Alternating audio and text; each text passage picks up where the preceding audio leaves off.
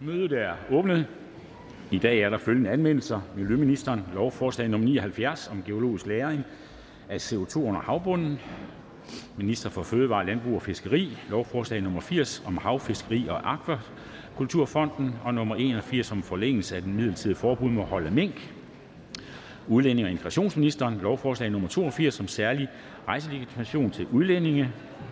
Minister for udviklingsarbejde lovforslag nummer 83 om ændring af grundlag for oplysningsarbejde om udviklingssamarbejde.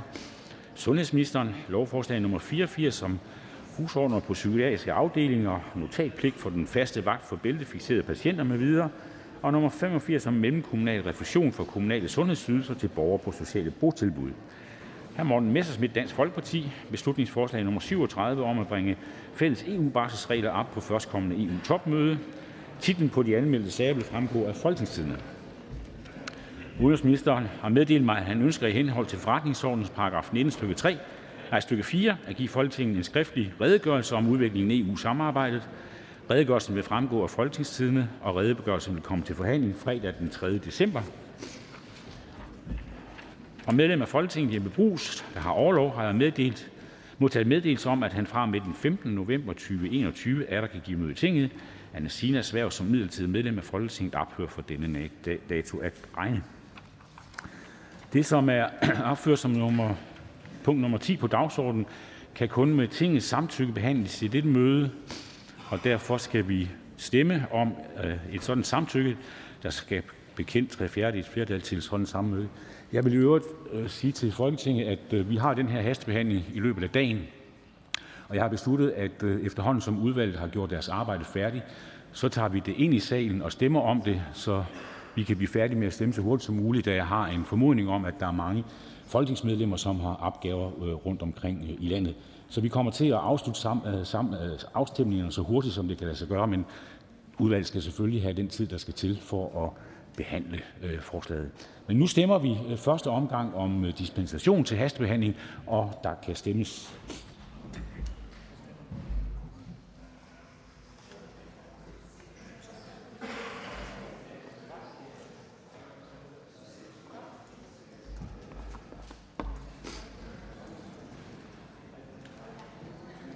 Afstemning slutter.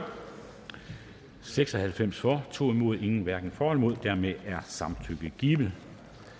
Det første punkt på dagsordenen er spørgsmål om fremme af forspørgsel nummer F10, forspørgsel til sundhedsministeren om øget øh, blodsikkerhed ved brug af øh, patronprodukter af Liselotte Blix. Sammen med denne sag behandles øh, spørgsmål om fremme af forspørgsel til kulturministeren om historiske øh, historieskrivning i statslig regi af Henrik Dahl og Morten Messerschmidt, altså Henrik Dahl, Liberal Alliance og Morten Messerschmidt. Og hvis ingen gør indsigelse mod fremme disse forspørgseler, foreslår jeg tingets samtykke som givet. Det næste punkt på dagsordenen er fortsættelse af forspørgsel nummer F12. Forspørgsel til statsministeren, justitsministeren om at genskabe slettede sms'er af Mona Jul og Per Larsen, Konservativ Folkeparti. Forhandlingen er sluttet, og vi går til afstemning om de stillede forslag til vedtagelse. Der foreligger fire forslag. Først stemmes der om forslag til vedtagelse nummer V 8 af Kasper Sandkær, Socialdemokratiet, og der kan stemmes.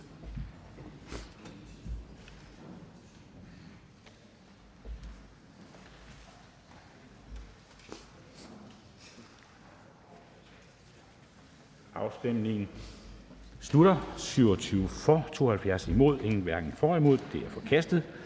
Der stemmes herefter om forslag til vedtagelse nummer V 9 af hr. Per Larsen, Konservativ Folkeparti, Morten Dahlin Venstre, Christian Thulesen Dahl Dansk Folkeparti og Pernille Vermund Nye Borgerlige og Alex Vanopslagh Liberal Alliance, og der kan stemmes.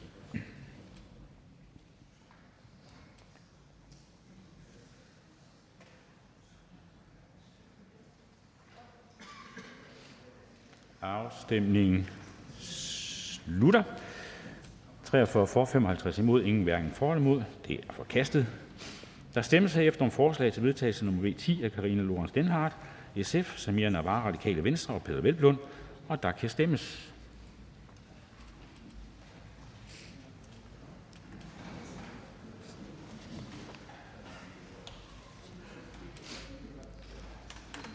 Afstemningen slutter. 29 for, 69 imod, ingen hverken for eller imod. Det er forkastet. Og endelig stemmes der om forslag til vedtagelse nummer 11 af Sikander Siddiq, Fri Grønne, og der kan stemmes.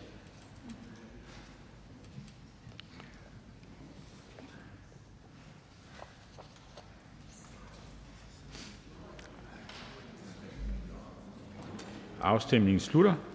2 for, 96 imod, ingen hverken for eller imod, forkastet, og hermed er forspørgselen afsluttet. Det næste punkt på dagsordenen er tredje behandling af lovforslag nummer L42A. Forslag til lov om ændring af lov om dansk indfødsret af udlændinge- og integrationsministeren. Der er ikke stillet ændringsforslag. Ønsker nogen at udtale sig? Da det ikke er tilfældet, så går vi til afstemning, og der stemmes om lovforslagets endelige vedtagelse, og der kan stemmes.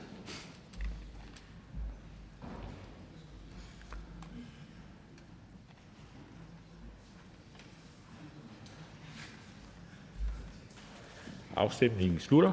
98 for, ingen imod, ingen hverken for eller imod. Lovforslaget er vedtaget og bliver nu sendt til statsministeren. Det næste punkt på dagsordenen er tredje behandling af lovforslag nummer L 42B.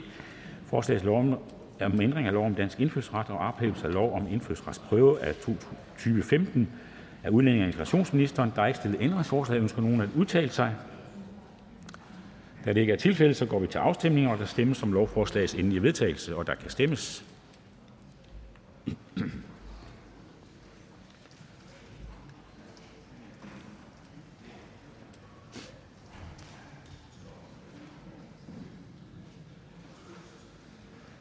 Afstemningen slutter. 69 for, 29 imod, ingen hverken for eller imod.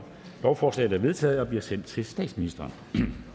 Det næste punkt på dagsordenen er tredje behandling af lovforslag nummer L 43. Forslag til lov om midlertidig opholdstilladelse til personer, der i Afghanistan har bidraget, bistået danske myndigheder med videre. Der er ikke stillet ændringsforslag. Ønsker nogen at udtale sig? Fru Eva Flyvholm, Enhedslisten. For det. Jeg har en kort bemærkning til det her lovforslag, fordi øh, som vi alle sammen ved, så synes jeg, det var rigtig godt, at det faktisk lykkedes at få lavet en ret bred politisk aftale om at få evakueret de her mennesker fra Afghanistan øh, i sommer. Der blev lagt et rigtig, rigtig stort stykke arbejde for at få evakueret folk, og jeg synes, det var vigtigt, at de fik mulighed for at komme i sikkerhed. Fra enhedslistens side der har vi også øh, lagt rigtig meget vægt på, at de mennesker, som så er kommet herop nu, de ikke bare skal tilbydes den midlertidige status her, men også orienteres om deres fulde ret til at søge asyl og få en ordentlig og god behandling der. Og det har ministeren også garanteret os, at det er noget, alle vil blive oplyst om. Det er rigtig vigtigt, fordi deres rettigheder vil være bedre med øh, et helt gængs asyl, end, øh, end det vi også vedtager her i dag. Men grunden til, at jeg har taget ordet her, det er, at der faktisk stadigvæk sidder folk tilbage dernede. Vi har stadig mulighed for at evakuere nogle af de mennesker, også som har arbejdet for danske NGO'er. Det er især kvinderettighedsforkæmpere og menneskerettighedsforkæmpere, som har været kendte ansigter udadtil, og som nu er forfulgt af Taliban. Vi kender helt konkrete personer, som sidder og gemmer sig lige nu. De er ved at løbe tør for mad, og de er ved at løbe tør for penge. Vi har anbefalinger fra deres danske, eller de danske organisationer, de har arbejdet for, om at det er nogle gode, øh, velkendte folk, og der er mulighed for at evakuere dem over landjorden. Og derfor så har vi også siddet i aftalekredsen og forhandlet, om ikke vi kunne gøre noget mere for de her folk. Det er vores ønske i enhedslisten. Jeg ved, at SF og Radikale også deler det ønske, at vi skulle kunne gøre noget mere for dem. Desværre så sprang Venstre og Konservative ligesom i målet og endte med ikke at ville være med til at lave den aftale, og så havde regeringen desværre heller ikke modet til at gøre det. Vi snakker om i omegnen af 100 personer, som altså har arbejdet også for Danmark og danske organisationer med kvinderettighedsforkæmper, menneskerettighedsforkæmper, som er personligt og direkte forfulgt af Taliban, og som vi har en mulighed for at hjælpe ud af landet.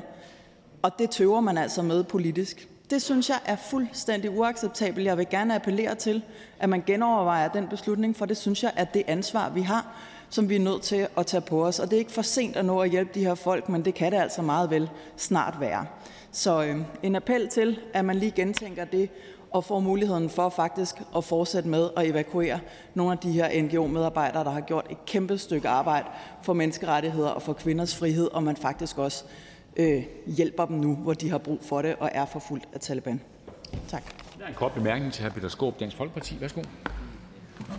Ja, bare to spørgsmål. Som jeg forstår det, så ønsker enhedslisten så, at øh, de her rigtig mange personer, som der kom øh, fra Afghanistan, skal have asyl. Øh, hvordan vurderer ordføreren mulighederne for, at de, de så får asyl øh, som afslutning på den her toårsperiode?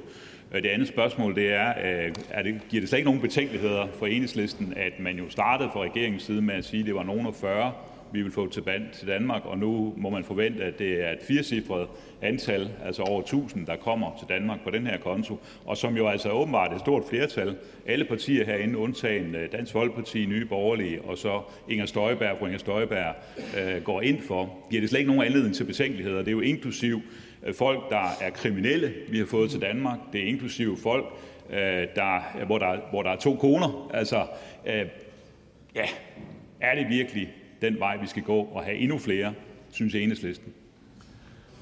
Ordfører, værsgo. Til det første spørgsmål om asyl, der kan jeg svare meget klart, at det er folks ret at søge asyl, når de er i Danmark. Så der er overhovedet ikke nogen slinger i valsen. De har alle sammen ret til at søge asyl, og det handler bare om, at de skal oplyses om den menneskerettighed, de har der. Så der er ikke så meget, og så må de så få behandlet deres asylsag. Det er helt klart min forventning, og det er også den snak, vi har haft i forligskredsen, at det gerne skulle blive nemmere også for afghanere at få asyl i Danmark, end det har været hidtil med den situation, som der er i Afghanistan lige nu, hvor Taliban sidder på det hele. Klart. Altså, men det er fuldstændig uomtvisteligt, at de har ret til at søge asyl, og derfor skal de selvfølgelig også oplyses om det. Ja, og jeg synes egentlig, det er meget godt at få det helt klarlagt, fordi vi har jo partier herinde. Vi har Socialdemokratiet, som giver sig ud for at have en meget, meget stram indvandringspolitik. Vi har Venstre, vi har Konservative, som åbenbart går ind for, at den her store gruppe af mennesker skal have asyl. Og hvad er så øh, indirekte, kan man jo sige, efter to år vil de kunne få asyl, og det er det enhedslisten vel, ikke? Øhm, og hvad er så grænsen for, hvem der så kommer?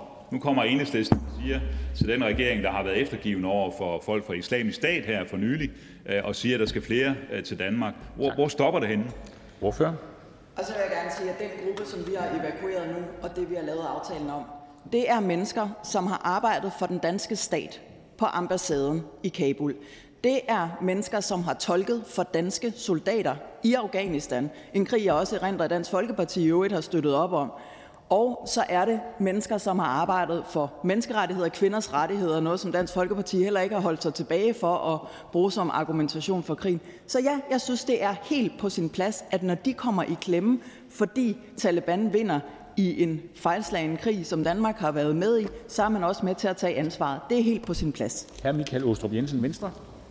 Jamen tak for det. Jeg kan forstå, at enhedslisten går meget op i, hvad Venstre mener, og det er jo altid rart, at andre partier gør det. Men lad os få lidt fakta ind i uh, debatten. Punkt 1. Vi var jo et af de partier sammen med enhedslisten, som jo pressede regeringen til at komme i gang, så vi kunne få evakueringen startet op før tid, sådan at vi også kunne få lavet den nødvendige sikkerhedsscreening, både i Kabul og i Islamabad, før de kom til Danmark. Og grunden til, at vi jo ikke er med her i ekstra mennesker, er jo fordi, man ikke kan få den her sikkerhedsscreening, fordi regeringen ikke kom i gang til tide, dengang en lang række mennesker øh, anbefalede regeringen at komme i gang. Og dernæst, så er der jo intet, der stopper enhedslisten og regeringen for at gøre det her. Venstre og Konservative har igen og igen og igen sagt, at vi anerkender klart, at hvis der er et flertal i Folketinget, som ønsker at tage flere herop uden sikkerhedsgodkendelse, så kan man gøre det. I kan, man kan gøre det lige nu og her. Så enhedsliste, lad være med at skyde på Venstre og Skyd på regeringen, som åbenbart ikke vil øh, følge op på det, enhedslisten beder om. Altså, vi er ikke i regering, vi er i opposition. Hvorfor?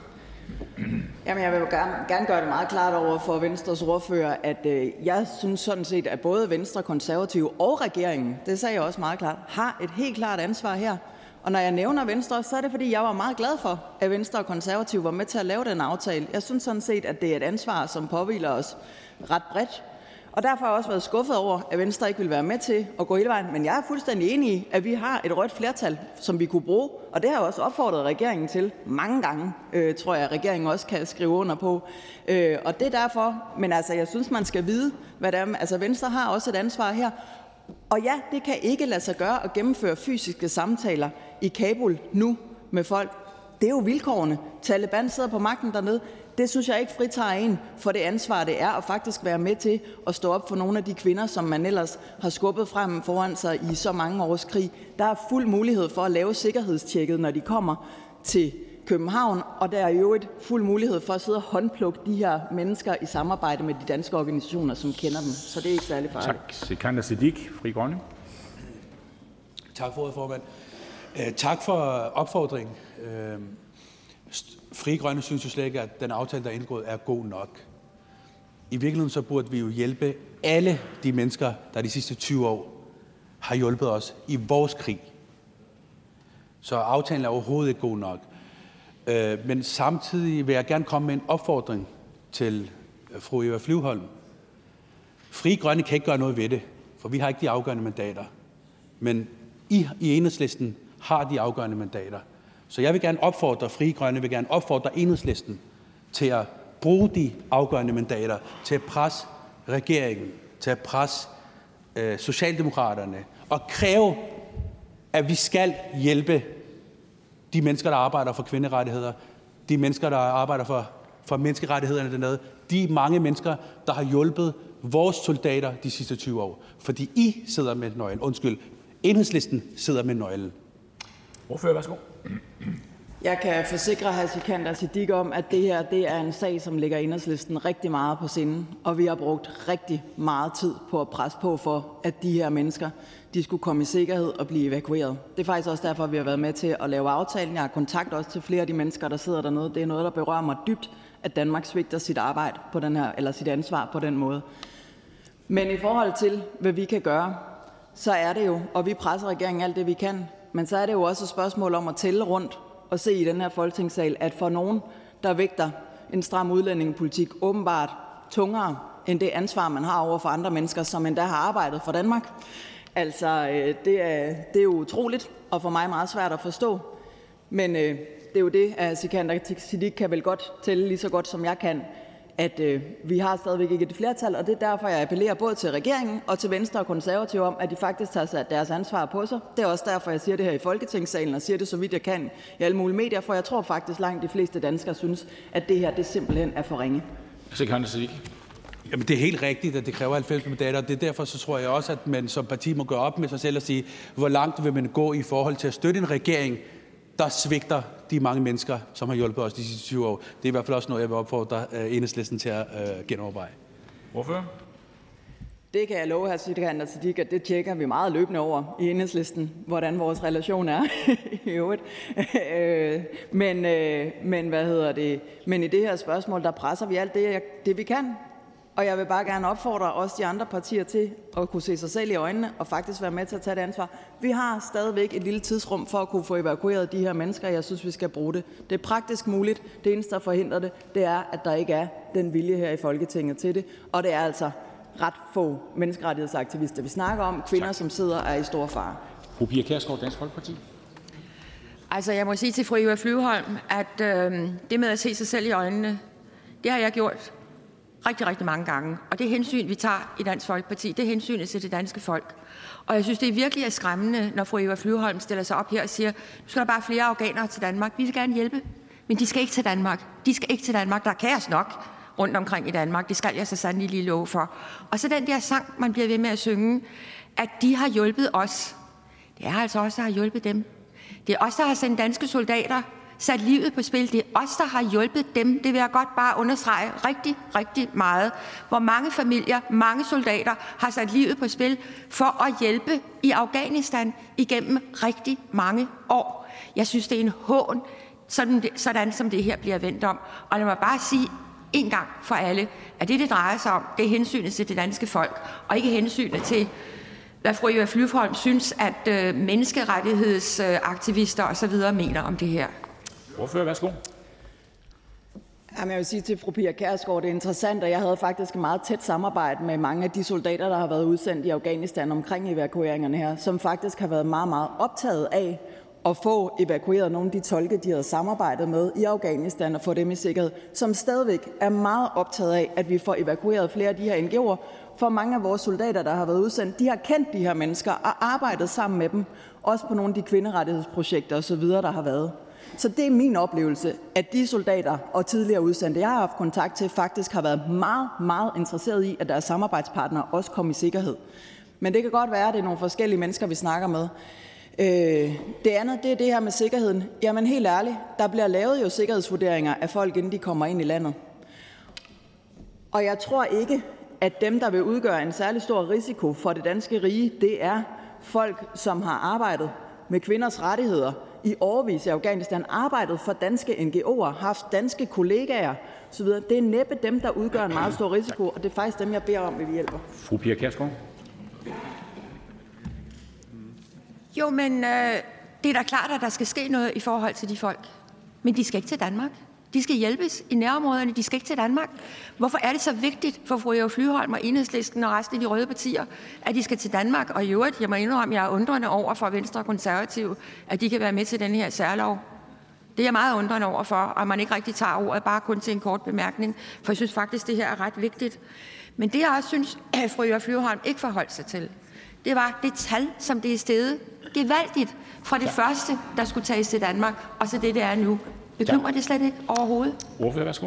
Der har aldrig været en melding om, det kun var 40. Tallet på 46, det var antallet af ansatte på ambassaden. Det har altid stået fuldstændig klart, at man også ville evakuere dem med familier, og senere kom der også en politisk aftale om, at vi også evakuerede tolke og nogle enkelte NGO'er.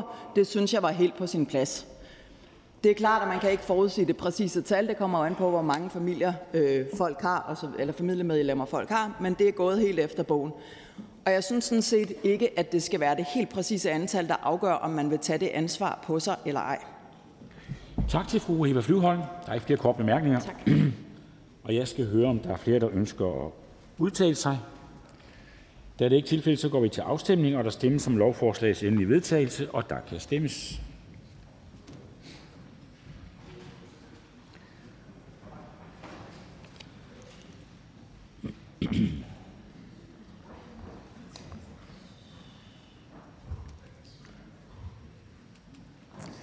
Afstemningen slutter. 85 for, 12 imod, ingen hverken for eller imod. Lovforslaget er vedtaget og bliver sendt til statsministeren. Det næste punkt på dagsordenen er tredje behandling af lovforslag nummer L 26. Forslag til lov om Slots- og Kulturstyrelsens kontrol og tilsyn med covid-19 kompensationsordninger med videre på Kulturministeriets område af kulturministeren. Der er ikke stillet ændringsforslag. Ønsker nogen at udtale sig? Da det ikke er tilfældet, så går vi til afstemning. Der stemmes om lovforslagets endelige vedtagelse. Og der kan stemmes.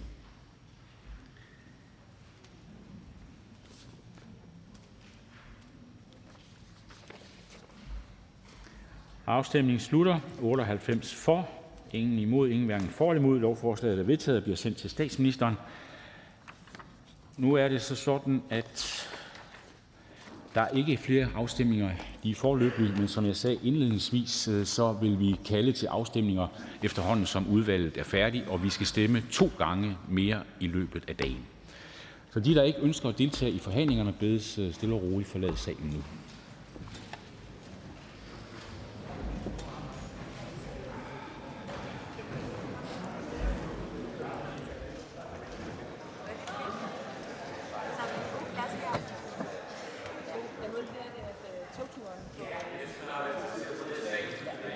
Ønsker at deltage i forhandlingerne. Og nu går vi så... Prøv lige Hvor er den henne Ja, jeg har til punkt 8. Ja, nu må jeg lige få den. Og der er sket noget. Øh, det var det. Nu tager vi anden behandlingerne, ja. Okay. Øh, første punkt, næste punkt er øh, anden behandling af lovforslag nummer L1, forslag til Finanslov for finansår 2022 af finansministeren. Der er ikke stillet ændringsforslag. Er der nogen, der ønsker at udtale sig? Det er ikke tilfælde, at forhandlingen sluttet. Jeg foreslår, at der er stillet forslag om lovforslaget henvist til fornyet udvalgsbehandling, og hvis ingen gør indsigelse, betragter det som vedtaget. Det er vedtaget. Det næste punkt på dagsordenen er anden behandling af lovforslag nummer L2, forslag til lov om fastsættelse af udgiftslofter for stat, kommuner og regioner for finansår 2025 af finansministeren. Der er ikke stillet ændringsforslag. Ønsker nogen at udtale sig? Da det ikke er tilfældet, er forhandlingen sluttet. Jeg foreslår, at lovforslaget direkte til tredje behandling uden fornyet udvalgsbehandling. Og hvis ingen gør indsigelse, betragter jeg det som vedtaget. Og så kommer vi frem til det næste punkt på dagsordenen, som er et nyt punkt. Det er forslag til lov om ændring af lov om midlertidige foranstaltninger på børne- og undervisningsområdet og folkehøjskoleområdet og i frie folkeoplysningsvirksomhed for forebyggelse og afhjælpning i forbindelse med covid-19 af børne- og undervisningsministeren. Forhandlingen er åbnet. Hr. Jens Joel, Socialdemokratiet.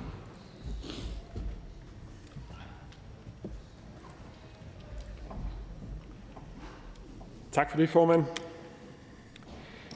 Med det her lovforslag skal vi sikre, at det fortsat er muligt at iværksætte nødundervisning, hvis skoler eller uddannelsesinstitutioner helt eller delvist lukkes ned efter et konkret påbud fra Styrelsen for Patientsikkerhed.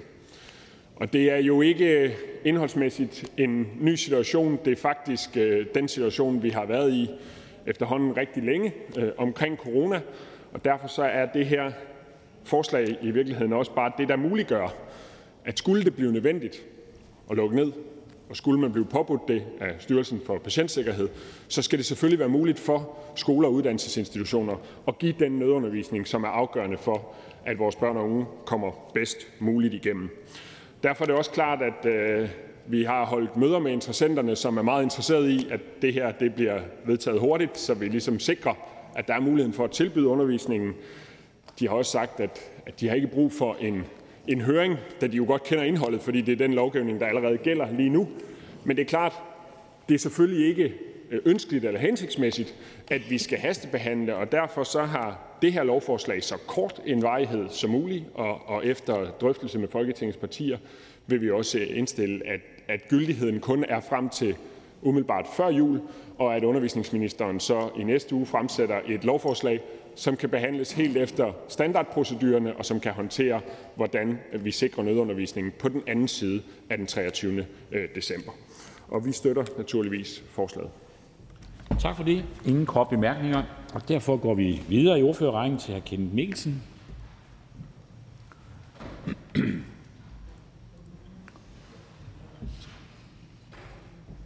Venstre. Tak for det, formand. Børne- og undervisningsministeren har anmodet om den her øh, hastebehandling for at forlænge nødloven, ikke løgn, men nødloven på børne- og undervisningsområdet, som giver mulighed for at øh, skal vi sige, afbøde nogle af de, vi kunne kalde dem bivirkninger, øh, som der er ved covid-19-håndteringen. På børne- og undervisningsområdet øh, der gælder det især effekterne af nedlukning og hjemsendelse i forbindelse med øh, smitteudbrud. I Venstre der har vi lyttet til interessenternes ønske om en forlængelse af nødloven, så det fortsat er muligt at tilbyde blandt andet fjernundervisning, øh, afvikling af prøver øh, under tilpassede former øh, med mere. Jeg synes dog også, at der er grund til at kritisere regeringen for, at forlængelsen her i dag skal gennemføres som en hastebehandling. Dem har vi haft for mange af. De er uhensigtsmæssige. De giver større risiko for lovsjusk, og høring af interessenter bliver mangelfuld og utilstrækkelig. Og jeg tænker, ingen troede vel, at corona ville forsvinde. Og alle havde vel en formodning om, at smitten ville stige hen over efteråret, hen over vinteren.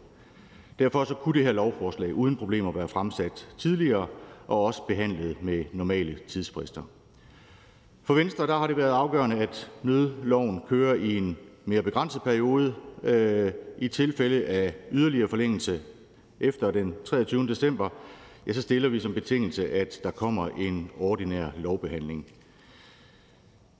Vi, finder os, eller vi befinder os ikke i en decideret undtagelsestilstand, og det synes jeg også arbejdsgangene i Folketinget selvfølgelig skal afspejle.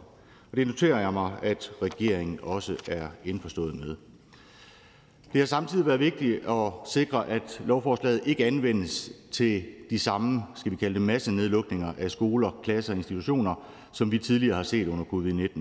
Og vi noterer os her, at ministeren har stillet garanti for, at det ikke er intentionen. Og lad mig så afslutningsvis komme med en, en opfordring. Jeg lytter i hvert fald til flere og flere øh, eksperter, som udtaler, at corona er en sygdom, som øh, vi som samfund skal lære at leve med, øh, og vi kan forvente flere lignende epidemier i fremtiden. Så lad os nu i Folketinget komme i gang med en dialog om, hvordan vi så håndterer det i fremtiden. Hvad er det for rammer, hvad er det for værktøjer, som vores institutioner mere varigt har brug for, så vi også i fremtiden øh, har brug for færre af den her slags hestebehandlinger og nødlove. Men Venstre bakker op om øh, lovforslaget i dag. Tak for ordet. Tak til ordføreren. Ingen kort bemærkninger, og derfor går vi videre til Mette Hjermind Denker.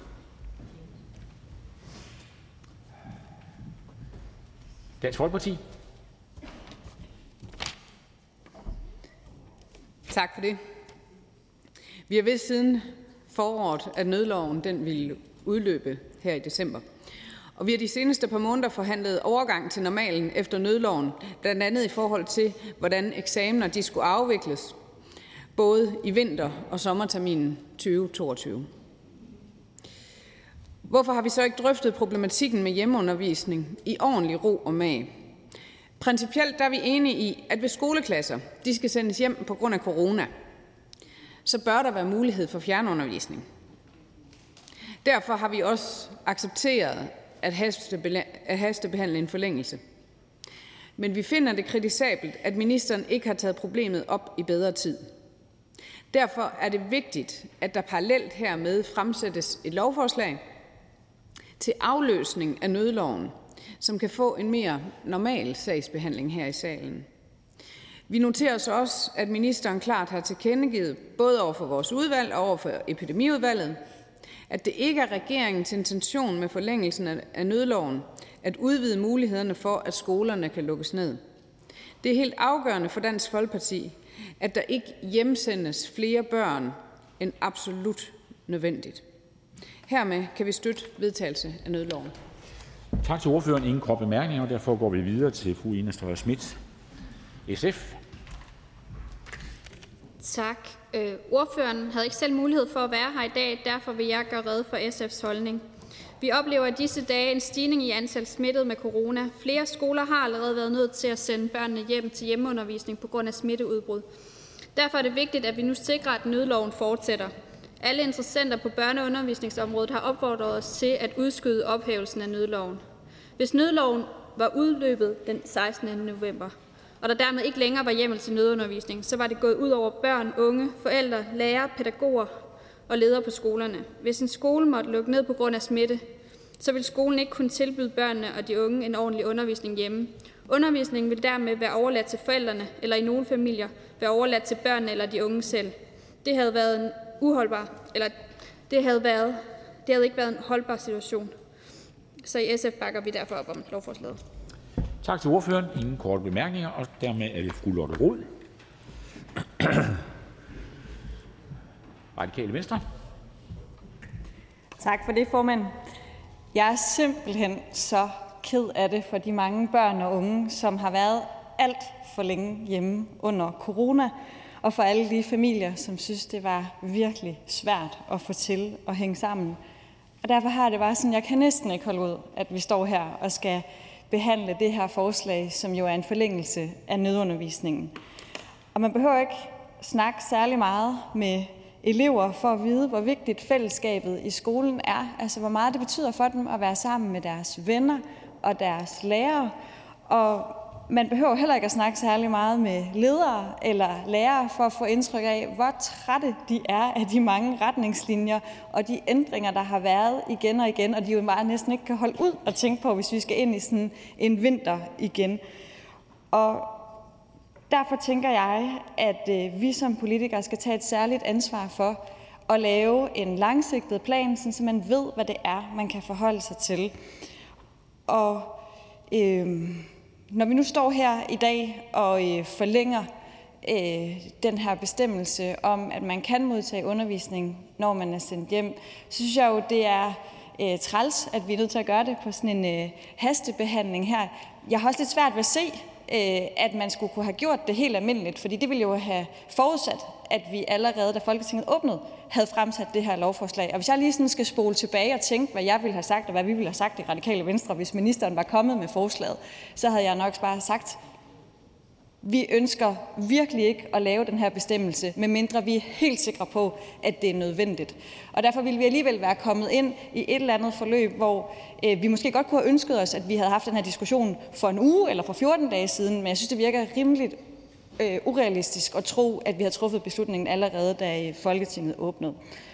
Og i Radikal Venstre har vi det jo øh, meget stramt med øh, hastelovgivning, Øh, og derfor har det også været meget vigtigt for os, at vi nu gør det den her gang, som vi jo har sagt til regeringen de tidligere gange, de har lavet hastebehandling, nemlig at så må man sørge for, hvis man skal hastebehandle noget, at man så sætter en udløbsdato på meget snart, og så samtidig med sætter den almindelige behandling i gang, sådan så man kan få øh, lovforslag vedtaget på en ordentlig måde, hvor der er tid til en ordentlig høring. Og det har ministeren lyttet til, øh, og det betyder meget for, at øh, jeg også kan være med i øh, forslaget i dag.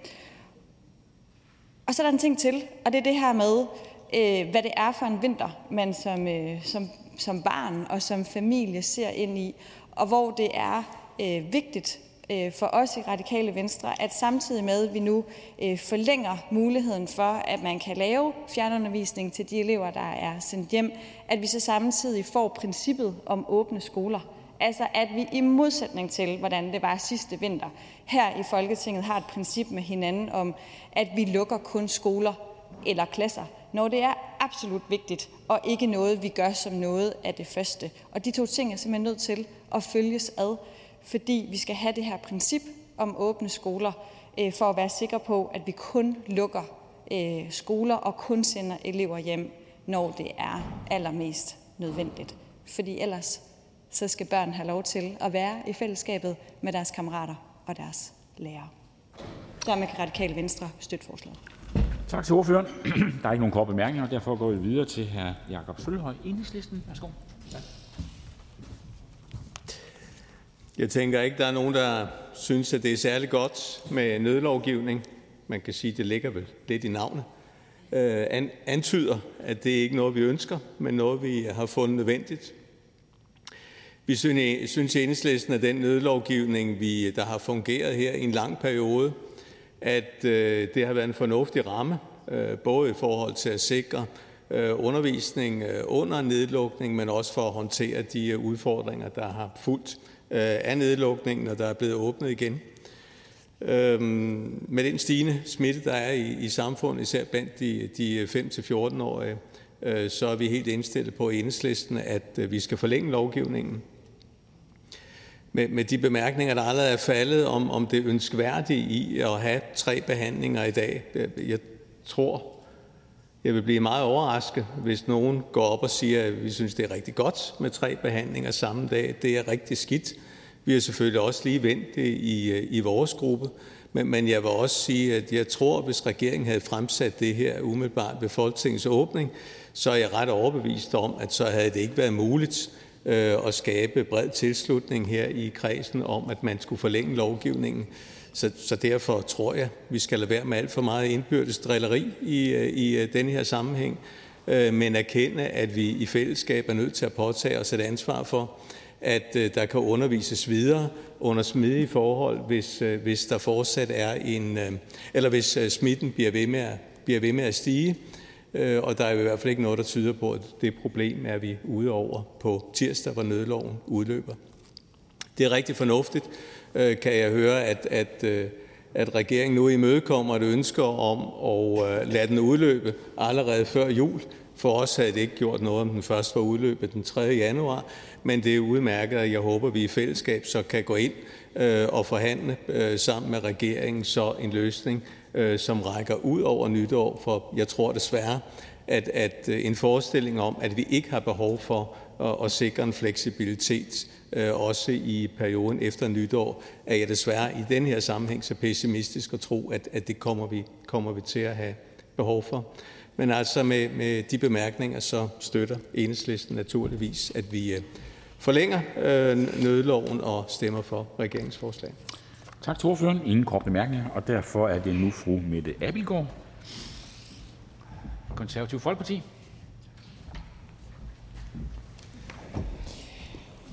Vores ordfører, øh, Maja Mercado, har desværre heller ikke mulighed for at være til stede i salen i dag, og derfor har jeg også øh, lovet at dække ind for hende.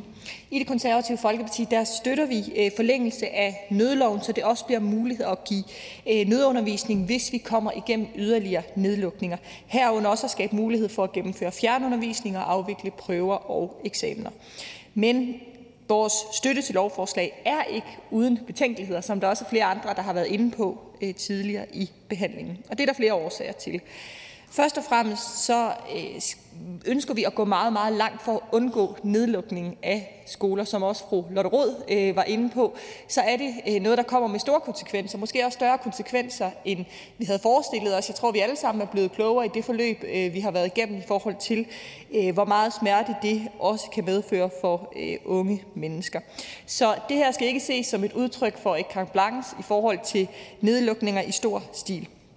For det andet så er vi også betænkelige ved, at den her lovgivning bliver hastet igennem, også fordi vi synes, det er unødvendigt. At fremsætte brev i fredags med ønske om hastelov med planlagt første behandling tirsdag, endelig vedtagelse af lovforslaget i dag torsdag, det mener vi ikke er udtryk for ordentlighed. Ministeren kunne have sikret en reel lovbehandling med høring af interessenterne. Vi synes, det er blevet for meget hverdag med de her hastebehandlinger, og det sætter nogle demokratiske spilleregler ud af kraft. Derfor er vi også glade for, at vi med lovforslaget pålægger regeringen at fremsætte en ny lov med en øh, øh rettidigt og uden hastelov allerede til december, således at regeringen ikke får mulighed for at anvende den her nødlov ind i 2020. Med de ord så bakker vi op om forslaget. Tak til ordføreren. Ingen korte bemærkninger, og nu går vi videre til næste ordfører. Fru Mette Thiesen.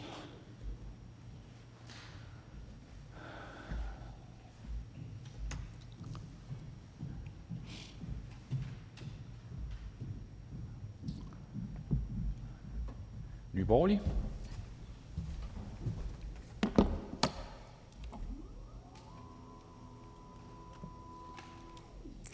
Det er sådan paradoxalt at stå heroppe på talerstolen og høre en masse beklage, at der nu er hastelovgivning på det her område igen. Fordi vi havde faktisk et flertal for, at det ikke skulle hastebehandles. Men desværre så faldt man til patten, så at sige, og, øh, og desværre droppede det borgerlige flertal, der var for netop ikke at lade det her hastebehandle. Nu står vi her så i dag og hastebehandler en nødlov på skoleområdet. Da vi så ind i øh, skolelukninger sidst, sidste år, da regeringen sendte børnene hjem, der var der en hel masse dygtige mennesker, fagfolk, som fortalte om, hvad det var for nogle kæmpe store konsekvenser, det her havde. At sende alle børnene hjem. Og nu er der blevet drøftet det her med, at nå, men man vil ikke masse nedlukke skoler osv. Men hvorfor i alverden laver man så den her nødlov? Altså hvis der er syge børn, der er hjemme, så kan man som skolelærer, det ved jeg, for det er jeg selv, sagtens sende noget materiale med hjem. Så hvorfor i alverden skulle man lave en nødlov med fjernundervisning, hvis det handler om, at man skal lukke skoler øh, kun i korte, korte perioder, eller lukke klasser ned i korte perioder? Det giver ikke nogen mening. Fordi hvis du skal lukke en, øh, en øh, hvis du for eksempel skal sende en klasse hjem en uge, så kan de sagtens få nogle opgaver med hjem at arbejde på. Så det giver altså ikke nogen mening, øh, det her. Det er jeg bare nødt til at sige. Vi stemte også nej sidste gang. Vi går ikke ind for, for det første, at give Mette Frederiksen og regeringen den magt, som der ligger i, at man kan lukke samfundet ned. Det er der desværre et flertal i Folketinget, der har gjort. De stoler åbenbart på, at statsministeren kan forvalte den magt. Det gør vi ikke i Nye Borgerlige. Og sidste gang, da skolerne var lukket, der var der eksempelvis børnelæger og formand for Dansk Pædiatrisk Selskab, Claus Birkelund Johansen, der gjorde det klart, at på det tidspunkt, der var det altså ikke øh, i institutionerne eller skolerne, at børnene blev smittet, men det var altså hjemme hos forældrene i hjemmet. Og han mente altså heller ikke, at der var sundhedsfaglig evidens for at holde skolerne lukket for at bremse smitten. Christian Kanstrup Holm, der er forsker, han sagde, at han mente, at der var bevis for, at det ikke nytter noget at lukke skolerne ned. Og den samme melding kom fra professor og biolog Søren Ries Paludan. Fordi når man ser på omkostningerne i forhold til gevinsterne, så må man sige, at der ikke er belæg for at lukke skoler og daginstitutioner, sagde han på det tidspunkt. Og alligevel står vi nu her i dag og hastebehandler. Hastebehandler en forlængelse af en nødlov på skoleområdet, der skal gøre det muligt at fjernundervise, hvis børnene bliver sendt hjem. Helt ærligt. I Nye Borgerlige, der går vi ikke ind for, at børnene skal sendes hjem. Corona er en del af samfundet, det skal det også være, som det også er blevet nævnt fra talerstolen tidligere. Jeg tror, det var en socialdemokratisk statsminister, der i anden henseende sagde, lev med det. Men vi skal faktisk lære at leve med corona. Og det nytter simpelthen ikke noget, at man bliver ved med bredt at acceptere, acceptere, at børn og unge, de udsættes for det at blive sendt hjem og miste. Vi har så stort et efterslæb på nuværende tidspunkt allerede, at børn og unge, som mistrives, som har det rigtig dårligt, fordi man har haft sendt børnene hjem i rigtig stor stil. Samtidig så har vi et meget stort efterslæb i forhold til både det faglige, men også det sociale. Og jeg ved, at lærerne de kæmper derude for at rette op på de store skader, der også er sket i forhold til coronas øh, og coronanedlukningen. Jeg skal ikke tage mere tid. Jeg kan bare konstatere, at i Nye Borgerlige, der står vi fast. Der siger vi, hvad vi mener, og vi gør også, hvad vi siger. Og derfor stemmer vi selvfølgelig nej til den her nødlov. Tak. Kort bemærkning til fru Lotte Rod, Radikale Venstre. Jeg får bare lyst til at spørge Nye Borgerlige, hvad er Nye Borgerliges holdning til, at alle interessenter på det her område, eleverne, lærerne, skolelederne, kommunerne, forvaltningerne, at alle har bedt om at få den her lov? Det har jeg en meget kort kommentar til.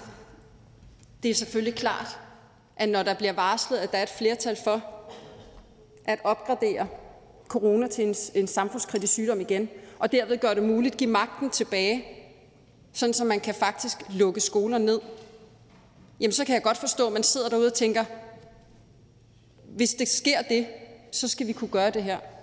Men vi ønsker ikke det. Vi ønsker ikke at opgradere kroner til samfundskritisk sygdom. Det var der desværre et stort flertal, der ønskede. For vi ønsker ikke at give den magt, så man kan lukke skoler ned. Tak for det. Der er ikke flere korte bemærkninger, og derfor siger vi nu velkommen til hr. Henrik Dahl, Liberal Alliance. Tak for det. Øhm, de bemærkninger, jeg har, dem fremkommer jeg selvfølgelig med, øh, fordi jeg er undervisningsordfører, men øh, jeg har også gennem hele coronaforløbet været sundhedsordfører, og det spiller selvfølgelig også ind. Øhm, vi skal øh, som samfund øh, lære at leve med corona, øh, og vi skal lære at leve med det i en virkelighed, hvor næsten 90 procent af de mennesker, som har fået tilbudt vaccine, faktisk er øh, vaccineret. Men vi skal også lære at leve med corona som øh, parlament, øh, og det at leve med corona som parlament, øh, det består i, at vi skal undgå øh, hastelovgivning, fordi det øh, ødelægger den øh, høringsproces, som er, er så nyttig, synes jeg, for os alle sammen, at vi har tid til at tænke os om og skynde os øh, langsomt. Um, det er jo ikke muligt endnu at vaccinere øh, børn mellem øh, 6 og 12 år. Det, vaccine til at gøre det er blevet øh, frigivet i USA, og må ikke de europæiske myndigheder de også følger efter på øh, et tidspunkt. Men indtil videre så er problemet jo faktisk det, øh, at børn bliver ikke særlig syge, men de smitter øh, ret alvorligt, og derfor øh, accepterer vi selvfølgelig, at der i nogle ganske særlige tilfælde kan være behov for at lukke skoler ned. Men vi skal ikke føre en coronapolitik nu, hvor langt de fleste voksne er vaccineret, som ligner den coronapolitik, der blev ført øh, før vi havde vaccinationerne til rådighed. Øh, med de bemærkninger, øh, som er kommet fra øh, ikke mindst ordførerne fra Venstre, Konservative og Dansk Folkeparti, men også fra fru Lotte Rod, øh, de forbehold, der er over for hastelovgivning, så kan vi godt støtte lovforslaget. Men det er med alvorlige betænkninger, for både som parlament og som samfund, der skal vi altså leve med corona, og vi skal gøre det på en anden måde, end vi har gjort indtil videre. Tak for ordet. Tak for det. Der er ikke flere ordfører, som har bedt om ordet, og derfor er det nu børne- og undervisningsministeren. Tak for det, og tak for støtten til det her forslag. Og ja, jeg er også betænkelig ved hastelovgivning, bare for at sige det lige ud. Øh, det synes jeg ikke er noget, man skal tage på øh, med let hånd. Øh, og jeg vil sige, at under hele coronatiden, der har det været sådan, at vi på Børne- og Undervisningsministeriets område har holdt høringer af mundtlig karakter, øh, selv når vi har haft få timer øh, til det. Altså, vi valgte simpelthen at gå over til en mundtlig høringsproces, og det gjorde vi helt indledningsvis, da der blev lukket ned, og det har fungeret rigtig godt. Og det har det gjort af alle mulige årsager. Øh, det har fungeret godt, fordi det har betydet, at vi har fået enormt meget og utrolig værdifuld og hurtig input på de ting, vi skulle arbejde med under corona, og som vi direkte har kunnet implementere med det samme. Jeg var enormt bekymret ved, øh, da vi gik ind i coronatiden – altså, jeg har jo siddet i parlamentet stort set hele mit voksne liv altså, og bruger øh, høringer til rigtig meget i forbindelse med lovgivning, og, og derfor var det en af de ting, jeg var allermest bekymret for. Det var faktisk præcis den manglende høringsperiode. Øh, og, øh, og derfor så de her mundtlige høringer har givet os rigtig meget undervejs, øh, og vi har også i forbindelse med det, vi behandler i dag, haft en lignende øh, mundtlig høring, Øh, og den her gang, hvor både øh, den politiske følgegruppe og alle interessenterne var til stede samtidig. Normalt har det været delt op i to forskellige forer. Men jeg vil sige det sådan, hvorfor er det så, vi hastebehandler øh, nu i dag? Og det er jo som svar også på de spørgsmål og de ting, der er blevet rejst herop. Jamen det er jo simpelthen fordi, Hvis ikke man har en permanent nødlov, og det har jeg ikke hørt, at der var nogen, der bakkede op om, ingen synes, der skal være en permanent nødlov, så betyder det jo, at man i sagens natur får brug for en nødlov, altså for at kunne etablere fjernundervisning, når det er sådan, at pandemien går i stigning igen. Og eftersom pandemien ikke har tre måneder at løbe på, eller halvanden måned at løbe på, så vi kan nå de 30 dages høring og de 30 dages øh, mellemrum mellem første og anden behandling, jamen så vil man nødvendigvis komme ind i en situation, hvor man får behov for, at der bliver hastebehandlet, medmindre man laver en permanent nødlov. Og det vil sige, medmindre vi Øh, på undervisningsområdet beslutter os for i fællesskab med hinanden, at vi synes, det er en god idé at have en permanent nødlov, det skulle være et nybrud i forhold til, hvordan vi har grebet det an, og det skulle i hvert fald betyde, at hegnspælene har flyttet sig temmelig gevaldigt politisk, jamen så vil det være sådan, at de gange, hvor pandemien udvikler sig, så vil vi være nødsaget til at komme tilbage og bede om at få hastebehandlet en lovgivning, for at vi kan reagere på den situation, der er. Og ja vel, lige nu er det meget få skoler, der er lukket, altså, og heldigvis for det. Øh, og derfor er det ganske få skoler, der har brug for den fjernundervisning. Men for dem, hvor skolen har lukket i 14 dage, der har forældrene til de børn, og i øvrigt børnene selv, jo samme behov. For dem er det underordnet, om resten af skolerne er lukket. De har behov for fjernundervisning. Så for at undgå skolehuller er det vigtigt med den her fjernundervisning. Så bare for sådan at forklare, hvad er det, der er rationalet bag, at vi går ind og hastebehandler. Så har vi fået det forslag øh, fra forskellige side, at vi skulle lave en længere behandling, altså det vil sige lave et lovspor, der har den lange øh, variant, øh, og det har vi øh, valgt at sige ja til. Så i stedet for at sætte slutdatoen for det her forslag, vi behandler i dag, i april, som egentlig var vores oprindelige intention, jamen så laver vi en længere behandling af det, sådan så at den periode, det her gælder for, bliver så kort som muligt. Og så kort som muligt i den her sammenhæng har vi talt os frem til, at den 23. december. Og derfor så stiller vi et ændringsforslag i forbindelse med udvalgsbehandling, hvor vi rykker det fra den 3. januar Øh, næste år til den 23. december øh, i år. Og det er simpelthen for at sige, jamen nu hastebehandler vi, men så skal det til gengæld gælde øh, så kort som muligt. Tak for det input øh, fra de partier, der har øh, stillet øh, det som forslag og kommet med det som, som input til det. Øhm, og så er der blevet spurgt øh, rigtig mange gange undervejs, nu vil jeg bare have sagt det fra Folketingets talerstol også, den her lovgivning, som vi behandler her, har in, gør ingen forskel i forhold til antallet af skoler, der er åbne eller lukket. Det behandles et helt andet sted, nemlig i forbindelse med epidemiloven. Så det den her lov gør, det er at sige, jamen hvis der er skoler, der lukker, i øjeblikket er der få skoler, der er lukket, fordi at man har udbrud på de pågældende skoler. Øh, jamen det, den her lovgivning så gør, det er at gøre det muligt for de pågældende skoler at gennemføre fjernundervisning. Det må man ikke øh, med udgangspunkt i den almindelige folkeskolelov. Der er det kun sådan, at hvis man er syg, kan man modtage fjernundervisning. Men en del af dem, der er hjemsendte, har jo ikke en positiv coronatest og er dermed ikke syge og kan dermed ikke modtage fjernundervisning under den almindelige folkeskolelovgivning. Så teknik frem og tilbage.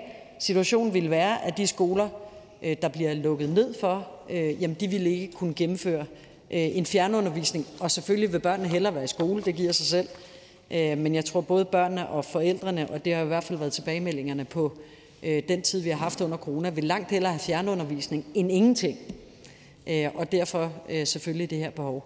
Men I skal have tak for behandling, og tak for den input, der er øh, kommet undervejs, og jeg håber, at vi får en god udvalgsbehandling også.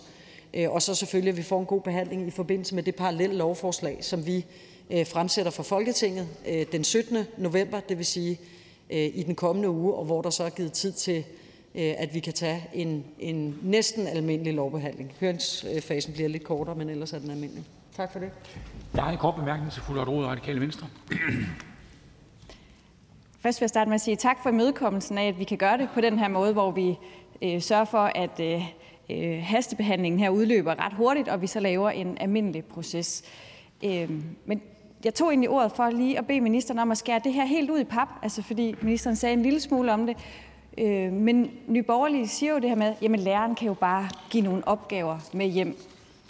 Altså, så var der jo ikke nogen grund til, at vi behøvede at lave den her lov. Så vil ministeren ikke godt skære det ud i pap, så alle forældre derude kan høre det? Altså, hvad vil situationen være for elever på de skoler, hvis ikke nødloven her fortsat? Minister. Så vil forholdene være sådan, at der stadigvæk vil være mulighed for nødpasning, fordi det er hjemlet i epidemilovgivningen.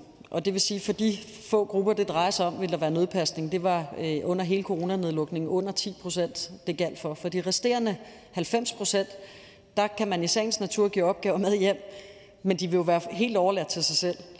Altså forstået på den måde, at øh, børnene øh, øh, alt andet lige selv så ville skulle finde på strukturen i hverdagen. Og hvis der var noget, vi lærte af det med fjernundervisning, så var det, at det gjorde en kæmpe forskel, Øh, at man gennemførte øh, fjernundervisning. At der var noget at stå op til om morgenen. Øh, at der for eksempel var fællesskab omkring. Altså der var jo nogle, de lavede de mest fantasifulde undervisningsforløb. Selvom at børnene sad derhjemme og blev fjernundervist.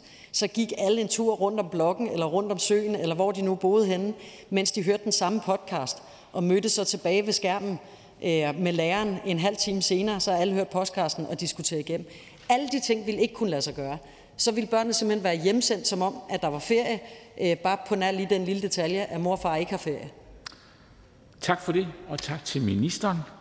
Og da der ikke er flere, som har bedt om ordet, er forhandlingen sluttet. Jeg foreslår, at lovforslaget henvises til børne- og undervisningsudvalget, og hvis ingen gør indsigelse, betragter det som vedtaget. Det er vedtaget. Det næste punkt på dagsordenen er første behandling af lovforslag nummer L 57, forslag til lov om velfærd af finansministeren. Forhandlingen er åbnet. Her Christian Rabia Madsen, Socialdemokratiet.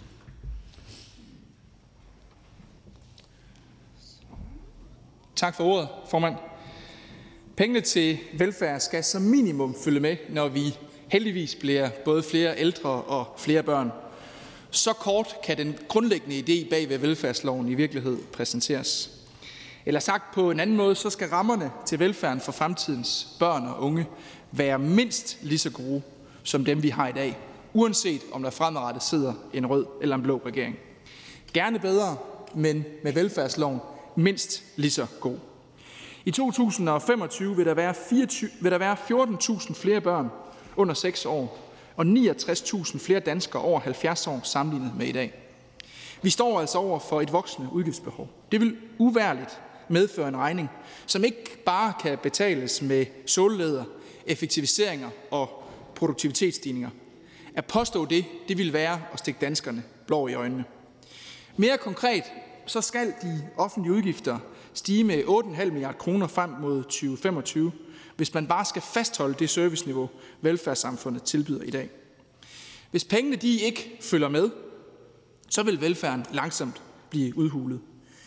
Vi vil ikke som udgangspunkt nødvendigvis mærke det herinde. Vi vil måske endda kunne slippe afsted med og tørre det af på kommuner og regioner, men det vil ikke være i orden. For det vil være vores børn, vores unge, vores syge og vores ældre, der vil mærke de forringelser, det vil betyde, og det vil være velfærden, der i sidste ende vil betale prisen. Socialdemokratiet vil med velfærdsloven give danskerne en forsikring for, at de skiftende regeringer sætter tilstrækkeligt med penge af til velfærden, så vi får en bund under velfærdssamfundet. Det er ikke guld og grønne skove, det er en bund under velfærdssamfundet, vi som minimum foreslår. Det er kun fair.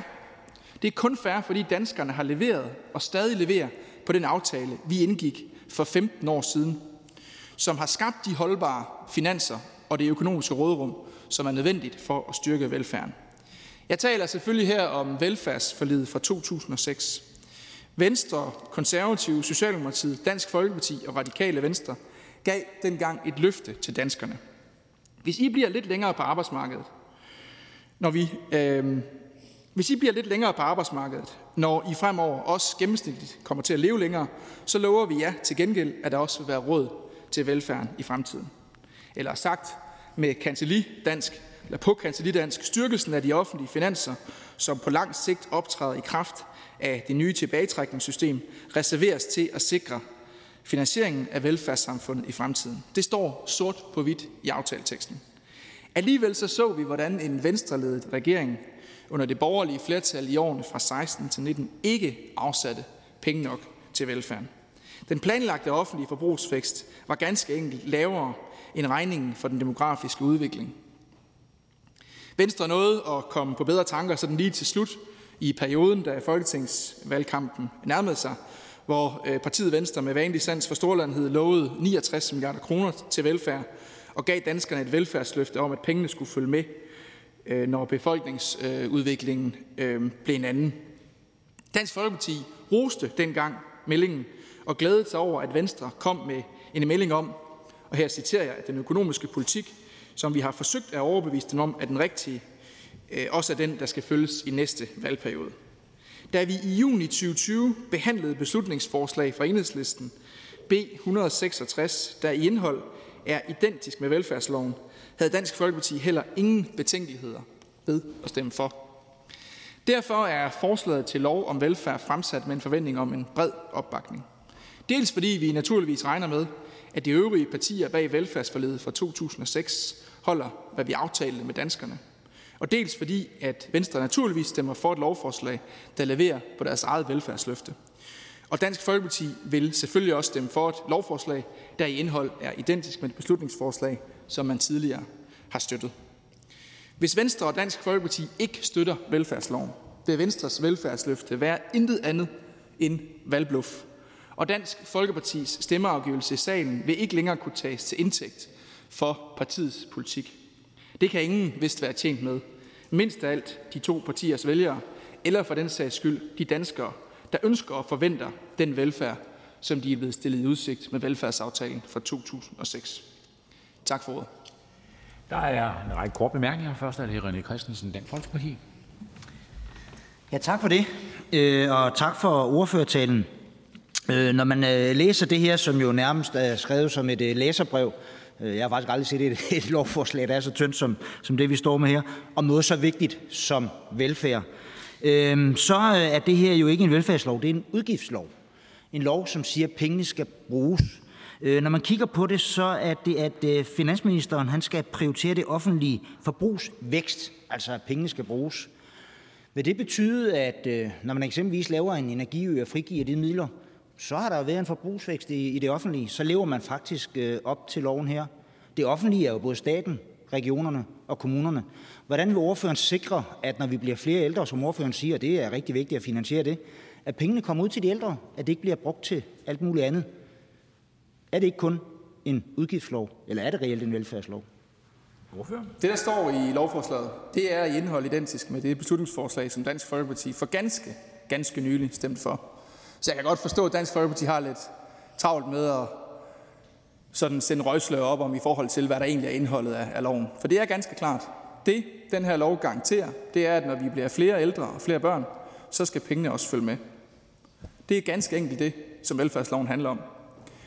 Så er det klart, at vi kommer ikke til at gå ind og underminere det danske aftalesystem, som vi har med kommunerne og regionerne. Vi har tillid til kommunerne og regionerne. Derfor kommer vi også til Lige så vel som vi har gjort i de første år af regeringens øh, levetid, at lave nogle aftaler, som afspejler, at demografien ændrer sig, når vi fremadrettet laver aftaler med kommunerne. Sådan så man derude, hvor man leverer på den nære, nære velfærd, år for år får mulighed for at lade velfærden følge med som minimum, når vi bliver for flere ældre og flere børn. Det er det, loven handler om. Og det var det, Dansk Folkeparti har stemt for for ganske nylig. Og derfor jeg har en helt klar forventning om, at Dansk Folkeparti selvfølgelig også er bag velfærdsloven, som vi fremsætter i dag. Hr. René Christensen, værsgo. Ja, nu er det her jo et lovforslag, det er jo ikke et beslutningsforslag. Altså, hallo, ordføreren repræsenterer regeringen, og så siger man, der har tidligere været stemt for nogle lidt dårlige forslag herinde, derfor har vi lavet nogle, der er lige så dårlige fra regeringens side. Altså, hold nu op. Den her lov, som ligger, hvis man stemmer for det her her, så aner man ikke, hvor pengene kommer hen. Det eneste, man ved, det er, at skatteborgernes penge, de bliver brugt. Men det er ikke sikkert, at de bliver brugt på kernevelfærd. Det er ikke sikkert, at det går til børn og unge. Det er ikke sikkert, at det går til de ældre. Det aner man ikke, hvis man stemmer for det her. Vi er et velfærdsparti. Men hør nu her. Læserbreve, dem plejer vi altså ikke at debattere i Folketingssalen. Ordfører, værsgo. Der er her tale om et øh, lovforslag, som er i sit indhold identisk med det, som Dansk Folkeparti har stemt for tidligere. Og derfor er det jo bare i bedste fald bemærkelsesværdigt, hvis ikke man bare kan stemme for det, der ligger her. Hvor vi garanterer, at når der bliver flere ældre og flere børn, så bliver det også afspejlet i de kommuneaftaler, som vi, som vi laver, sådan så kommunerne har den mulighed for at prioritere velfærd. Det er jo kommunerne, der står med opgaven at hjælpe de ældre og de unge mennesker, som har brug for, at velfærden bliver ved med at være på et fornuftigt niveau, som minimum. Og det er det, vi lover dem her. Så er det fru Lisbeth Bæk Nielsen, SF. Tak. Jeg deler Socialdemokratiets ordførers øh, øh, forundring over øh, Dansk Folkeparti, det må jeg sige. Øhm, og jeg synes, at det har sin egen skønhed egentlig, at det her beslutningsforslag er enkelt, overskueligt, to the point, fordi det handler netop om, som ordføreren også siger, at det demografiske træk det skal dækkes, som det ikke blev gjort under tidligere borgerlige regeringer støttet af Dansk Folkeparti. Øhm, at man nu vil løbe fra sine tidligere aftaler, øh, det synes jeg er rigtig ærgerligt på så vigtigt et område øh, her, når Dansk Folkeparti også vil øh, stå som et velfærdsparti. Mit spørgsmål til ordføreren er, ordføreren var også lidt inde på det i sin tale, det her det er en absolut bund under velfærden.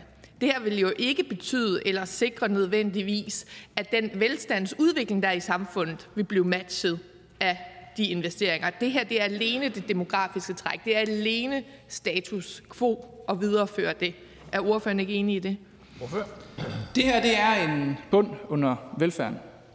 Det kan man jo også se på den politik, der har været ført under den nuværende regering i samarbejde med SF.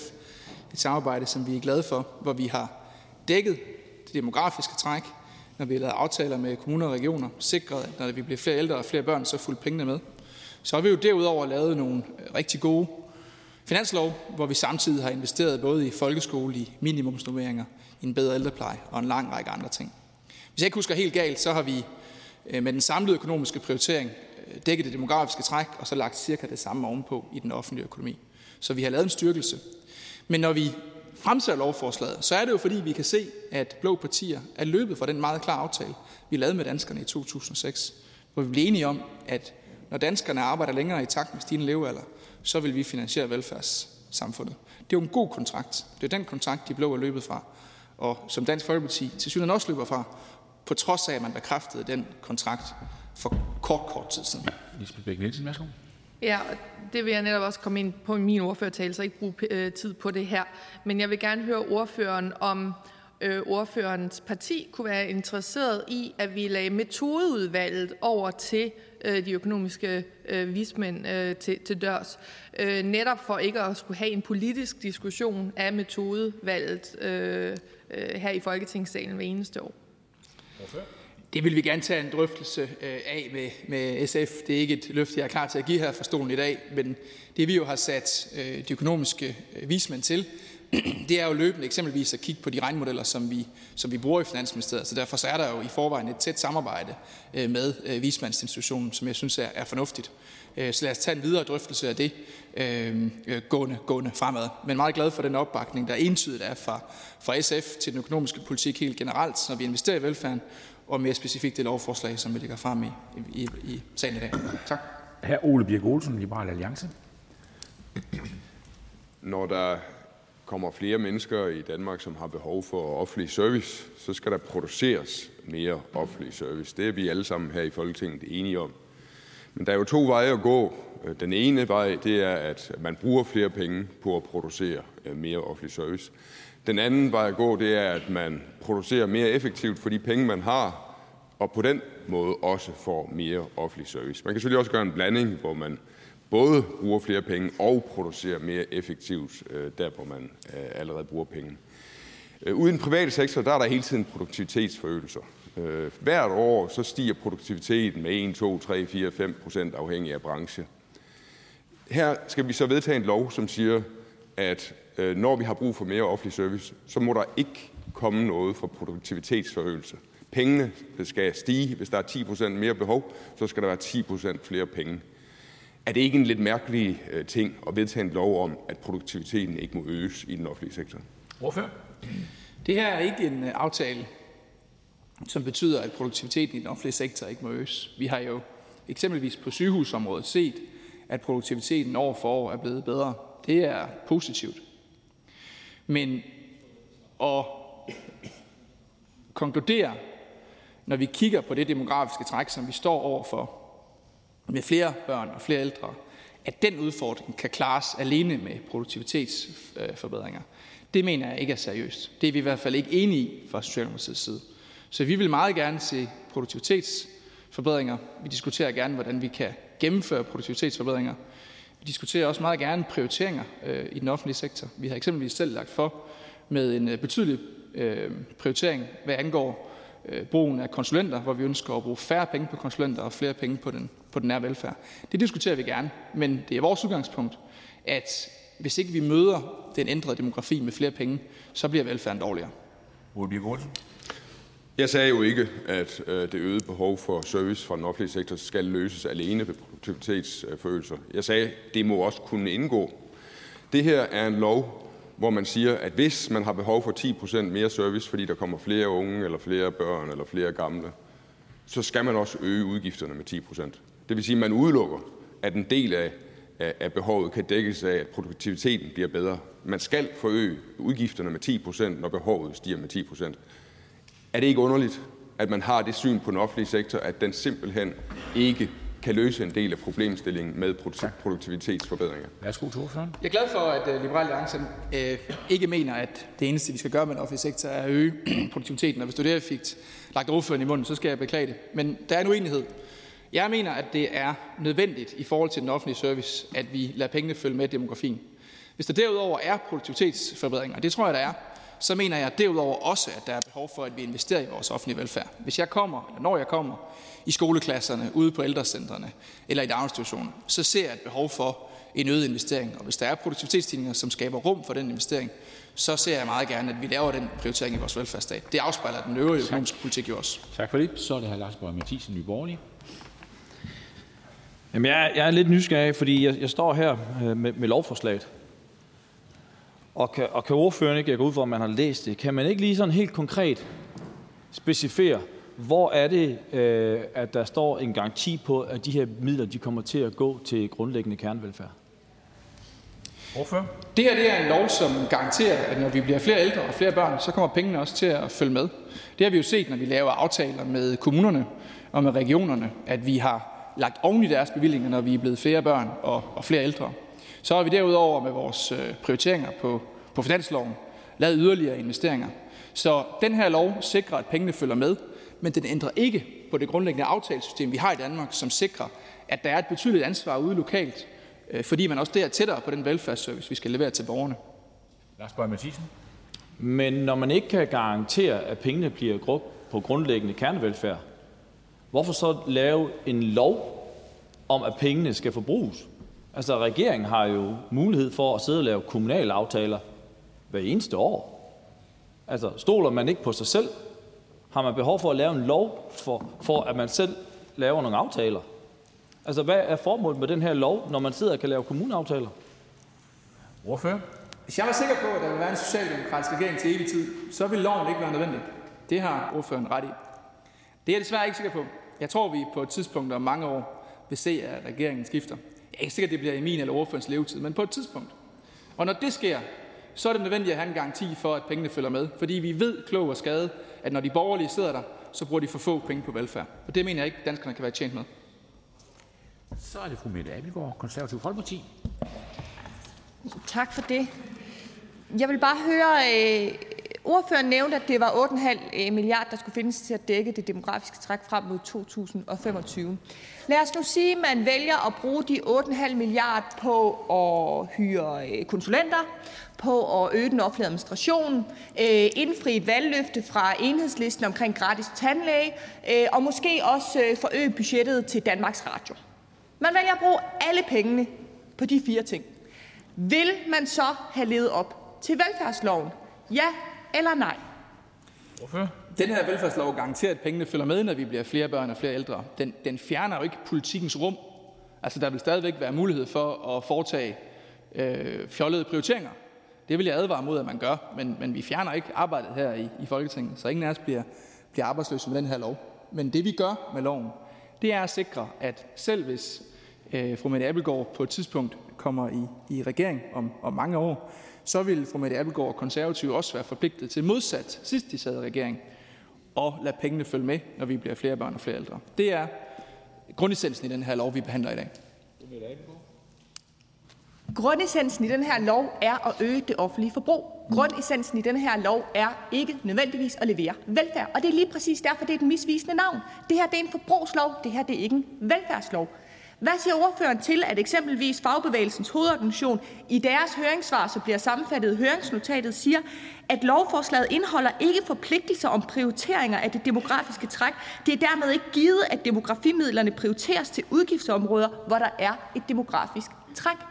Hvordan kan ordføreren stå og love, at pengene vil følge de områder, når det ikke ligger i loven? Ordfører? Det, vi gør med loven, det er at sikre, at når vi bliver flere ældre og flere børn, og dermed får behov for at investere flere penge i vores velfærdssamfund, hvis vi blot skal holde hånden under velfærdssamfundet, så garanterer vi med den lov, at de penge vil følge med. Men det er rigtigt nok, hvilket jo er essensen i det, der er øh, i ordførens spørgsmål og også i høringssvaret, at vi, vi fjerner ikke det, af, det aftalesystem, som sikrer, at man ude i kommunerne og regionerne samtidig og fortsat vil have et meget stort ansvar for vores offentlige sektor. Og det, det tror jeg også vil være Ja, Socialdemokratiet vil være imod det, og det vil være et, et alvorligt brud med den armslængde princip, som vi vemmeligvis har i forhold til kommuner og regioner.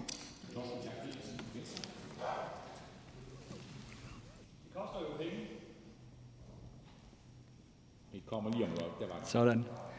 Det koster jo penge at levere øh, på det, som den socialdemokratiske ordfører står og siger. Men hvad hvis pengene ikke er der? Hvad hvis finansministerens kasse er presset? Hvad er værdien af sådan en velfærdslov, hvis ikke der er penge i kassen til at betale? Det med finansieringen, det stammer jo fra den kontrakt, som vi i fællesskab lavede med danskerne i 2006. Det er den aftale, der er den vigtigste årsag til, at vi i Danmark har en overholdbar øh, statsøkonomi. Og øh, derfor så har vi jo finansieret det her løfte til danskerne. Vi sagde til danskerne, hvis I, når vi i gennemsnit bliver ældre, også vil bruge flere år på arbejdsmarkedet, så garanterer vi på den anden side, at vi finansierer velfærden. Og det er jo det løfte, som Venstre grundlæggende svigtede i regeringen. Og det er årsagen til, at vi fremsætter det lovforslag. Så pengene, de kommer fra, at vi har en overholdbar økonomi, og det har vi primært på grund af den aftale, som øh, ordførens eget parti er med i fra 2006.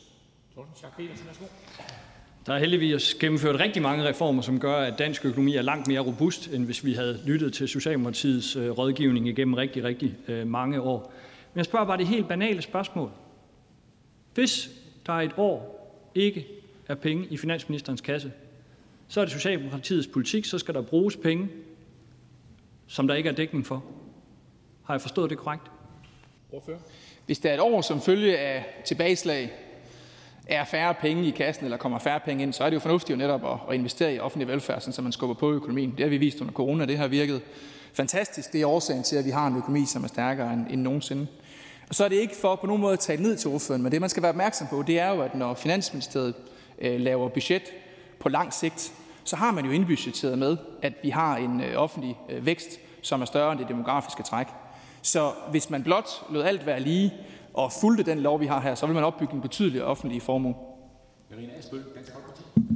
Tak for det. Jamen, det er vigtigt at finde ud af indholdet i den her lov, og om det bare er signalpolitik, øh, øh, og der sådan set ikke er noget reelt indhold. Fordi hvordan er det så, at øh, den socialdemokratiske ordfører vil sikre kernevelfærden? Hvordan er det, man vil sikre at fru Petersen nu ikke får rengøring hver tredje uge, men måske får hver, øh, hver uge øh, efter det behov, hun har. Hvordan er det, man vil sikre, at midlerne går til de områder, det skal, øh, og ikke til at, at lukke nogle andre huller. Nu har regeringen indgået en, en økonomiaftale med, med KL, og, øh, og ja, det blev ikke positivt taget imod, fordi der var netop øh, og heller ikke for handicaporganisationerne, som var ude med massiv kritik, fordi de har ønsket flere midler også øh, til handicapområdet. Men det her, det garanterer jo ikke, som ordføreren siger, en bedre velfærd. Fordi der er ikke noget i forhold til, hvordan sikrer man kvalitet? Øh, hvordan er det, man sikrer, at man følger de midler, der bliver givet, at de bliver givet til de rigtige områder? Så hvordan er det, man præcis vil give den her garanti og sikre bedre velfærd til borgerne? Hvad angår kommuneaftalen i år og de forgangne år, så har vi lavet tre kommuneaftaler. De tre kommuneaftaler de løfter den offentlige velfærd mere til sammen end de 10 foregående. De tre, vi har lavet, de løfter den offentlige velfærd mere end de 10 foregående. Det tal, det er et tal, som Dansk Folkeparti med den velfærdsprofil, som partiet har, må have meget, meget svært ved at forklare. Meget svært ved at forklare. Man må have ekstremt svært ved at forklare, at man holdt den borgerlige regering ved magten, som de facto ved ikke at følge det demografiske træk, lavede nedskæringer på de ældre, lavede nedskæringer på vores velfærd. Og derfor er det også bemærkelsesværdigt, at Dansk Folkeparti ikke er med her, fordi man for ganske nylig har stemt for et beslutningsforslag, som i essensen er det samme som det, vi behandler her. Og kalde det her for signalpolitik, det er så skævt, som det kan blive. Det her det handler om milliarder af kroner til den aller næreste velfærd. Til ældrepleje, til skolerne, til vores børn. Være øh, udenom snak for ordføreren, fordi ordføreren svarer ikke på, hvordan man vil sikre, at de her midler går til de ældre. At fru Petersen får mere i rengøring, og hvordan øh, serviceniveauet så efterfølgende vil se ud i kommunerne. Vil det stige? Altså vil man serviceniveauet, vil vi kunne se det på serviceniveauet? Vil det her blive en markant øh, kvalitetsløft? Altså et af, at man kan sagtens give flere midler, og det tænker jeg også, at der er behov for, når man følger den demokratiske udvikling. Men der er der brug for at kigge på, hvad er det, man får for de midler, og hvor er det, de går hen. Så det må minister, der ikke ministeren, ordføreren, ikke minister endnu, det kan være, at ordføreren bliver det på et tidspunkt, men for, forklare i forhold til det her. Det er jo sådan, at vi har en aftalesystem i Danmark, hvor vi laver nogle økonomiske rammer for kommunerne under den nuværende regering, nogle gode økonomiske rammer, bedre end tidligere. Men det er også rigtigt nok, som ordføreren hensyder til, at kommunerne har et ansvar for den nære velfærd. Men forudsætningen for, at kommunerne kan levere en god velfærd, det er, at vi sikrer, at pengene følger med. Det gør den nuværende regering. Det gjorde den regering, som Dansk Folkeparti bakkede op, ikke. Så er det her Jeg har et øh, problem med velfærdsloven. Og øh, det er ikke, at øh, den er for ambitiøs, det er, at den er for uambitiøs. Og det, som er det helt store problem, det er jo, at den bund under velfærden, som bliver lagt, jo kun er det demografiske træk. Som jo betyder, at velfærden kun lige akkurat holder skindet på næsen, i takt med, at vi bliver flere unge og ældre. Men at velfærden vil sakke bagud i forhold til velstandsudviklingen i, i samfundet, hvis velfærden kun øh, bliver tilført midler svarende til det demografiske træk. Så, øh, og det er jo noget, jeg, jeg og Enhedslisten har haft lejlighed til at diskutere mange gange med Socialdemokratiet. Vi forstår simpelthen ikke, at man ikke tager det øh, udgangspunkt, at udviklingen af vores velfærd skal følge velstanden i samfundet, som jo også indgår i det økonomiske grundforløb, i de fremskrivninger, som Finansministeriet benytter sig af. Så hvorfor laver man en velfærdslov, som lægger en bund, som ligger under det neutrale grundforløb, som Finansministeriet bruger i deres forregninger? Det burde jo være Finansministeriets grundforløb, der var det neutrale udgangspunkt. Så kan vi ikke få en bedre velfærdslov end det, der bliver lagt frem her? Her, øh, Rune Lund har som altid i både forhandlinger og spørgsmål styr på selv den mindste detalje, hvad angår nationaløkonomi. Det synes jeg, man skal kvittere for. Det ændrer ikke på, at når man som socialdemokrat står her på talerstolen og dermed også er ordførende for en regering, så er der et økonomisk hensyn og en balance, som vi bliver nødt til at, at varetage. Og det er derfor, vi med, med loven her siger, nu ligger vi en bund. En bund under velfærdsøkonomien. Vi dækker det demografiske træk. Men de prioriteringer, som vi har lavet med finanslovene, i øvrigt i et tæt samarbejde med hr. Rune Lunds parti, Enhedslisten, de viser jo, at vi har en vilje til at investere yderligere i den offentlige sektor. At vi har en vilje til at lave minimumsnummering. At vi har en vilje til at investere i psykiatri, i en folkeskole, i en bedre ældrepleje. Så den politiske villighed er der. Men pengene skal passe, og det er derfor, at loven, som bliver udgangspunktet, den kan vi strække så langt, at vi dækker det demografiske træk. Resten må vi lave sammen med kloge prioriteringer. Jeg synes bare, det er fjollet, at, øh, at, at når man nu har, øh, nu, nu vi står og diskuterer og skal lave en velfærdslov, at man så vil lave en, en bund under velfærden, som ligger lavere end det, som ligger i de neutrale fremskrivninger. Øh, og jeg synes også, det er mærkeligt, når vi nu har haft to finanslov, både i 20 og 2021, hvor vi jo faktisk har leveret på mere end det velstandssikrede øh, demografiske træk. Det vil sige, at vi laver en decideret genopretning af velfærden. Så hvorfor kan vi ikke bare få en, øh, en, den neutrale udvikling, altså som bunden under velfærden? Det vil jo være det mest oplagte ovenikøbet, når det ligger i de neutrale fremskrivninger i Finansministeriet. Så kan vi gøre det, samtidig med at økonomien stadigvæk vil være overholdbar. Tak for det. Værsgo, ordfører. Jeg er personligt, og det ved jeg gælder øh, regeringen også, stolt af de aftaler, vi har lavet med Enhedslisten og, øh, og de andre partier bag ved finansloven, fordi de netop, som ordføreren også er inde på, ikke bare holder skinnet på næsen i vores kommunale og regionale og statslige velfærd, men investerer i velfærden, gør, gør velfærden bedre. Den slags aftaler, den form for prioriteringer, vi gerne være med til at lave, også gående fremad, øh, sammen med, øh, med de partier, som bakker op om regeringen og som er med til at tage ansvar. Det vi lover her, det er en bund.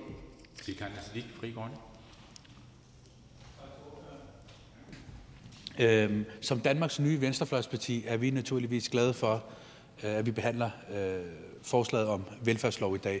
Vi så naturligvis gerne, at man, øh, at man hævde nogle flere penge frem, øh, men det, øh, det kan vi snakke om øh, her senere i debatten. Det, jeg gerne vil spørge ordføreren om, det er i virkeligheden, om man i, på samme tidspunkt nu er klar på, at man genbesøger principperne og fordelingen af kernevelfærdsområderne i vores demografimodel? Er det noget, øh, man, øh, man er klar på, nu mens vi også hvad hedder det, snakker om at lave en velfærdslov? Hvorfor? Øhm, det synes jeg er en interessant diskussion. Jeg er ikke sikker på, at den tid, som spørgeren har til rådighed, giver mulighed for, at spørgeren mere specifikt kan, kan øh, delagtiggøre øh, undertegnet og resten af tilhørende i, hvad man specifikt mener. Så derfor skal jeg nok passe på med at give noget carte blanche, men det er en spændende diskussion. Jeg vil sige, at noget af det, som diskussionen med nogle af de borgerlige partier afslører, det er jo, at vi i hvert fald ikke er villige til og underminere den aftalemodel, vi har. Altså, jeg synes, det er grundlæggende set fornuftigt, at vi i Folketinget giver nogle økonomiske rammer, og under den nuværende regering nogle gode økonomiske rammer for kommunens velfærd. Men det er samtidig fornuftigt, at skolepolitikken, ældreplejen, den bliver udført og tilrettelagt så tæt på borgeren som overhovedet muligt, nemlig ude i vores øh, kommuner, og meget gerne under inddragelse af lokalråd og andet, hvis det er den slags øh, nære demokratiske institutioner, som ordføreren øh, tænker på med sit spørgsmål. Til Karin Siddiq. Ja, altså vi så jo gerne, at øh, magten i virkeligheden lå ude i lokal øh, øh, rådene, og vi fik en langt mere involverende demokrati. Men jeg tænkte nu i virkeligheden på, altså hvad er, hvad er kernevelfærd? Hvad er kernevelfærd inden for handicapområdet? Hvad er kernevelfærd inden for skoleområdet? Hvad med øh, idræt? Hvad med kultur? Er det en del af kernevelfærden? Den diskussion omkring, hvad er det, vi definerer som klassisk kernevelfærd, og hvor er vi henne nu i forhold til, om Socialdemokratiet er klar til at åbne den her diskussion op, og så sige, jamen hvad er det egentlig, vi definerer som øh, kernevelfærd? Jeg synes, det er en interessant øh, diskussion, og den, den tager vi gerne. Jeg tror dog, der kan opstå et modsætningsforhold mellem, hvis vi på den ene side herinde definerer strengt, hvad kernevelfærd er, og hvordan den kernevelfærd skal varetages, og så ordførens andet perspektiv, som handler om, at man lokalt får mere indflydelse. Og sådan er det jo nok ofte, når vi diskuterer på Christiansborg, at vi vil gerne, øh, vi vil gerne gøre det bedre. Men vi skal passe på, tror jeg, i den iver for at gøre det bedre, at vi ikke kommer til at detaljstyre på en måde, så der bliver mindre plads til demokratiske fællesskaber. Og der synes jeg, at ordførens parti har nogle interessante tanker. Tak til ordføreren. Der er ikke flere korte bemærkninger. Tak. Og det betyder, at vi kan gå videre i ordførerrækken til hr. Torsten Schack Petersen, Venstre. Regeringen har fremlagt en såkaldt velfærdslov, og med den lov så vil regeringen forpligte den til enhver tid siddende regering til hvert år at bruge flere penge på velfærd. Regeringen siger dog intet om, hvor pengene skal komme fra. I Venstre der foreslår vi derfor at ændre loven til en vækst- og velfærdslov. For med en vækst- og velfærdslov, ja, så vil vi sikre, at dansk velstand øges, før vi kan bruge flere penge på velfærd, og at pengene ikke findes ved, at skatterne hæves. I Venstre er vi enige i, at pengene skal følge med, når der bliver flere børn og ældre. Det var også et løfte, vi gik til valg på i 2019, og som vi har overholdt i vores fremsatte finanslovsudspil siden da, og senest med vores finanslovsudspil for næste år, som vi præsenterede i går. Når det er sagt, så kommer vi naturligvis ikke til at stemme for lovforslaget i sin nuværende form. Vi nemlig, mener nemlig, at hele diskussionen grundlæggende bør vendes på hovedet, for pengene skal jo tjenes, før de kan bruges. Det er den ansvarlige tilgang. Og derfor kommer vi fra Venstre side til at stille et ændringsforslag, der indeholder følgende to elementer, og som er en betingelse for, at vi kan støtte forslaget. For det første så vil vi sikre, at forudsætningen for at hæve forbruget i det offentlige er, at der også er vækst i dansk økonomi. Realvæksten i BNP for det efterfølgende finansår skal som minimum være det samme som det demografiske træk i procent. Er det ikke det, ja, så skal der fremlægges forslag til initiativer, der varigt øger BNP strukturelt. Med andre ord, vi skal have råd til at hæve velfærden, før vi gør det, og det er en politisk opgave. For det andet så skal vi naturligvis have et skattestop, så der er ro om danskerne og danske virksomheders økonomi. For det skal være væksten i velstanden og ikke skatterne, der finansierer højere udgifter til velfærd. Og der er brug for et skattestop i Danmark. Siden regeringen trådte til, der har den hævet eller foreslået at hæve skatterne over 40 gange, og det er skattestigninger for 12 milliarder kroner. Og samtidig så gør regeringens førte politik Danmark 14 milliarder kroner fattigere. Den førte politik gør Danmark fattigere. Og sådan en politik, den sikrer ikke, at der er råd til velfærd i fremtiden. Der er i øvrigt meget symbolpolitik i regeringens forslag, og lad mig tillade mig at referere øh, direkte fra det. Lovforslaget vil ikke ændre på, at de konkrete årlige velfærdsprioriteringer fastlægges i finansloven og økonomiaftalerne med kommuner og regioner, ligesom at serviceniveauet og antallet af medarbejdere på det enkelte sygehus, plejehjem, børnehave med videre vil afhænge af de lokale behov og prioriteringer ude i kommuner og regionerne med respekt for aftalesystemet med KL og danske regioner, samt den demokratiske beslutningsproces i de enkelte kommuner og regioner tæt på borgeren, og lovforslaget vedrører heller ikke den geografiske fordeling af ressourcerne. Citat slut. Nå, ja, det er altså nu engang sådan, at pengene ikke kan bruges før de tjeneste, og at binde kommende regering til at bruge flere penge, end den kan skaffe finansiering til, ja, det er hammerne uansvarligt. Og hvad er konsekvensen i øvrigt, hvis regeringens finanslovsforslag ikke overholder den foreslåede øh, velfærdslov fra regeringens side? Bortfalder finansloven så? Nej, det gør den naturligvis ikke. 90 mandater bag en finanslov ja, kan til enhver tid sikre, at landet har en ny finanslov, når finansåret begynder. Og hvad forventer regeringen egentlig, at det fremlagte lovforslag vil betyde? Ja, det svarer regeringen sådan set meget konkret på i lovforslaget, og tillader mig at citere. Lovforslaget vurderes således ikke umiddelbart at have økonomiske konsekvenser for det offentlige. Citat slut. Jamen, hvad øh, skal loven så til for, kunne man spørge, altså bortset fra, at Socialdemokratiet gik til valg på en velfærdslov. I Venstre der står vi som sagt ved vores velfærdsløfte. Vi mener, at når der kommer flere ældre og børn, ja, så skal der øh, leveres større budgetter. Vi skal dække det såkaldte demografiske træk. Det har vi allerede leveret på i vores finanslovsforslag, uanset om der er lovgivning om emnet eller ej. Men at Socialdemokratiet tvivler så meget på egne øh, løfter, at de skal forpligtes via lovgivning til at leve op på det, ja, det må jo nærmest være den mest logiske konsekvens og tanke, øh, når man ser på det her. Så hvis vi skal støtte forslaget, ja, så skal det selvfølgelig være et forslag, der hænger sammen, og det gør det kun, hvis det suppleres med et skattestop og en pligt til at sikre økonomisk vækst. Ellers er det blot et forslag om at love at bruge flere penge, som der muligvis ikke er råd til. Vi ser frem til den videre behandling, men som sagt så har øh, det alt afgørende betydning for Venstre, at de nævnte ændringsforslag de bliver vedtaget. Ellers så er det jo bare et uansvarligt lovforslag, der lover at bruge flere penge som nødvendigvis ikke er til stede, og det kan vi ikke støtte. Tak for ordet. Tak for det. Og der er nogle korte bemærkninger. Først er Christian Rabia Madsen fra Socialdemokratiet. Værsgo. Hvorfor taler ordføreren og Venstre øh, om øh, øgede skatter og om en situation, hvor hvis man følger velfærdsloven, staten ikke har, har midler til at, at dække velfærdsloven, når ordføreren udmærket er klar over, at de offentlige finanser er overholdbare, og udmærket er klar over, at den overholdbarhed, der er i de offentlige finanser, den er medregnet, at det offentlige forbrug er højere end det, vi lægger til grund i velfærdsloven. Nu fortæller man imod bedre vidne på den måde. Jeg forholder mig bare til virkeligheden. Og det synes jeg sådan set er et godt udgangspunkt, når man står på Folketingets talerstol. Virkeligheden er, at vi har en regering, der har gennemført og foreslået øgede skatter med 12 milliarder kroner. Vi har med en regering at gøre, der har gjort Danmark 14 milliarder kroner fattigere. Det havde jeg faktisk ikke troet, at jeg skulle opleve at stå på Folketingets talerstol og være vidne til, at en regering førte en økonomisk politik, der gjorde Danmark fattigere. Vi skal helt tilbage før slutter regeringen, at en regering har ført en økonomisk politik, der ikke har bidraget til at gøre det danske samfund mere velstående, sikre flere arbejdspladser, sikre et mere konkurrencedygtigt samfund, sikre, at velstanden blev øget. Og undskyld mig, det gør mig altså et voldsomt stort indtryk på mig, når man har en regering, der fører en økonomisk politik og samtidig hæver skatter og afgifter. Og det synes jeg sådan set bare, at Socialdemokratiets ordfører må stå, øh, stå til ansvar for. Ja, vi er stolte af den økonomiske politik, vi har ført.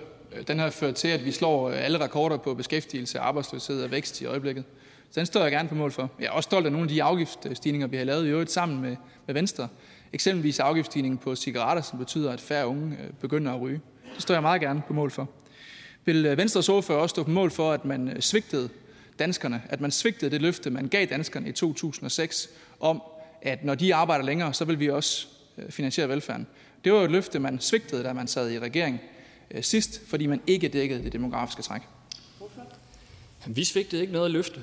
Øhm, vi gik i øvrigt i 2015 til valg på et udgiftsstop, men virkeligheden var, at vi også fra 2015 til 2019 har brugt flere penge på velfærd. Øh, jeg tror, at siden 2001 der er de offentlige velfærdsudgifter eller serviceudgifter på hele øh, sundhedsområdet, jeg tror, det er løftet med over 80 milliarder kroner. Og det er det jo, fordi vi politisk har villet det. Vi var ikke tilfredse med det sundhedsvæsen, som danskerne mødte i år 2001, hvor der var lange ventetider, hvor kræftbehandlingen var for dårlig. Så vi har ingen problemer med at tilføre ekstra penge til velfærdsområdet. Det har vi sådan set historisk øh, gjort. er Kasper Sandkær. Tak for det. I øh, 2006 der indgik Socialdemokratiet og Venstre jo velfærdsaftalen eller velfærdsforliget, og det er jo det, vi sådan traditionelt taler om, at det er det, der holder hånden under øh, dansk økonomi. Og hele pointen med det forlig i 2006, det var jo, hvordan vi sikrede den fremtidige finansiering af velfærdssamfundet. Der sagde vi jo sammen til danskerne, hvis I arbejder længere, altså hvis vi hæver pensionsalderen i takt med, at levealderen stiger, så har vi til gengæld råd til også at have et velfærdssamfund i fremtiden. Og må jeg forstå ordføreren sådan, at Venstre nu løber fra den aftale, vi indgik i 2006? Fordi det handlede jo netop om, at vi skulle, skulle fremtidsfinansiere velfærdssamfundet. Og nu står vi jo her med et konkret forslag, der handler om, at vi skal blive ved med at finansiere velfærdssamfundet, når der kommer flere børn, når der kommer flere ældre. I fire år havde vi en venstreledet regering, der ikke levede op til det løfte om at finansiere velfærden tilstrækkeligt. Og nu må vi så forstå, at Venstre løber fra velfærdsaftalen. Vi løber bestemt ikke fra nogen velfærdsaftale. Og jeg tror, jeg kan det ikke lige på fingerspidserne, men jeg tror, at hvis vi kigger på, hvad det økonomiske råderum er, og hvor meget der stammer fra velfærdsaftalen, og hvad der stammer fra andre ting, øh, så kan det godt være, at Socialdemokratiet får lidt en udfordring i forhold til, hvor stort et økonomisk råderum, som Socialdemokratiet egentlig selv har været med til at stemme for. Men øh, lad det nu ligge. Vi står ved velfærdsaftalen. Det er altafgørende, at vi i fællesskab har sagt, at når vi er i den lykkelige situation, vi heldigvis alle sammen lever længere og længere, at så skal man også blive længere tid på arbejdsmarkedet. Det er en uhyre vigtig aftale.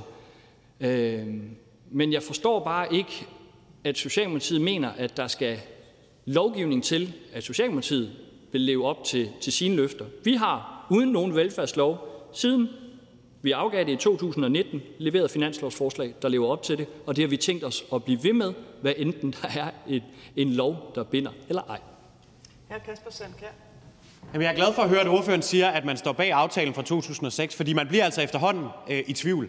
Øh, man vil ikke øh, være med til at, øh, at levere finansieringen til øh, velfærdssamfundet. Man forsøgte at fremrykke øh, pensionsalderen i modstrid med den aftale, man de facto øh, afskaffede efterlønnen, som jo var en del af velfærdsaftalen fra 2006. Og nu hvor vi så har indført en ret til tidlig tilbagetrækning, ja, så vil man også afskaffe den, som ellers kompenserer for det brud på velfærdsaftalen fra 2006, som den tidligere regering lavede, da de de facto afskaffede efterlønnen. Så godt at høre, at Venstre bakker op om velfærdsaftalen fra 2006. Hvorfor så ikke også bakke op om at sikre finansieringen til velfærdssamfundet?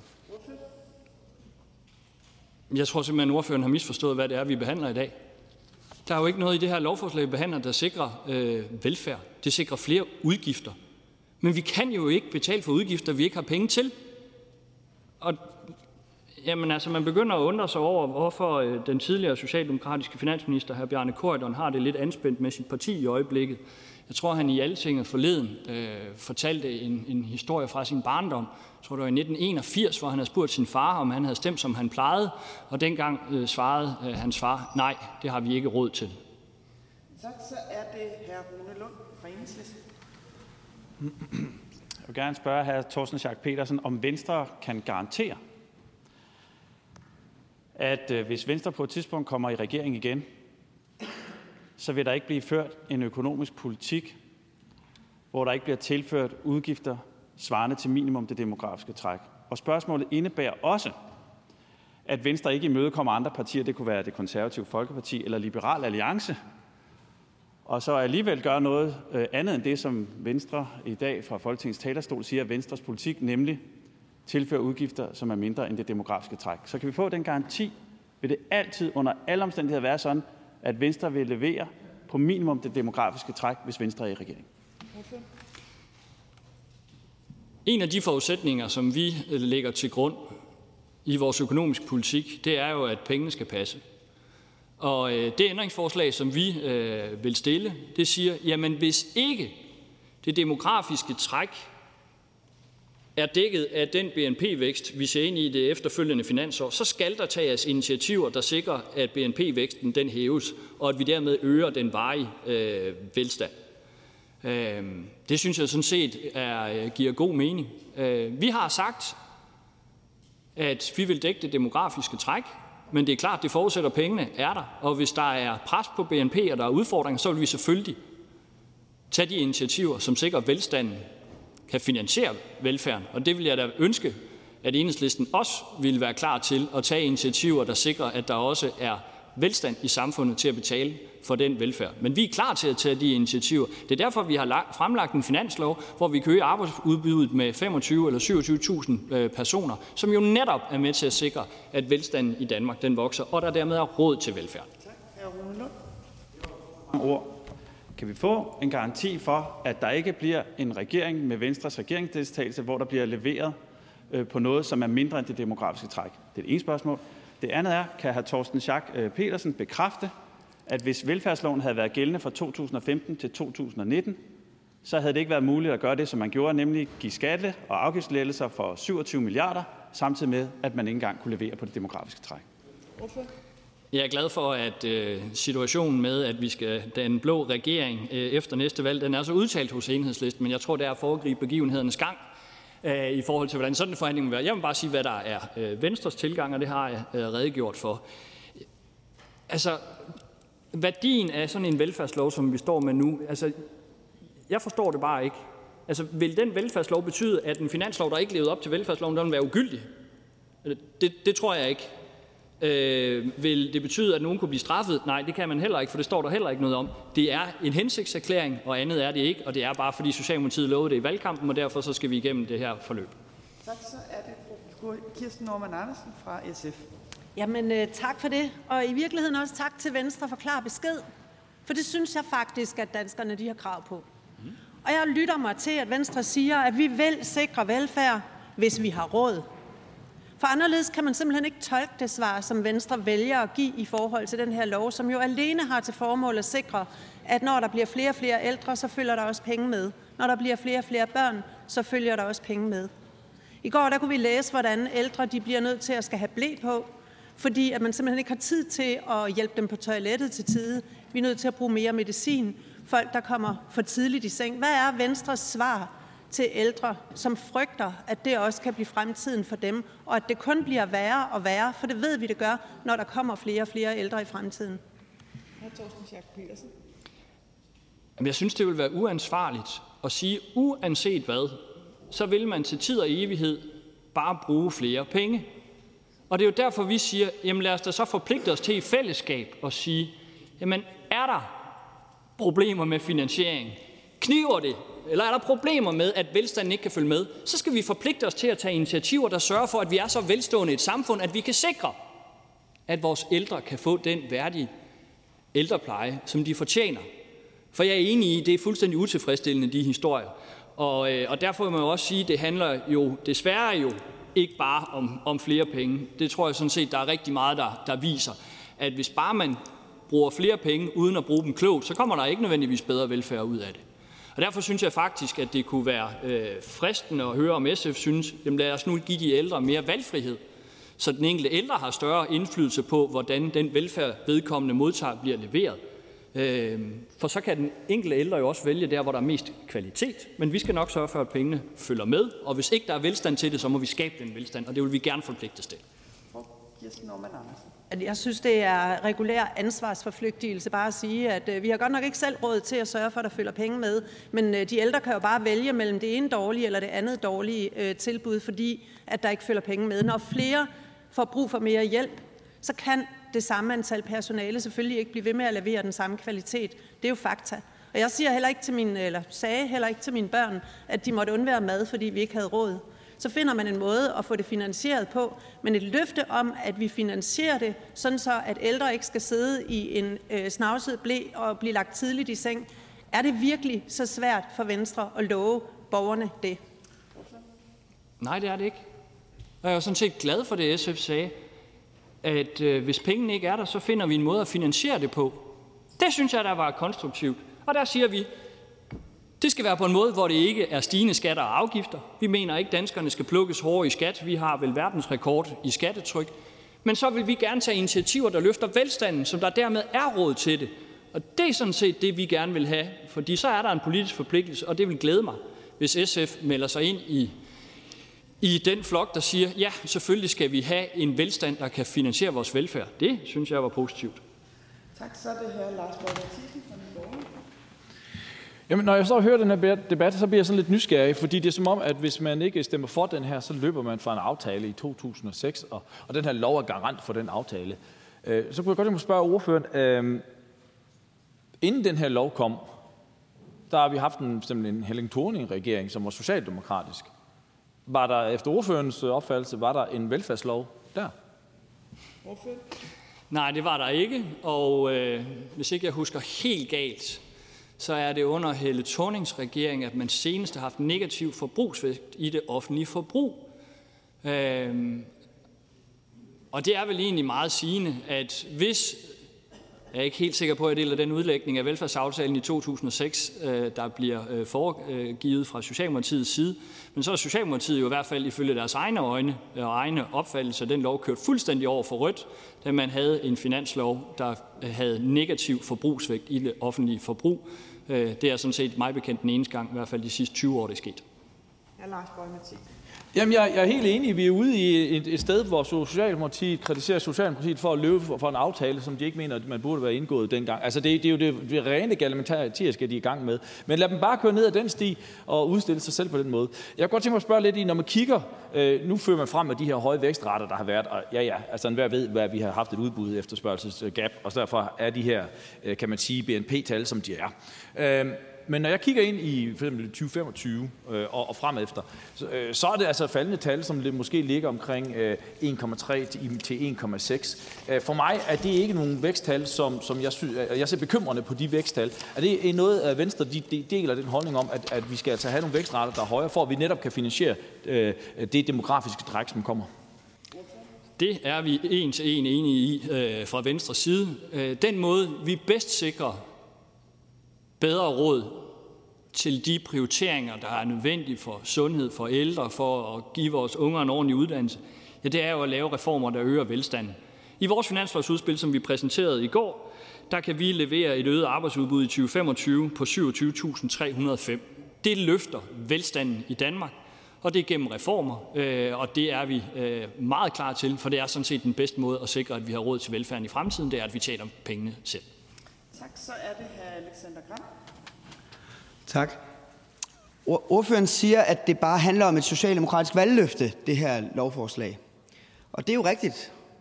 Det burde det jo også handle om for Venstre, for Venstre havde jo også et løfte om, at man vil følge det demografiske træk, og at man vil øh, sørge for, at der fulgte flere penge med til, øh, til ældre, til vores unge, til vores børn. Øh, og derfor kunne jeg godt tænke mig at spørge øh, hr. Thorsten Schack Pedersen, når man nu er i en borgerlig blok, hvor Liberal Alliance de vil skære 10 procent, Nye Borgerlige de vil fyre 100.000 i den offentlige sektor, de konservative har meldt klart ud, at man ikke ønsker at lukke det demografiske træk. Hvor er det, at Venstre skal finde parlamentarisk opbakning til finanslov efter finanslov og holde det løfte og give flere penge til ældre og til vores børn? Jamen altså modsat øh, Socialdemokratiet, øh, som åbenbart skal have en, en lov, der forpligter øh, Socialdemokratiet til at leve op til sit velfærdsløfte, så har vi fra venstre side leveret på det løfte siden valget med de finanslovsforslag, vi har øh, lagt frem. Øh, og jeg synes jo, det er mærkeligt, at Socialdemokratiet ikke vil være med til at sikre, at der også er, er velstand til at finansiere det fremadrettet, og ikke bare et, et lovforslag, der garanterer at bruge nogle penge, uden at have sikkerhed for, at de er der. Jeg kan redegøre for, hvad Venstres politik er, øh, og, øh, og den har jeg øh, redegjort for. Jeg vil gerne gentage den, men hvad andre partier mener, det må de ligesom stå, stå på mål for. Hr. Alexander Grab. Venstre leverede jo ikke fra 15 til 19, og det er jo derfor, man godt kan blive i tvivl om, om der så vil blive leveret under en ny venstreledet regering. Men hvis jeg bare skal blive lidt klogere på det der med, hvad, hvad BNP-væksten, vil det så konkret betyde, at der skal gives skattelettelser før at der kan gives penge til velfærd.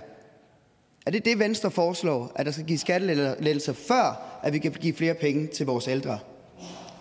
Jeg må lige rette den misforståelse. Øhm, Venstre gik i 2015 til valg på øh, offentlig udgiftsstop. Vi øgede de offentlige velfærdsudgifter hvert eneste år. bare lige for at få den del af historieskrivningen med.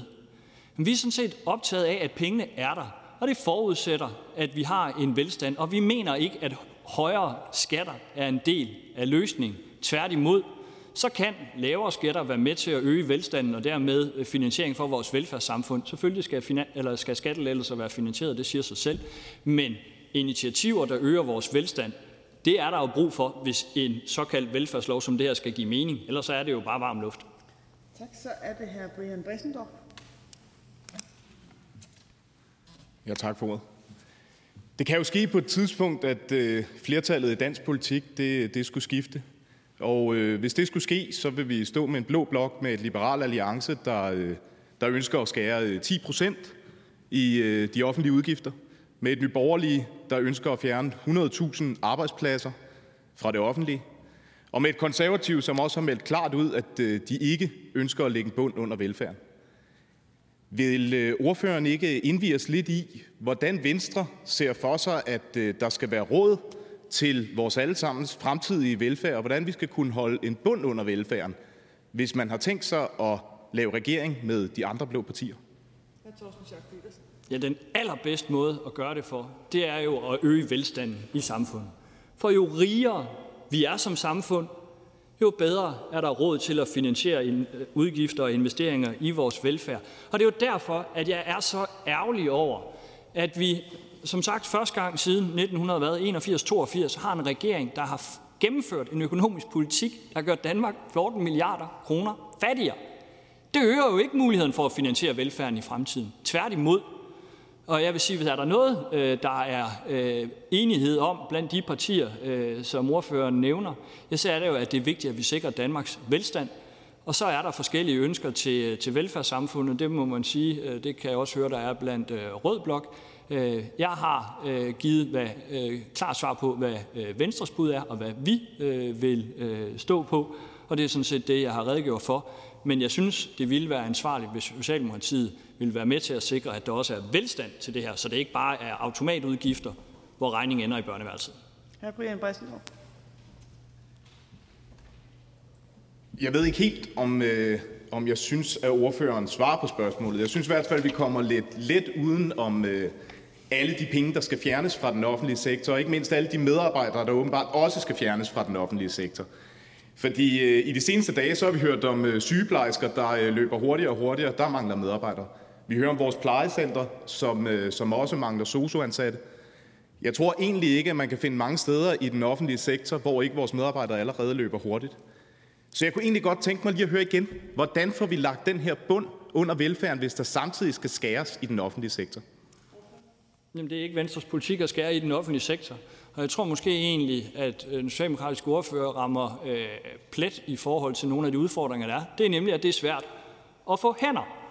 Og så kunne man jo, i stedet for at reducere arbejdsudbud i Danmark, som regeringen har gjort, kunne man jo tage initiativer, der øgede arbejdsbud, så vi fik nogle flere hænder, så der var flere sygeplejersker til stede, så der kunne være flere sosuer, så der var flere, der kunne arbejde i den private sektor og dermed øge velstanden. Men der har regeringen jo bare ført en økonomisk politik, der har reduceret arbejdsudbuddet med 10.000. Det gør det jo ikke lettere at få folk ej heller på velfærdsområdet. Tak for det. Så er det fru Lisbeth Bæk-Nielsen fra SF. Der er simpelthen ikke nogen ende på de dårlige undskyldninger, der er fra Venstres side for ikke at bakke op om det her øh, lovforslag. Øh, Venstres ordfører bliver ved med at tale om ekstra skatter og det ene og det andet. Det her det er en absolut bund under velfærden. Faktisk, hvis man kun forholdt sig til det her netop med at dække det demografiske træk, så vil resten af samfundet stikke af fra den offentlige sektor, fordi det her netop ikke siger, at man skal dække det velstandsstigning, der er. Så alene med det her, så vil resten af samfundet blive rigere og rigere og rigere, og til sammenligning med den offentlige sektor se over tid mere og mere sølle ud. Heldigvis er det jo ikke det, vi har set fra regeringen. Vi har faktisk haft et samarbejde, hvor at der er blevet investeret markant mere end det demografiske træk alene. Men at man ikke engang vil sige, at man vil dække status quo, og selvfølgelig er det under forudsætning af, at man kan, fordi der er jo en undtagelsesklausul, der siger, at hvis man lige pludselig landede i en vanvittig finanskrise eller lignende, jamen så vil det ikke øh, spille. Det synes jeg simpelthen er for sølle. At man ikke engang vil sige, at vi vil dække status quo, som jo ikke er godt nok. Jamen, det er jo det, vi har sagt, det er det, vi er gået til valg på, det er det, vi har leveret øh, siden valget med de finanslovsudspil, vi har, og det har været en forudsætning for os. Det var også tydeligt i valgkampen i 2019, at det vil vi gøre uden at hæve skatter og afgifter. Og så kan man sige, jamen nævnte de noget med, at velstanden skulle følge med? Nej, men det lå jo fuldstændig helt naturligt i den økonomiske politik, som Venstre har stået for i årtier, at selvfølgelig skal man føre en politik, der gør Danmark rigere. Og skulle vi have forudset, at vi ville have en regering, der for første gang siden øh, starten af 80'erne gjorde Danmark fattigere, det kan godt være, at vores idérigdom var for fattig øh, til at forudse det. Men pengene skal jo altså være der, før de kan bruges. Og vi har, siden vi gav løftet i 2019, kunne levere finanslovsudspil, der lever op til det.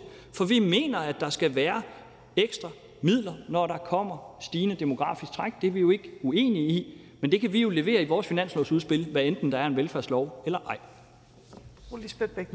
Det er simpelthen så bizart at skulle høre på det her med, at, øh, at vi som land bliver fattigere.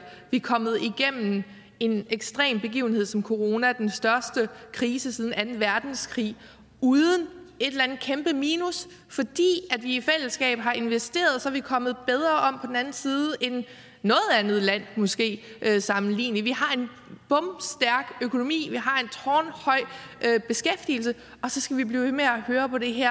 Men altså, det er øh, finansministerens egen skyld, fordi så længe man holder fast på de type regnemodeller, der siger, at når man laver fornuftig lovgivning som en Arne-pension, så er vi alle sammen lige pludselig blevet øh, møghammerne fattige. Undskyld. Tak. Om jeg er glad for, at ordføreren til sidst anerkender, at når man øh, bruger, og det kan jeg så forstå er øh, hårdt for SF, men når man bruger øh, Finansministeriet og Finansministerens regnemodeller og udsagn, ja, så har den øh, førte økonomisk politik altså strukturelt gjort Danmark 14 milliarder øh, kroner fattigere.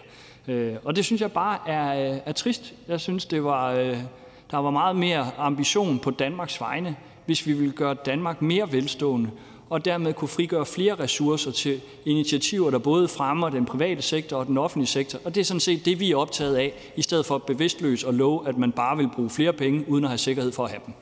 Tak, så er det her Jens Jol fra Socialdemokratiet.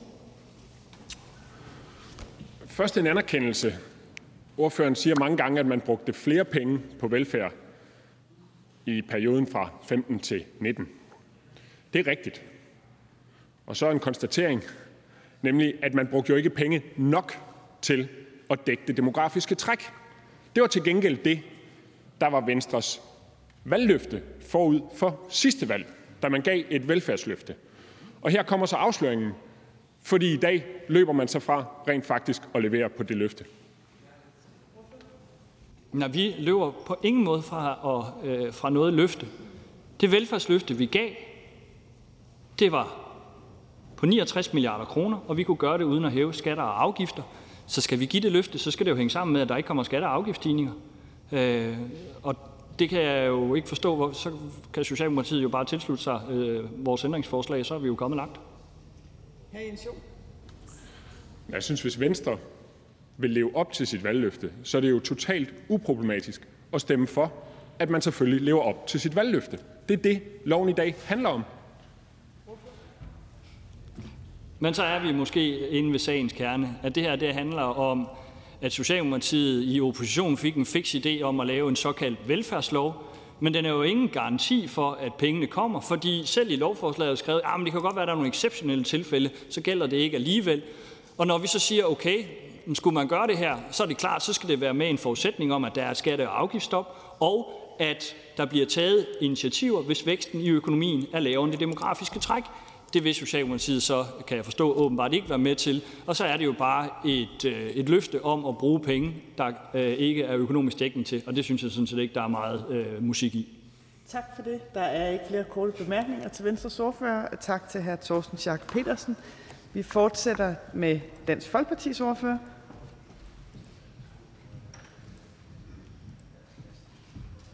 Hr. René Christensen, værsgo. Ja, tak for det. Når man sådan lytter til debatten og, og har læst lovforslaget, så ved jeg faktisk ikke rigtig, hvad jeg sådan skal tænke. Jeg vil gerne starte med at sige, at jeg har stor respekt for finansministeren. Og jeg har stor respekt for finansministerens stilling.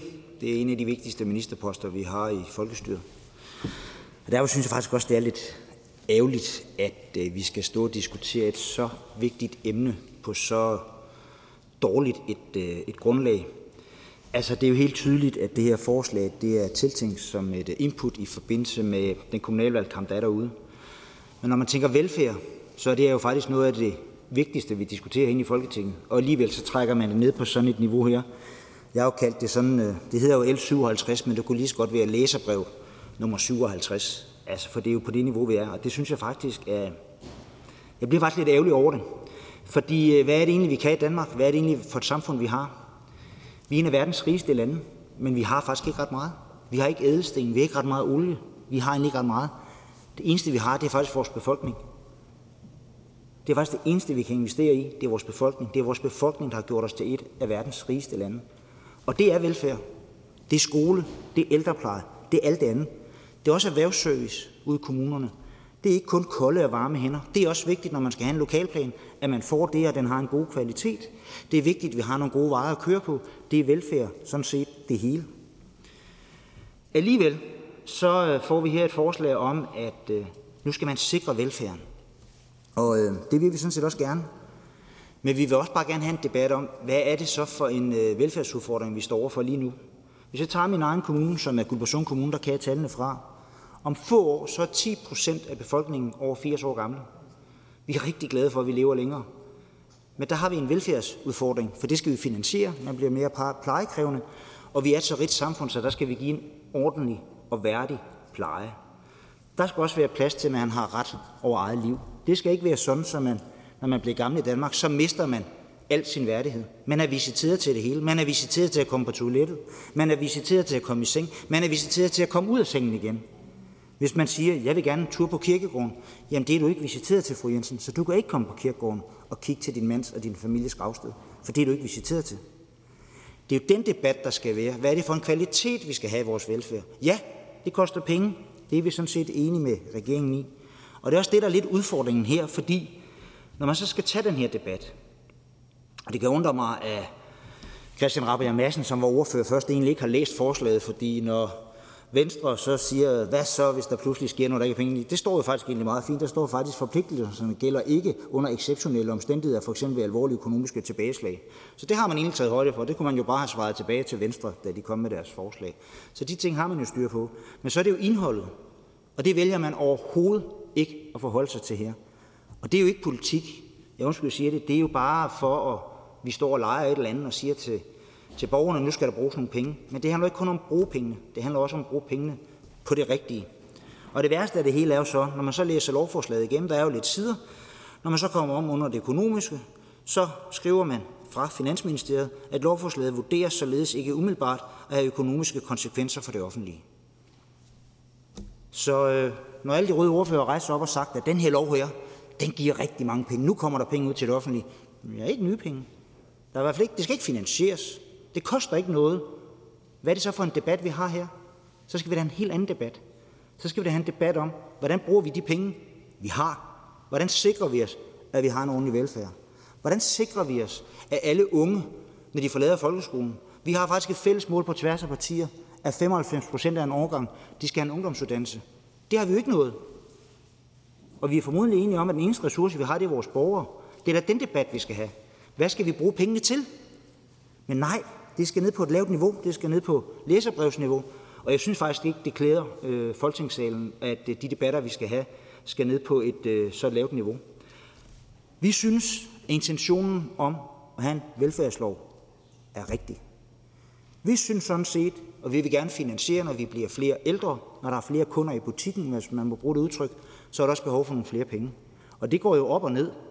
Så kan det være, at vi på et tidspunkt om 20-30 år, så er der færre ældre, men flere unge. Så er det jo det område, der har brug for et løft, så vi sikrer, at vi har en folkeskole og nogle daginstitutioner med god kvalitet. Det er jo den debat, vi skal have herinde.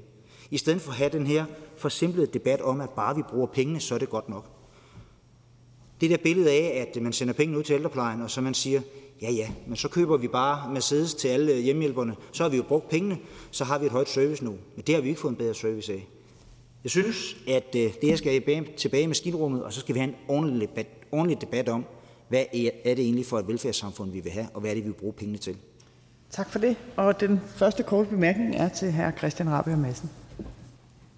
man fornemmer, at ordføreren er ude i i udkanten af de tilgængelige argumenter, når man begynder at sige, at der sikkert sker det, at man køber Mercedes'er til øh, hjemplejen øh, ude i kommunerne. Det, det tror jeg næppe kommer til at, at ske, trods alt.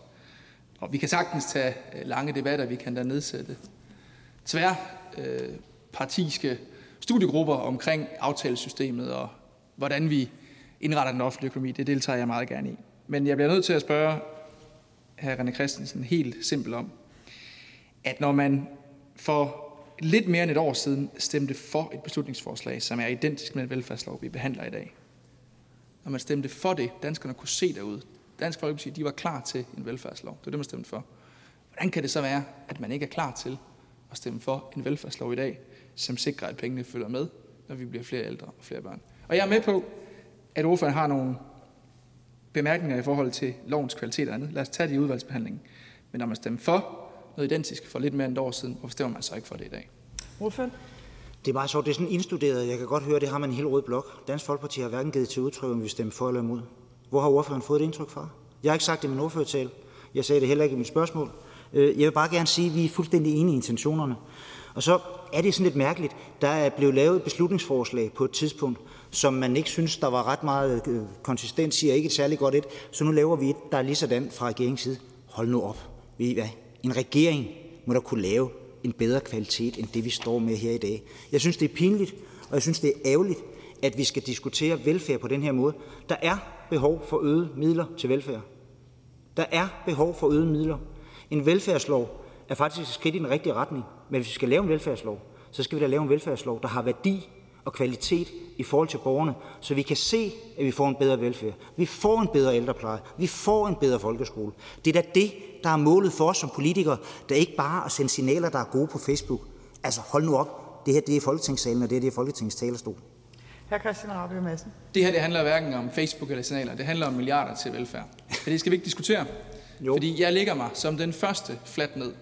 Jeg har fået det indtryk, at Dansk Folkeparti var kritiske. Hvis det ikke er tilfældet, så skal der lyde en uforbeholden undskyldning fra min side. Dansk Folkeparti skal have ros, hvis de stemmer for velfærdsloven. Det håber jeg, man gør. Det håber jeg, man gør. For man gav danskerne det indtryk, at det vil man gøre, da man stemte for et identisk beslutningsforslag. Så derfor kan jeg jo bruge mit andet spørgsmål her til at spørge, om Dansk Folkeparti er klar til at stemme for. Vi kan jo diskutere i udvalgets arbejde, om vi kan forbedre kvaliteten, men er man klar til at stemme for, at pengene skal følge med, når vi bliver flere ældre og flere børn? Hvorfor? Vi kan stemme for alle gode lovforslag, og for den sags skyld også beslutningsforslag. Jeg vil bare gerne sige, når man stiller det her forslag, og man bruger den ene ordførertal efter den anden, og så siger, nu kommer der flere penge ud, og så ikke kan læse, at der er skrevet i lovforslaget, som det er fremsat, at det har ingen økonomiske konsekvenser, så er det jo hokus pokus. Det passer ikke. Det er fordi, man vil sende et signal, der ikke er rigtigt. Der er faktisk behov for flere penge til velfærd. Og hold nu op med at lave det på det her lave niveau. Jeg synes ikke, det er værdigt. Jeg synes, den her diskussion er så vigtig for det danske samfund, at den kan man ikke trække ned på det her niveau, bare fordi der er kommunalvalg på tirsdag. Tak. Så er det hr. Jens Jol fra Socialdemokratiet. Tak. Jeg synes, det er rart at høre, at Dansk Folkeparti står ved det, man tidligere har sagt, nemlig at pengene skal følge med. Øh, og Dansk Folkepartis ordfører siger jo også ret klart, at både da man stillede beslutningsforslaget og i dag og i diskussionen af velfærdsloven, der er det det, der er rettesnoren. Så hvis man tager det udgangspunkt, at Dansk Folkeparti faktisk ønsker at støtte det her, kunne jeg så ikke få ordføreren til at sige, hvad det er, øh, ordføreren gerne vil have, vi præciserer i lovforslaget, for at Dansk Folkeparti kan støtte op om det? Hvorfor? Jo, men helt klart. Vi vil gerne støtte en velfærdslov, som støtter velfærden. Altså, det der står i lovforslaget her, det er, at det er den offentlige forbrugsvækst. Der står ikke, hvad pengene skal gå til. Det offentlige er jo både staten, det er regioner, det er kommuner. Det kan være hvad som helst, man bruger pengene på. Det er jo sådan, så at øh, kigger jeg ned på Ole Birk Olsen, som sidder hernede, hvis han endda blev finansminister, så kunne Ole Birk Olsen bruge det til, hvad han ville, fordi så var der et udgiftspres. Det kunne være til øget infrastruktur eller andet, og det ville leve fuldstændig op til, til det bogstav, der står i den lov, hvis man godkender, som det ligger i dag. Vi skal selvfølgelig have defineret, hvis man laver en velfærdslov, skal man også have defineret, hvad er velfærd. Og der mener vi, at ældrepleje, daginstitutioner, folkeskole, altså de her ting, det er kernevelfærd. Og når vi taler om velfærd, så er det det. Det er infrastruktur selvfølgelig også og alt muligt andet, men vi vil meget gerne have fokus på, at det, der er udfordringen i øjeblikket, og det er blandt andet, at vi lever længere, det vil vi gerne være med til at finansiere, det vil vi gerne være sikre på, at der er penge til. Hr. Jens Jo. Jeg er faktisk ikke helt sikker på, at jeg forstår, hvad... hvad altså, det lyder lidt som om på ordføreren, at man, øh, at man gerne vil have, om man så må sige, det kommunale selvstyre sat ud af kraft, at man gerne vil have detaljstyret mere. Er det der, hun ligger begravet, at man gerne vil sige, øh, nu, nu låser vi dem til det her område, eller nu låser vi dem til det her område? Fordi det virker lidt som om, man har fundet på en undskyldning for ikke at støtte det, og, binde sig til rent faktisk at levere de milliarder, som er nødvendige for velfærden. Og derfor så synes jeg lidt, det bliver en, øh, et forsøg på at komme ud af den øh, klemme, og ikke en reel øh, diskussion om, hvordan vi sikrer, at vi rent faktisk har penge til at løfte velfærden. Og det kunne jeg godt tænke mig, at ordføreren satte lidt flere ord på. Nu siger ordføreren igen, øh, sikre milliarderne. Der kommer ikke en krone med det her forslag. Det er jo det, der står i lovforslaget, at det har ingen økonomiske konsekvenser. Der kommer ingen milliarder med det her. Ja. Så det er et bluffnummer, men derfor er velfærden jo rigtig vigtig alligevel.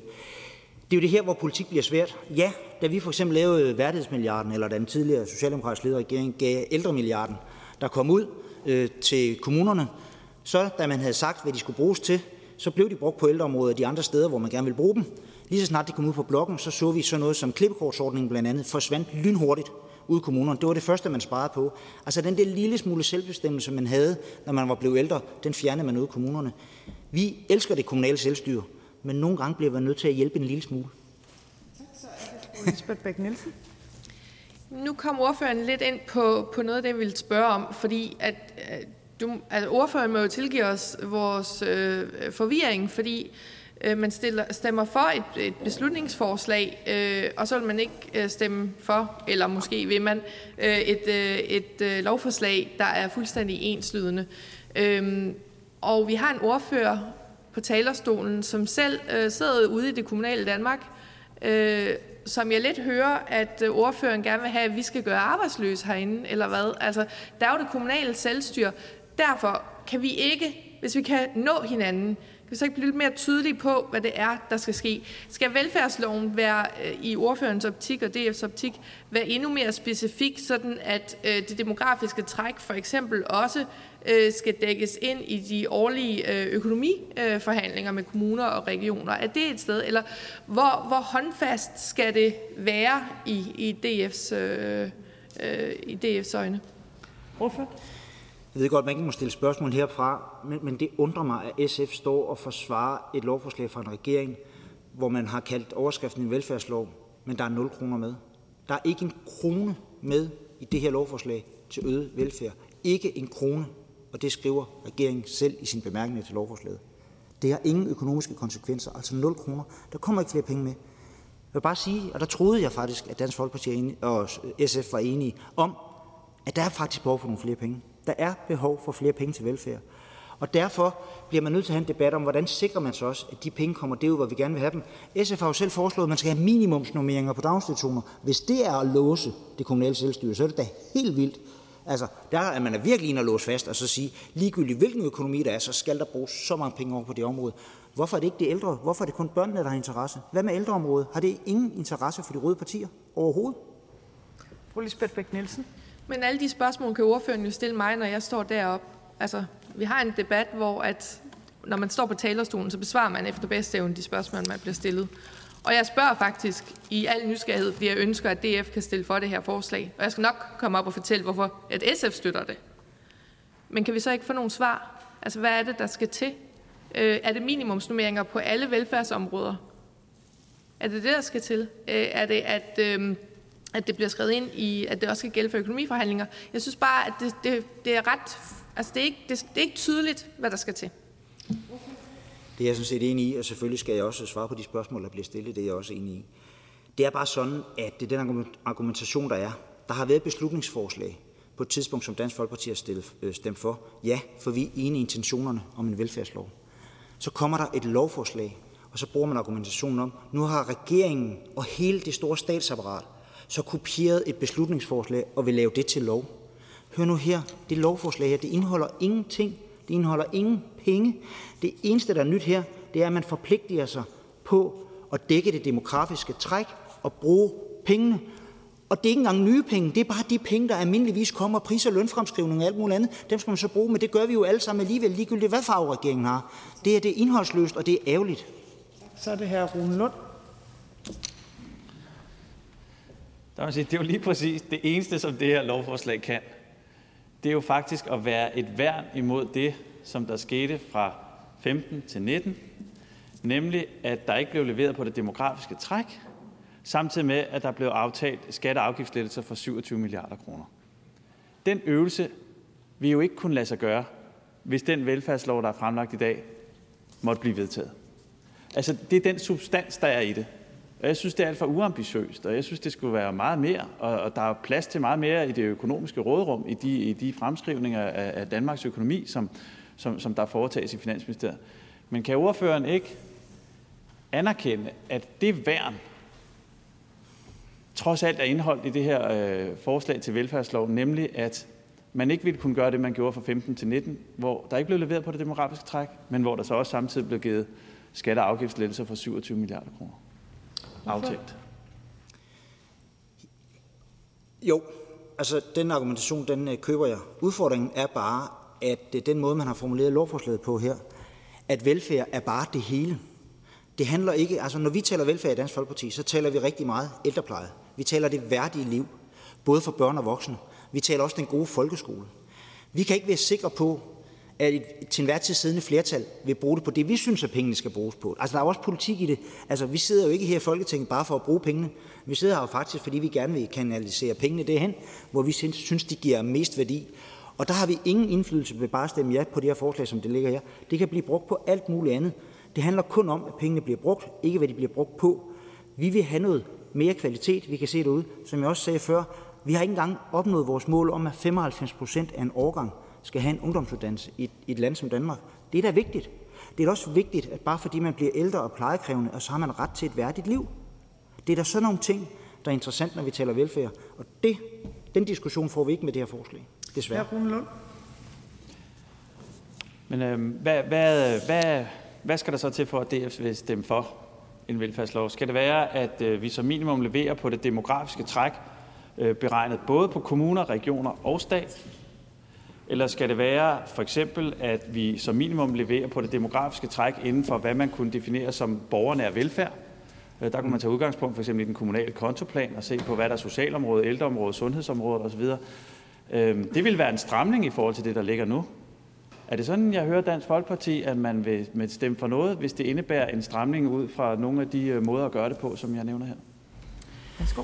Jamen absolut, og det er jo også sjældent, vi egentlig ser et lovforslag komme frem her, uden man egentlig har haft en foregående drøftelse. Og det viser måske også bare, at man gerne vil sende et signal, også fordi der ikke sat penge til det. For hvis man gør det, som der kommer her fra enhedslisten, og det synes jeg faktisk er et interessant forslag, og det er også den måde, vi tænker på, når vi tænker velfærd, så er det jo den nære velfærd ude hos borgerne jamen så øh, kan man jo ikke have en tekst, hvor der står, at lovforslaget vurderes således ikke umiddelbart have økonomiske konsekvenser for det offentlige. Så vil det have økonomiske konsekvenser for det offentlige.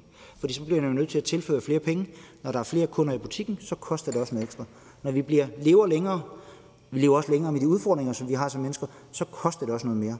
Og derfor vil jeg så sige, at intentionerne, vi kan stemme for overskriften, men indholdet i det her forslag, der er næsten ikke noget indhold i det.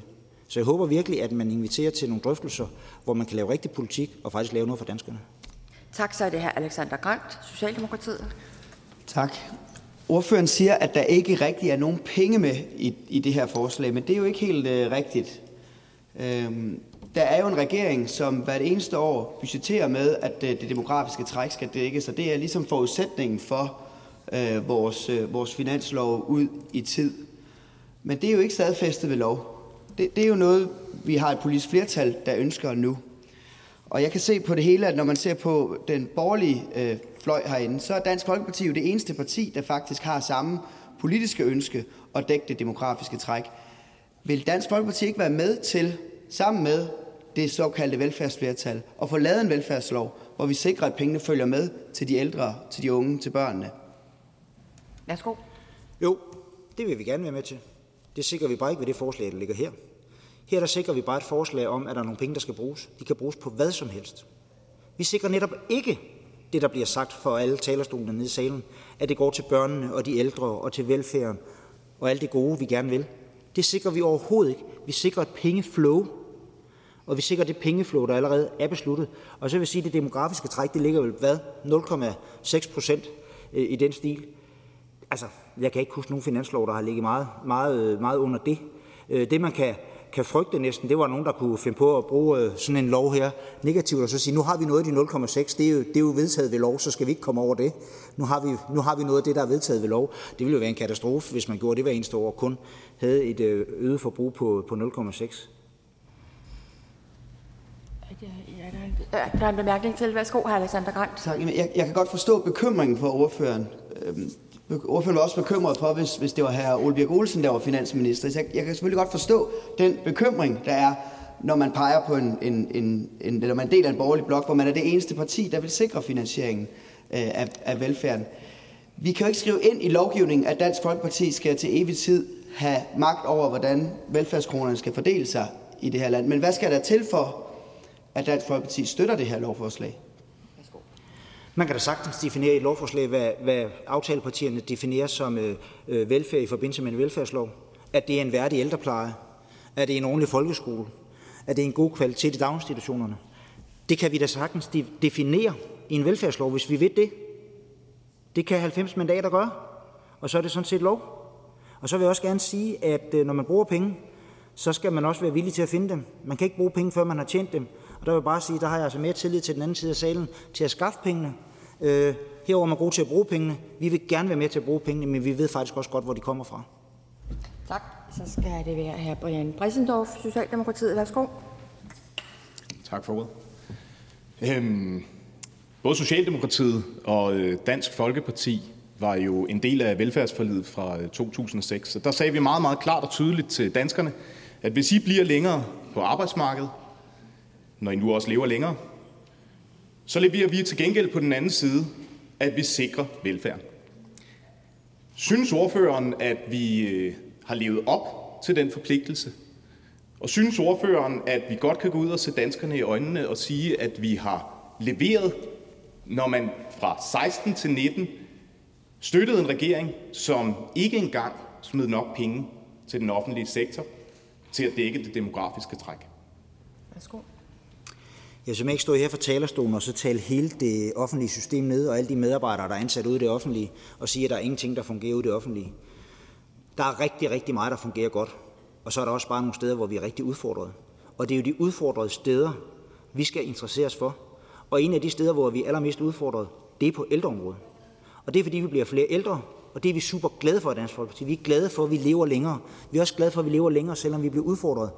Men vi vil også have, at når man lever et liv, også selvom man er blevet ældre, så skal det være værdigt, og man skal også have ret til selvbestemmelse over eget liv, selvom man er blevet ældre. Og det forholder det her velfærdslov så slet ikke til. Vi skal have noget indhold i det. Overskriften er fin, og så er der faktisk ikke ret meget andet, der er så godt i det her forslag. Så jeg håber virkelig, man indkalder til nogle forhandlinger, sådan så vi kan få noget kvalitet i det her. Så vil vi rigtig gerne være med. Værsgo. Det er muligt, at ordføreren misforstod mit spørgsmål, men mit spørgsmål var egentlig ret klart, om man synes, at der er levet op til den forpligtelse, og det vi lovede vælgerne, danskerne, tilbage i 2006 med velfærdsforlid. Nemlig, at vi vil holde hånden under velfærden, at vi vil investere i velfærden, at vi vil sikre, at når de er længere tid på arbejdsmarkedet, så er der også penge til at sikre dem, når de bliver ældre. Synes ordføreren, at vi har levet op til den forpligtelse?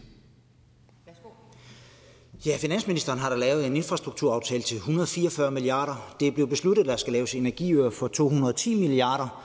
Det er, jo, det er jo velfærdspenge, hvis man læser det her forslag. Det er jo bare penge, der bliver brugt. Ja, så der er der brugt rigtig mange penge. Men mangler der penge i ældreplejen? Ja, det gør der da absolut. Men hvorfor står der så intet om ældreplejen i forslaget her? Der er der brugt enormt mange penge de sidste 10-15 år i det danske samfund. Enormt mange penge.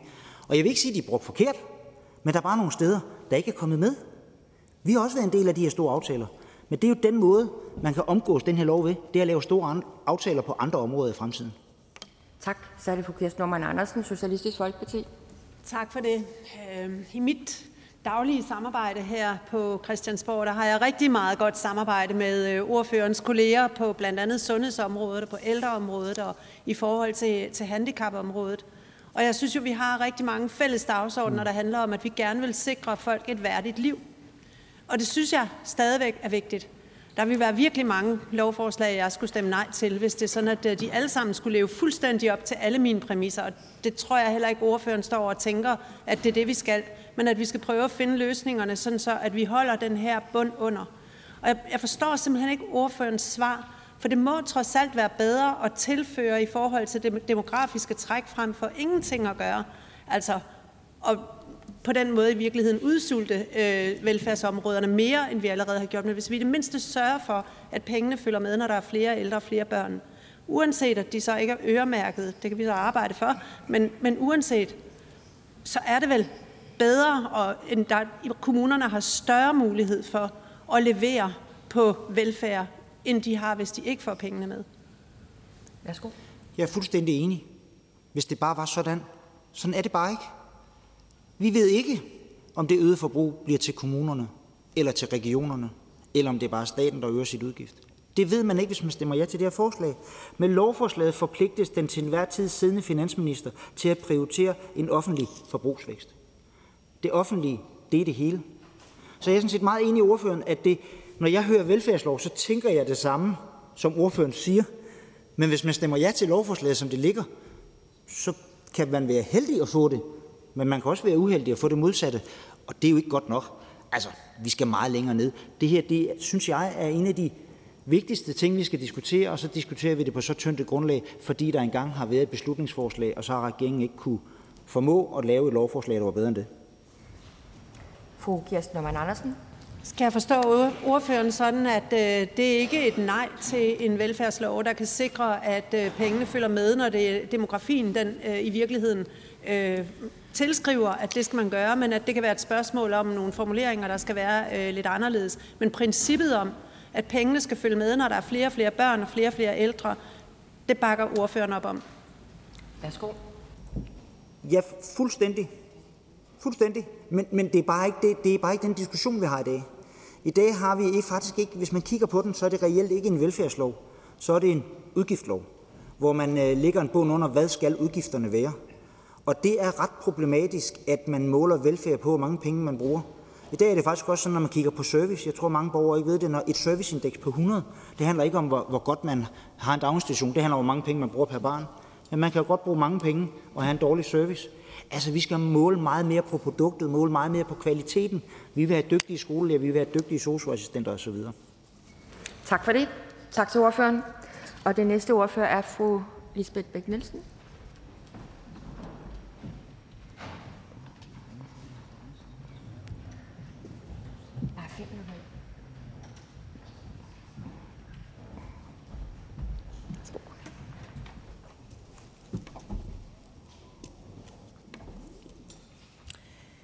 Jeg vil gerne øh, rose regeringen for det her lovforslag. Jeg synes, at det er helt rigtigt. Vi i SF er meget glade for det.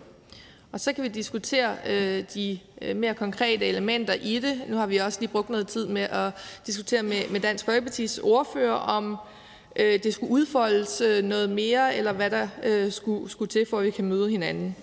Men baggrunden er jo netop, at vi kan se, at når der ikke bliver investeret øh, i den offentlige service, i den offentlige velfærd, så er der altså grænser for, hvad man kan effektivisere sig ud af.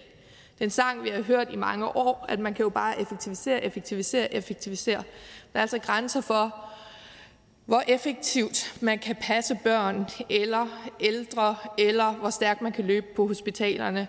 Der er også grænser for, hvor hurtigere og hurtigere og hurtigere man kan operere øh, syge mennesker. Og det er den øh, tankegang, der har påvirket os, øh, og som har været så dominerende herinde i lang tid, og som har gjort, at vores velfærdssamfund er blevet underfinansieret. Og det er det, vi ser øh, rundt omkring nu, at pædagoger, jeg har selv børn i daginstitution, og jeg synes, at det er hjerteskærende nogle gange at aflevere mine børn, meget, meget små børn, 12 børn, til to pædagoger.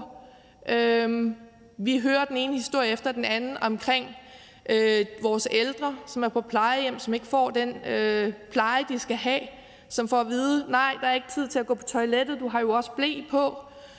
Øh, vi ser vores sygeplejersker, der nu siger, stop, det er nok, vi kan ikke øh, løbe mere, vi har brug for nogle bedre forhold. Og det er jo resultatet af mange års øh, underfinansiering i den offentlige sektor. Og så har DF's ordfører en rigtig god pointe, nemlig at hvis vi alene bare øh, stiller et krav om, at der skal flere penge med, der skal følge det såkaldte demografiske træk, sådan at når der er flere børn og flere ældre, så følger det tilsvarende beløb med, jamen så kan det jo bruges på mange forskellige ting. Det kan også bruges på alt muligt andet.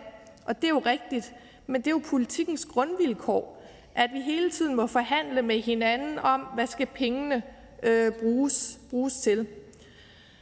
Jeg vil ikke sige, at vi fra SF's side vil, vil stå i vejen for, at øh, det, her beslutning, eller det her lovforslag at det bliver mere specifikt øh, i forhold til øh, de bindinger, der skal være. Altså skal det også være noget, der skal afspejles i de økonomiforhandlinger med kommuner og regioner, eller hvad? Det er også derfor, jeg prøvede at få Dansk Folkepartis ordfører til at være lidt mere specifik.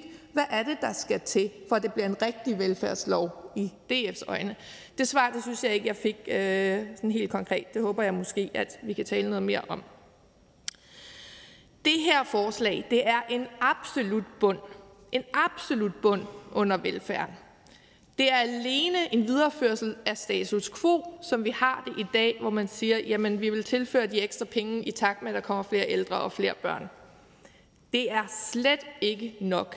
Vi har brug for at investere og give et, et løft af vores velfærd.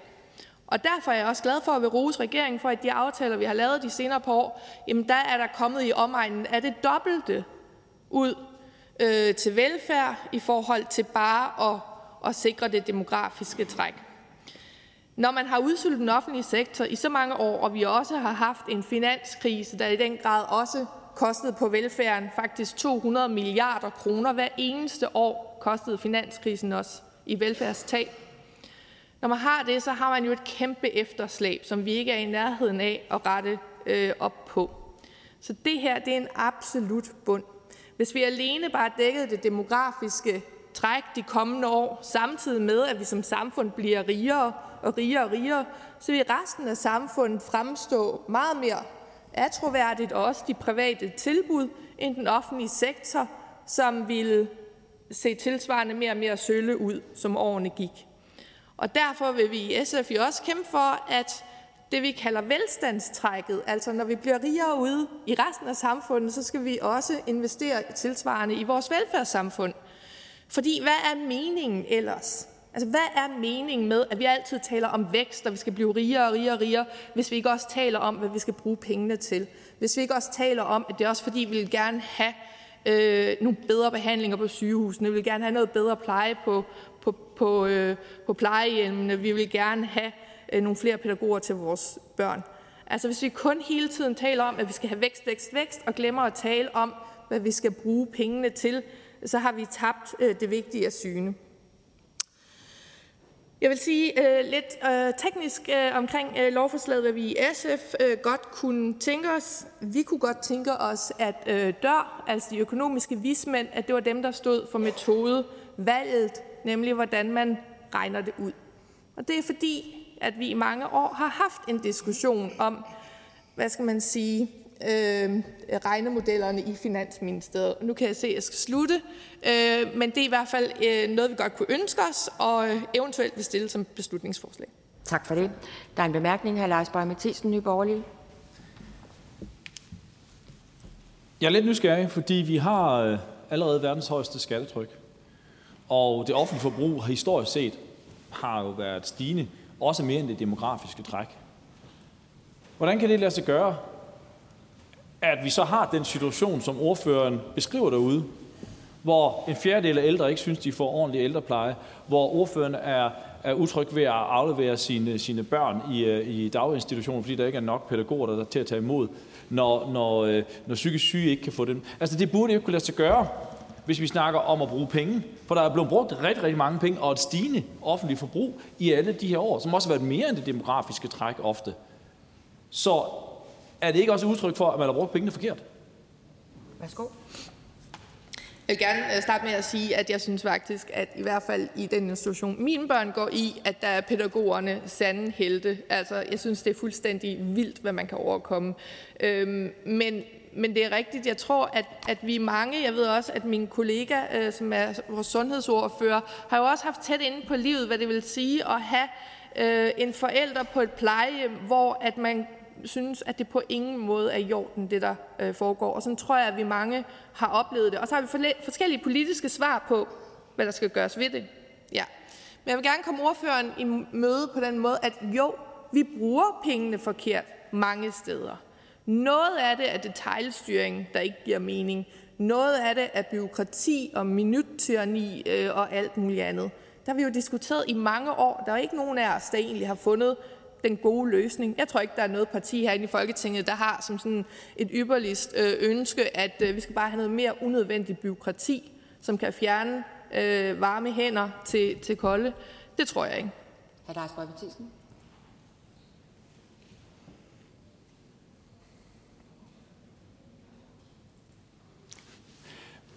Men det er jo det, den her lov den gør. Den tilfører jo bare flere penge, uden at adressere dem, hvad pengene skal bruges på. Og så kan vi stå om to, tre, fire, fem år, og så er der brugt endnu flere penge. Men vi har stadigvæk de samme historier, som ordføreren selv siger, der er.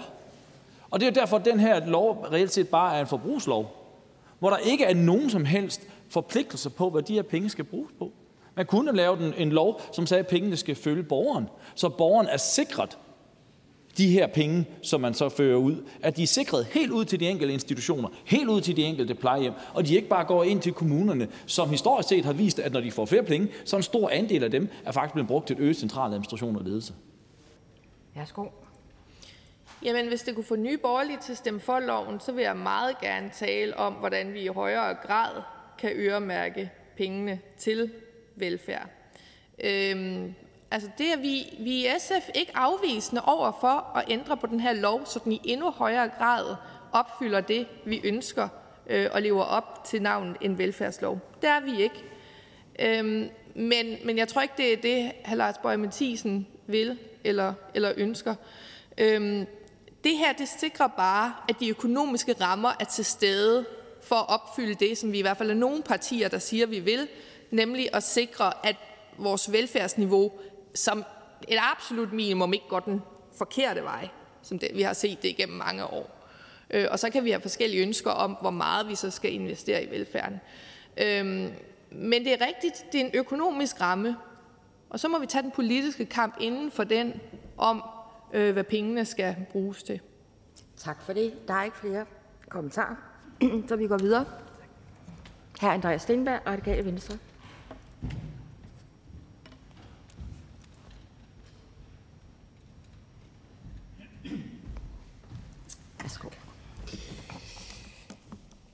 I de kommende år er der mulighed, i hvert fald som det ser ud nu, for at sætte flere penge af til velfærd i finanslovene og med den siddende regerings aftaler med kommuner og regioner. Det er jo glædeligt for det, der er brug for. I Radikale Venstre har vi især børne- og unge, ungeområdet øh, som et område, vi gerne vil prioritere i de kommende år. Og grunden til, at der er penge og mulighed for at prioritere penge til velfærd i de kommende år, det er jo fordi, der er blevet lavet reformer, lavet tiltag, der sikrer, at der er vækst og udvikling i vores samfund, at mange mennesker er i arbejde og dermed tjener penge, der beskattes, at mange virksomheder er i vækst, og det bliver også beskattet, og dermed er der en større kage i statskassen, som man kan dele ud af. Vi er rigtig glade for, for jeg tror, vi har været med i langt de fleste af de tiltag gennem de sidste årtier, som øh, leder frem til, at vores økonomi står så stærkt. Og det er jo den slags initiativer, der skal til, hvis man vil sikre velfærd. Den her lov kan et flertal i Folketinget jo bare lave om igen. Skal man jo huske. Hvis der om øh, en dag, eller et år, eller syv år, er et flertal, som vælger at bruge pengene i vores fælles økonomi på en bestemt måde, så kan de jo vedtage det.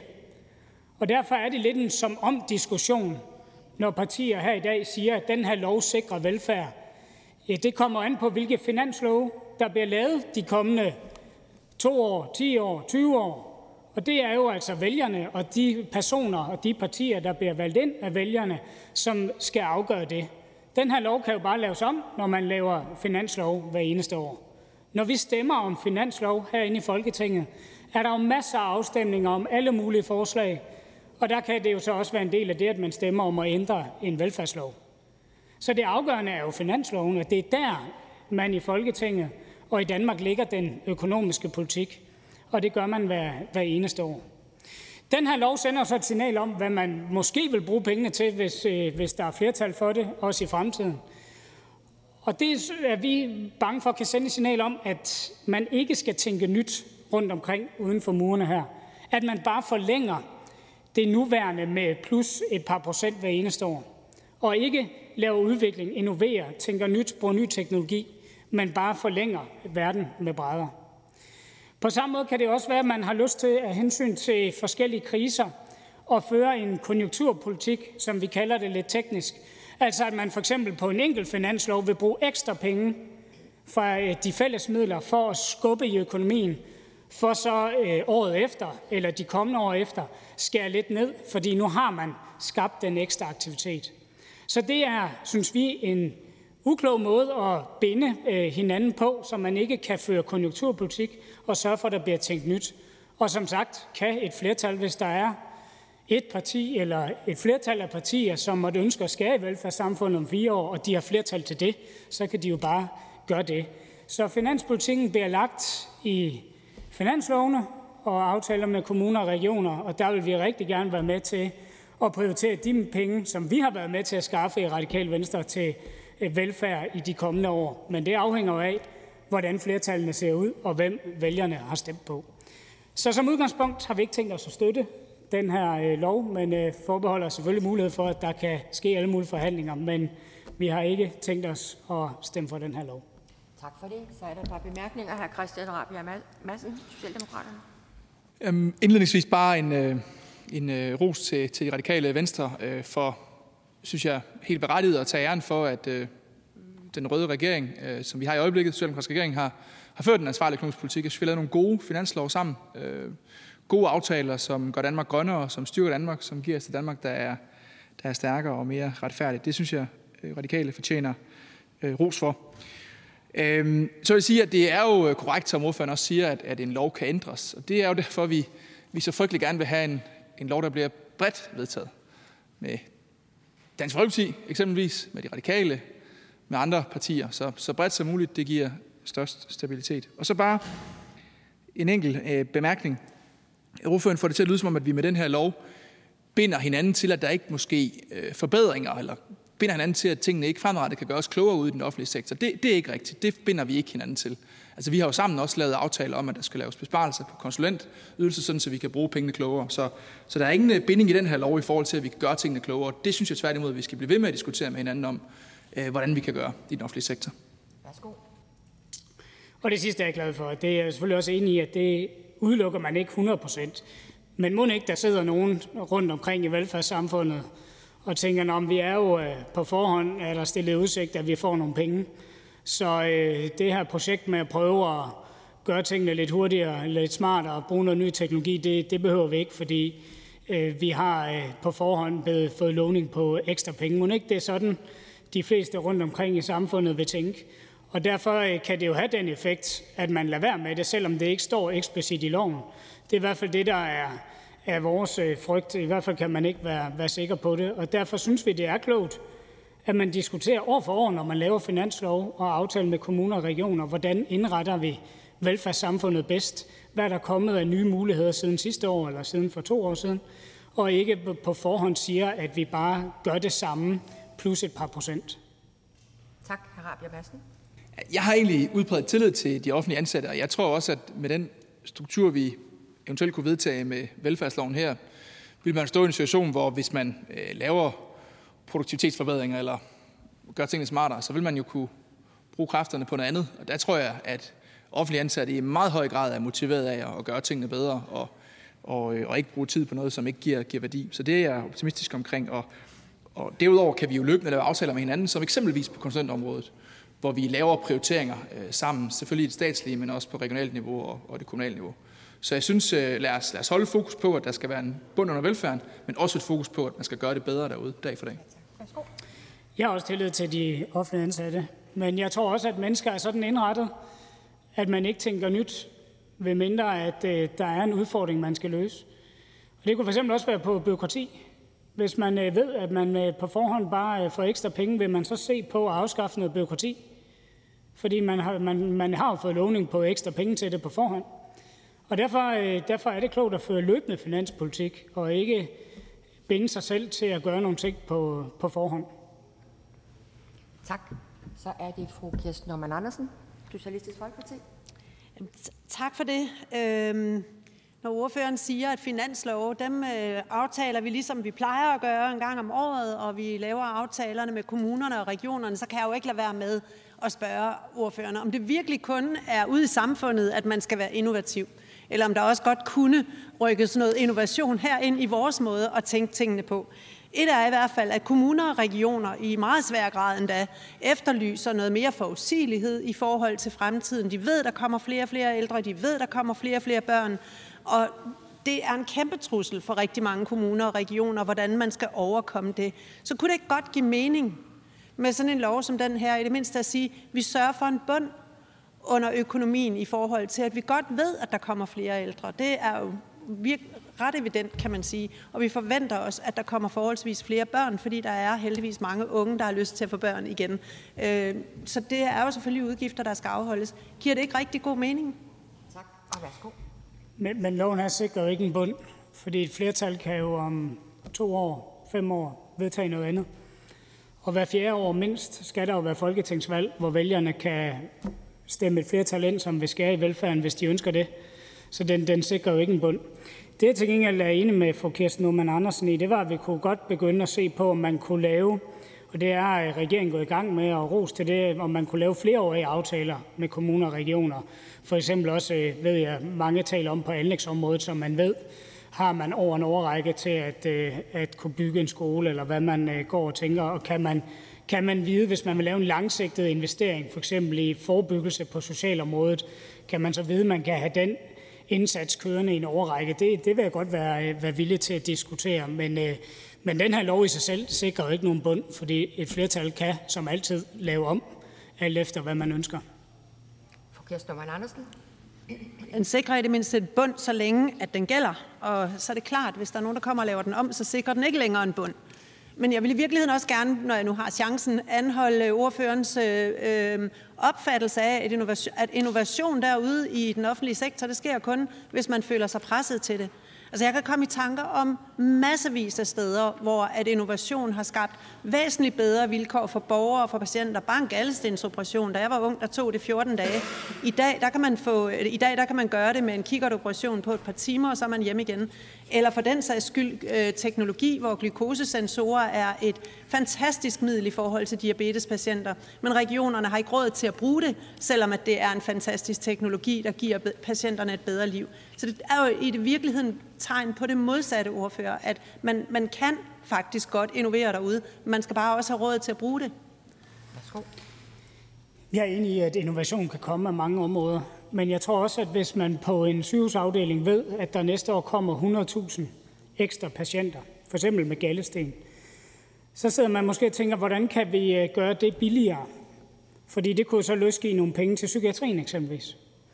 Men hvis man har indtryk af på forhånd, at man bare får en til en, lige præcis med alle ekstra patienter, så er det ikke sikkert, at man kigger på, hvordan man kan gøre det billigere for at løse penge til psykiatrien et andet sted i sundhedsvæsenet. Og det er derfor, jeg synes, det er klogt at sidde hver eneste år og afveje, hvad synes man er vigtigst at bruge penge på, og hvor kan der høstes nogle gevinster også. Tak for det. Så er det hr. Lars Borg Mathisen, Nye Borgerlige. Tak. Øh, jamen jeg kunne godt tænke mig at spørge lidt det, det der, fordi der bliver fremført, at det her det er sådan en bund. Men, men, men ser ordføreren, at hvor, hvor er den garanti for, at det, det er bund? Altså, vi har kommuner, som, som selv effektiviserer på de grundlæggende kernevelfærdsområder. Nu får de så bare, bare flere penge, som de kan drage ind til en pulje. Jamen det er jo rigtigt, øh, når man bevilger penge til kommuner, og også med den her lov, så er det jo ikke sikkert, så kan man ikke være så sikker på, hvad kommunerne bruger pengene til.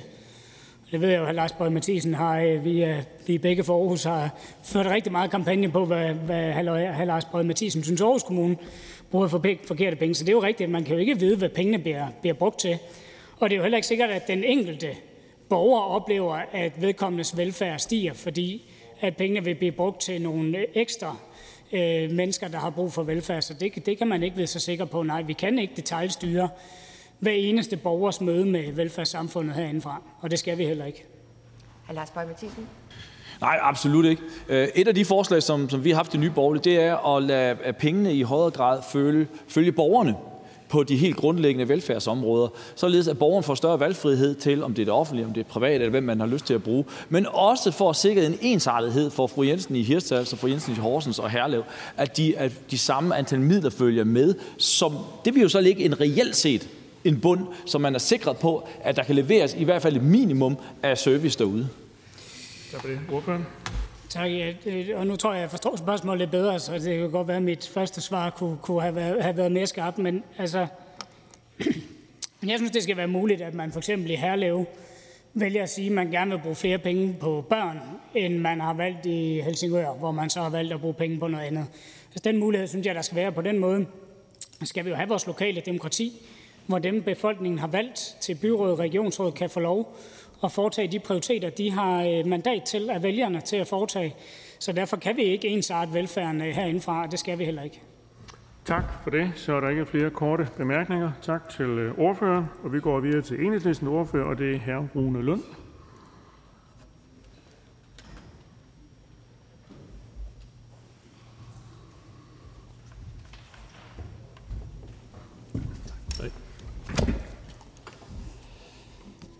Den lov, vi, øh, det forslag til lov, vi behandler i dag, det handler om, at der hvert år skal findes penge til det såkaldte demografiske træk. Kort fortalt betyder det, at øh, der ikke vil ske forringelser af vores daginstitutioner, plejehjem og hospitaler i takt med, at der kommer flere unge og ældre. Altså at velfærden skal holde skinnet på næsen, men så heller ikke mere end det.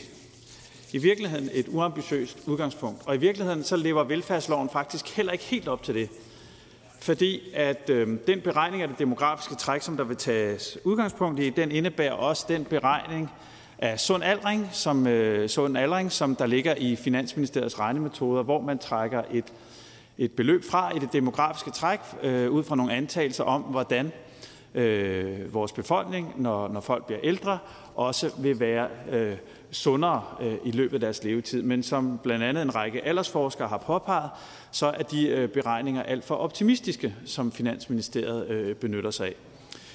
Så derfor så vil det lovforslag her, så frem det måtte blive vedtaget, lægge en bund under velfærden, men den vil faktisk ikke efter enhedslistens opfattelse lægge en, en bund under velfærden, som reelt svarer til det demografiske træk, ikke mindst på grund af Finansministeriets regnemetoder omkring sund aldring. Men velfærdsloven også hvis den måtte blive vedtaget i den udgave, der ligger her i dag, øh, sådan som det er formuleret, vil være en forbedring. Og det vil den ene alene af den grund, at den vil være et værn mod det, som der skete fra 2015 til 2019, hvor borgerlige regeringer lavede skatte- og afgiftslettelser, som øh, i varig virkning vil koste ca. 22 milliarder kroner om året, samtidig med, at man ikke engang leverede på det demografiske træk. Det vil ikke kunne lade sig gøre, hvis velfærdsloven, sådan som den er fremlagt her i dag, bliver vedtaget. Og derfor støtter enhedslisten selvfølgelig øh, øh, loven, øh, som den ligger. Vi ønsker meget gerne at lave forbedringer af den, ikke mindst at man ser på, hvordan man kan øh, få en, en bund under velfærden, som ikke er det demografiske træk, men som er det velstandssikrede demografiske træk. Og hvad er så forskellen på det? Jo, hvis vi tager øh, det danske sundhedsvæsen i 1950, og så siger frem til i dag, så skulle der kun tilføres midler svarende til det demografiske træk. Så ville det betyde, at det danske sundhedsvæsen, de danske hospitaler, var fuldt med i forhold til, at vi i dag er flere unge og ældre, vi er en større befolkning, end vi var i 1950. Men vi ville have et sundhedsvæsen, der kvalitetsmæssigt var nøjagtigt det samme som i 1950. Hvis vi skal sikre os, at vores sundhedsvæsen for eksempel, eller velfærd i det hele taget også følger med, med tiden i forhold til, at samfundet bliver rigere, og der sker en udvikling i vores velstand, så skal vi som minimum Øh, øge udgifterne til velfærden hvert år, svarende til det velstandssikrede demografiske træk. Og det har vi jo faktisk også råd til. I de neutrale fremskrivninger, som Finansministeriet laver i deres øh, fremskrivninger, der er der også indregnet, at, at man kan lave en fremskrivning af, af forbruget øh, i kommuner, regioner og stat, svarende til det velstandssikrede demografiske træk, og samtidig have en massiv overholdbar øh, økonomi. Derfor er det jo det, øh, vi skal øh, gøre. Så, og øh, desuden så må jeg også sige, at, øh, og det slår mig, øh, sådan som debatten kører i dag, at, at jeg virkelig ikke savner den måde, som økonomiske debatter blev ført på fra 2015 til 2019. Hvor vi oplevede blå regeringer, som jonglerede rundt med tallene og præsenterede uærlige fremstillinger, for at dække over, at det, som man prioriterede som nummer et, det var skatte- og afgiftslettelser, øh, som blev givet øh, for, for minimum øh, 22 milliarder kroner. Øh, det er den varige effekt. Man lavede øh, blandt andet også øh, en, en, en lavere beskatning af boligejerne, som ud i årene vil koste et tocifret milliardbeløb med boligskatteaftalen fra 2017. Og det var det, man prioriterede først. Og så var der smuler tilbage til velfærden, og så prøver man at jonglere rundt med tallene og lade som om, at der er penge nok til velfærd, hvilket der aldrig var. Der blev ikke engang leveret på det demografiske træk fra 2015 til 2019. Og vi hører den samme argumentation i dag, når hr. Torsten Schack Petersen siger, og tæller sammen i kroner og øre, tilførte vi flere penge til velfærden. Ja, det gjorde man, men man tilførte jo ikke nok i forhold til, hvad der skal til for at undgå forringelser og nedskæringer i takt med, at der kommer flere unge og ældre. Og det er jo det, der er hovedpointen i det. Og der må jeg bare sige, at man har nul troværdighed, når man som Venstre bruger tal på den måde, til overhovedet at kunne sige, som man ja, også i de her debatter hører, at andre skulle fremstille tallene på, på en fejlagtig måde. Det er Venstre, der godt nok har excelleret i det i årvis, og som også gør det i dag. Så jeg må sige, det er virkelig noget, jeg ikke savner ved øh, årene 2015-19, den måde, øh, at man som regering dengang fremstillede tallene på. Men det her, det er et værn mod øh, de værste nedskæringer i den offentlige sektor. Det vil være et værn mod det, som der skete fra 2015 til 2019. Det er overhovedet ikke nok, men det er trods alt et fremskridt, og derfor støtter enhedslisten velfærdsloven.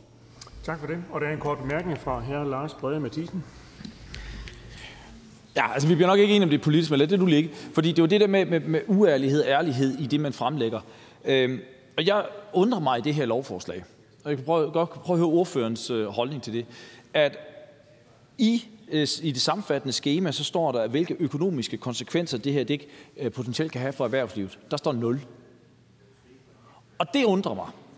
Fordi man kunne jo godt forestille sig en situation, hvor, øh, hvor vi har tilbagegang i økonomien, nedgang i BNP, øh, men man har den her velfærdslov inde, så man skal, man skal tilføre penge på det her område, og det skal man jo så gøre ved at sandsynligvis op, enten forøge gælden eller opkræve øgede skatter. Og du kan ikke blive ved med at øge gælden, så derfor skal du jo også øge skatterne, så det vil jo sandsynligvis også give en øget belastning for erhvervslivet. Så jeg undrer mig over, hvordan man kan, kan kan fremsætte det her forslag og så sige, at det har nul konsekvenser, og det vil altid have nul konsekvenser for erhvervslivet. Det kan man jo reelt set ikke garantere, som jeg i hvert fald kan se det. Ordføren? Jeg kan godt forklare teknikken. Teknikken i det er, at den danske økonomi er så stærk, at den her lille bitte bund under velfærden, som det her, den her velfærdslov indebærer, at man så at sige bare holder skinnet på næsen i takt med, at vi bliver flere unge og ældre, det er der så rigeligt plads til i den danske økonomi, også når vi ser på de neutrale fremskrivninger, som man laver i Finansministeriet. Øh, og og det, det er jo baggrunden for, at der bliver skrevet, som der bliver gjort. Og, øh, og det er også derfor, at det er komplet uforståeligt for mig, at der er nogen, der prøver at, at fremstille det. Det har hr. Jakob Ellemann Jensen for eksempel gjort, formanden for Venstre, fremstillet som om, at det her det skulle være en, en luksusfælde, har, har han kaldt det. Altså når der er tale om en, en, en, en så lille forpligtelse til, hvad man vil bruge, bare for at holde hånden under øh, velfærden. Og det er jo derfor, at, øh, at der er skrevet, som der er gjort i øh, det her lovforslag. Det er, og det er jo også et tegn på, at ja, ja, det er derfor, der er skrevet for det. det. Ambitionerne burde være meget højere, og det ville der også være råd til i forhold til de neutrale fremskrivninger, som jeg redegjorde for i min ordførertale. Ja, Lars Bøge Mathisen. Jo, men det forudsætter jo, at man bruger alle de andre penge på nøjagtig samme måde i samfundet, samtidig med, at man så gør det her. Og hvis man lægger det som præmissen, at man så samtidig vil bruge pengene på den samme måde ned af, af de kommende år, så kommer man jo til at mangle penge på det her. Man kan ikke bare tage sådan en lille bitte del ud og sige, nej, men den har ikke betydning. Jo, den har det, hvis du samtidig bruger pengene på nøjagtigt de samme ting, som du har gjort det ellers. Og det, er jo, og det er jo det, som der er problemet med det her. Så du kan sagtens stå i en situation, hvor vi har nedgang i økonomien, og derfor kommer du til at mangle de her 8,5 milliarder. Hvor skal de så komme fra? Jamen, de skal vel komme fra borgerne og fra erhvervslivet for at finansiere den her velfærdslov. De kan ikke komme andre steder fra. Ordføren?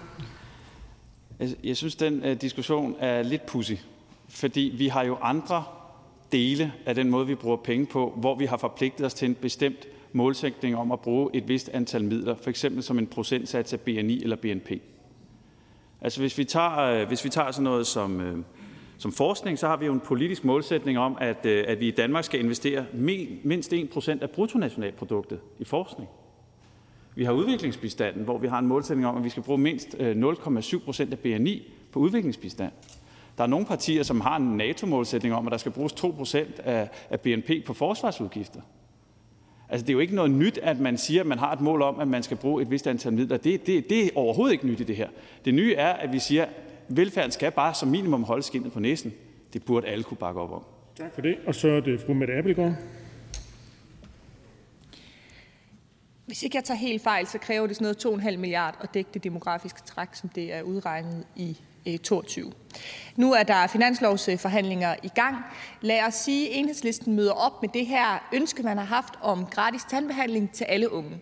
Det er vurderet, at det koster 750 millioner. En lille morsomhed er, at det så ikke tager højde for, at der er flere, der vil anvende tandlægebehandling, den pris, man har udregnet der. Så formentlig er det jo nok endnu dyrere. Så lad os sige, at det koster en milliard. Lad os nu sige, at man får hele sit løfte indfriet. Gratis tandbehandling til alle unge under 25, men det betyder så også, at med den øh, lov, man har vedtaget her, der er ikke helt nok penge så til at dække reelt det demografiske træk, fordi man vælger at prioritere nogle af midlerne på gratis tandlæge i stedet for til unge. Er den her lov så noget som helst værd? Har man så levet op til det, der var formålet med velfærdsloven, set med enhedslistens briller? Ordføren? Øh, den her velfærdslov kan ikke særlig meget. Men det, den kan, det er at være et værn mod det, som øh, de to borgerlige regeringer gjorde fra 2015 til 2019, hvor man aftalte skatte- og afgiftslettelser, som hvert år vil koste ca. 22 milliarder kroner, samtidig med, at man ikke engang leverede på det demografiske træk. Hvis velfærdsloven her bliver vedtaget, så vil I ikke kunne gøre det igen, uden at lave loven om. Og dermed øger vi den politiske pris for at føre en politik, som der blev ført fra 2015, hvis vi vedtager velfærdsloven. Det er det, der er essensen i den her lov. Det er uambitiøst, det er ikke nok, men det er trods alt et værn mod den nedskæring og den forringelse af velfærden, som der skete fra 2015 til 2019. Men det er jo totalt symbol, symbolpolitik, det her. Fordi hvis der er 90 mandater på at bruge penge på skattelettelser også fremover, så er der også 90 mandater bag at fjerne den her lov. Og hvad øh, er problemet så ved det? Jo, så står man i sådan en situation, hvor der vil være nogle røde partier, der vil sige, I vil afskaffe velfærdsloven, som om når man afskaffer velfærdsloven, så afskaffer man velfærden i Danmark. Så det her det er jo sådan en retorisk, symbolpolitisk øh, kamp, hvor man forsøger at fremtidssikre sig. Er der 90 mandater for skattelettelser, hvilket jeg vil argumentere for, også kan levere velfærd til den enkelte dansker, mere frihed til, hvad man bruger pengene til. Er det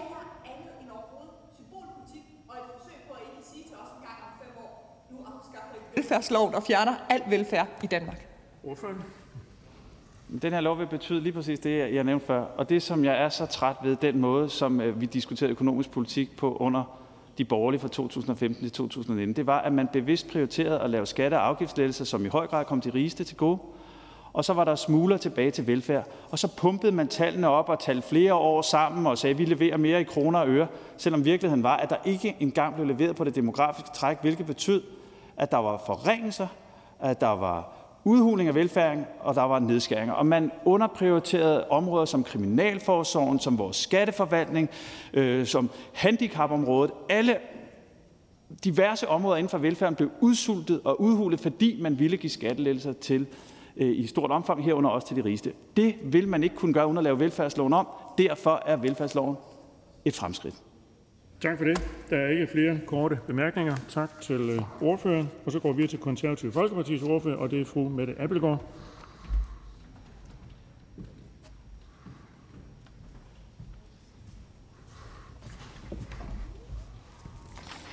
Det er alligevel ikke så ofte, man skal køre talerstolen så langt ned efter en taler.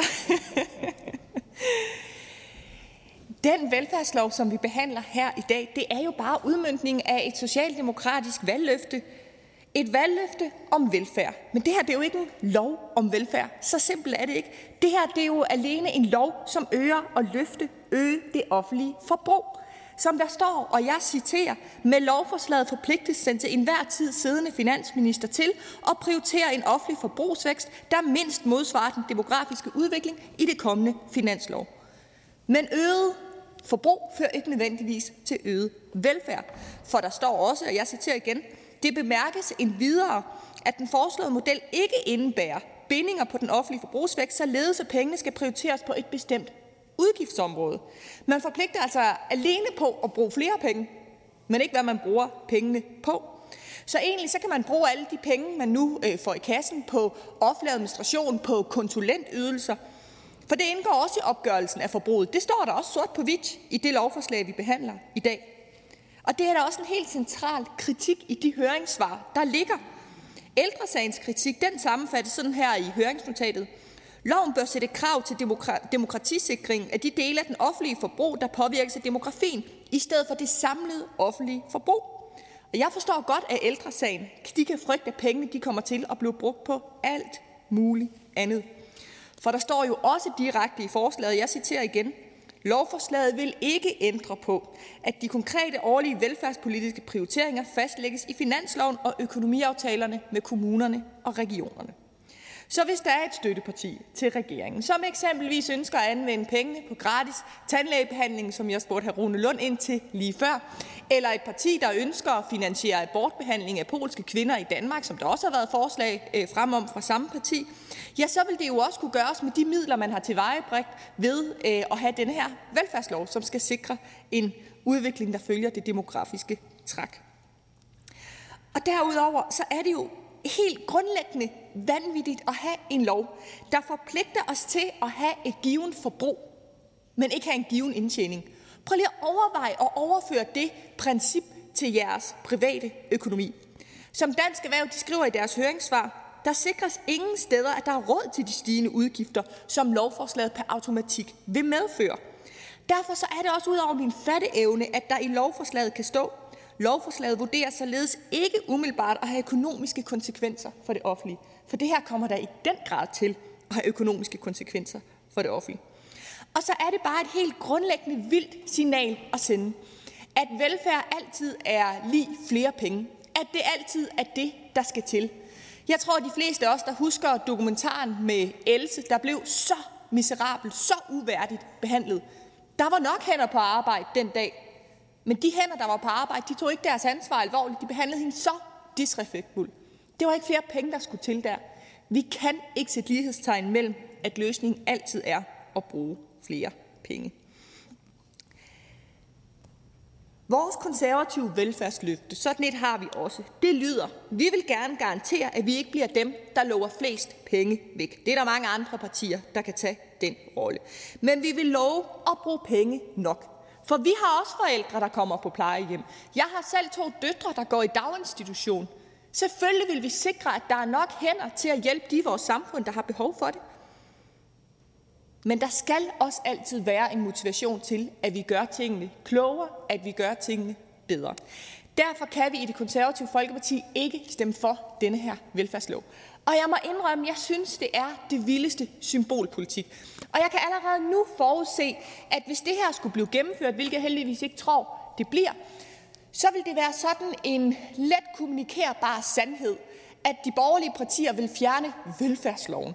Og velfærdsloven er det, der sikrer, uden en velfærdslov, så er der ingen velfærd i Danmark. Det er sådan new speak på et nyt niveau, man leverer med det her lovforslag.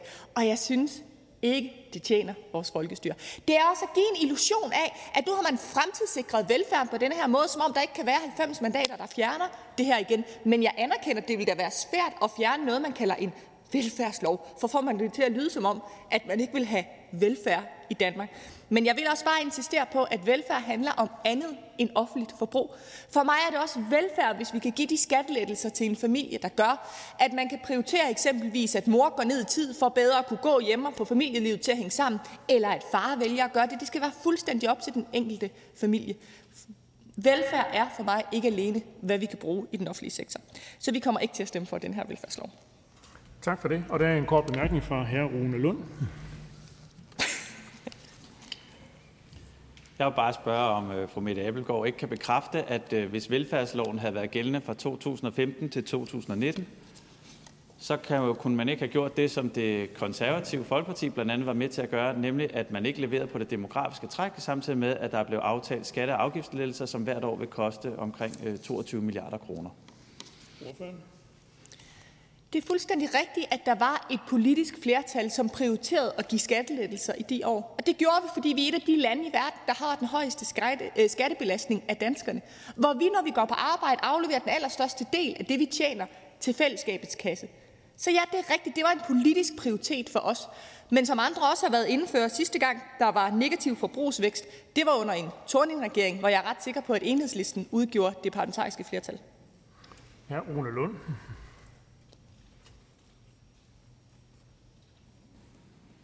Ja, det havde vi mange øh, snakke med Torning-regeringen om, og især SF-regeringen om dengang.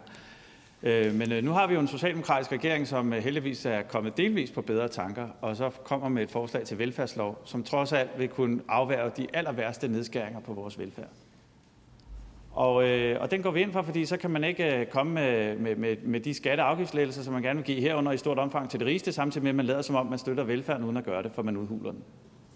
Og et enkelt spørgsmål, det er, øh, det her med at have bestemte målsætninger for, hvad man vil bruge på i procent, det er vel ikke fremmed for det konservative Folkeparti. Vi har en målsætning om at bruge 1 procent øh, af vores bruttonationalprodukt på forskning. Det konservative mener, at vi skal bruge 2 procent af vores BNP på militæret, en NATO-målsætning. Så det er vel i sig selv ikke mærkeligt, at man har sådan en målsætning. Det er vel mere interessant, hvad man ønsker, at målsætningerne skal være. Og vi er støtter det- ja, forskning, tak. for Så er eksempel, det gerne, men ikke militær. Ja, det er fuldstændig rigtigt. Vi konservative vi går ind for, at vi skal leve op til den internationale forpligtelse, vi har påtaget os i forhold til øh, andelen, øh, vi anvender på vores øh, forsvar. Det synes vi, alle lande øh, burde øh, leve op til den øh, forpligtelse. Og så vil jeg bare sige, at en af de største udfordringer, vi har i vores velfærdssamfund øh, i dag, det er manglen på hænder. Det er manglen på arbejdskraft. Jeg ser det konstant på ældreområdet, hvor jeg er ordfører. Lad os nu sige, at vi vil rent faktisk at give folk nogle skattelettelser, give mulighed for at beholde lidt mere til sig selv. Lad os sige, at det kunne øge motivationen til at lægge den der ekstra time på arbejdsmarkedet. Tag den ekstra øh, nattevagt på plejehjemmet. Det kan også være med til at give velfærd i sidste ende ved at få de hænder ud på arbejdsmarkedet, der er brug for. Tak for det. Så er der ikke flere korte bemærkninger. Vi siger tak til ordføreren, og vi går videre til Nye Borgerliges ordfører, og det er hr. Lars Brede Mathisen.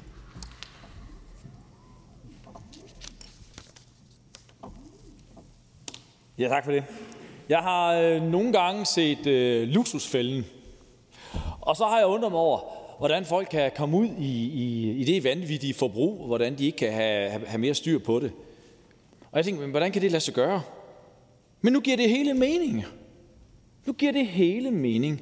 Hvor, hvor, hvordan kan man forvente, at befolkningen kan have en ansvarlig økonomi, når der kommer sådan et lovforslag fra regeringen, bakket op af socialisterne, som vi har i dag? Det her, den her lov er en lov om at bare forbruge og forbruge og forbruge, uden at sikre sig, at der er penge til at forbruge. Det er ganske uansvarligt. Og så kan man godt forsøge at pakke det ind i klassiske floskler om, at det handler om, at der skal komme flere penge ud, når der kommer flere ældre osv., altså det, som vi kalder det demografiske træk. Og det er ganske naturligt, at hvis der kommer mange flere ældre, jamen så skal der også føre nogle penge med ud til det. Det er derfor, vi i Nye Borgerliges økonomiske plan rent faktisk har specificeret penge til det demografiske træk. Men det fritager jo ikke en regering, kommuner eller andre på at kigge på deres offentlige finanser og kigge på, hvordan de generelt forbruger pengene.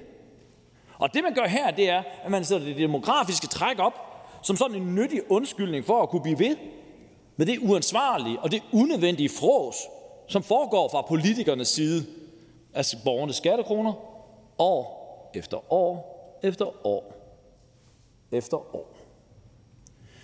Vi har verdens højeste skattetryk, og vi har en af verdens største offentlige sektorer. Der mangler ikke penge i det offentlige. Det gengæld mangler der anstændig politisk ledelse og respekt for borgernes skattekroner.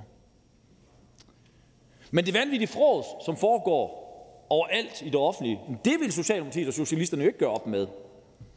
Lad mig bare give et konkret eksempel. Konstant hører vi fra Socialisterne, og de klager over de høje offentlige lønninger ude i det private erhvervsliv, hvilket vi som politikere kunne blande sig fuldstændig udenom. Men hvad når det så kommer til de høje lønninger, som er inden for det offentlige? Altså for eksempel kommunaldirektører og andre, som kan tjene op mod 2 millioner eller over 2 millioner. Nej, uha. Så har socialisterne ikke noget imod det. Så er det ikke et problem. Når man får sig løs af borgernes penge på unødvendige sjove projekter ude i kommunerne, så er det ikke noget problem. Så bakker man en dag op omkring det. Det er og bliver hyggeleri. Og da vi sidste år i Nye Borgerlige fremsatte en velstandslov, altså en lov, som skulle sikre, at politikerne rent herindefra rent faktisk skabte en finansiering, som kunne finansiere sådan et demografisk træk, så ville man ikke være med. Men nu, hvor det gælder om at bruge løs af pengene, ja, så er det en helt anden sag, og så vil man gerne være med. Og jeg indrømmer gerne, det er noget sjovere at spise middagen, end at tage opvasken.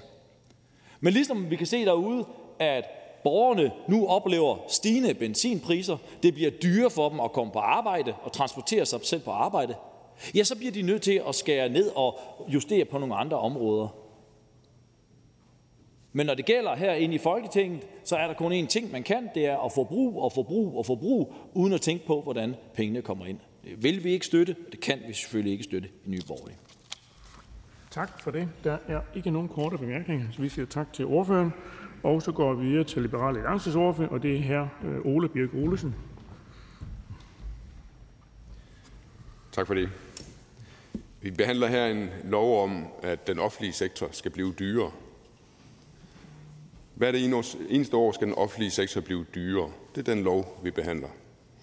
Øhm, fordi øh, når der kommer flere ældre og flere børn, som har behov for ting fra den offentlige sektor, så er den her lovs svar, så skal den offentlige sektor blive dyrere. Der er jo to måder, man kan finde penge, eller der er to måder, man kan øge den offentlige serviceproduktion.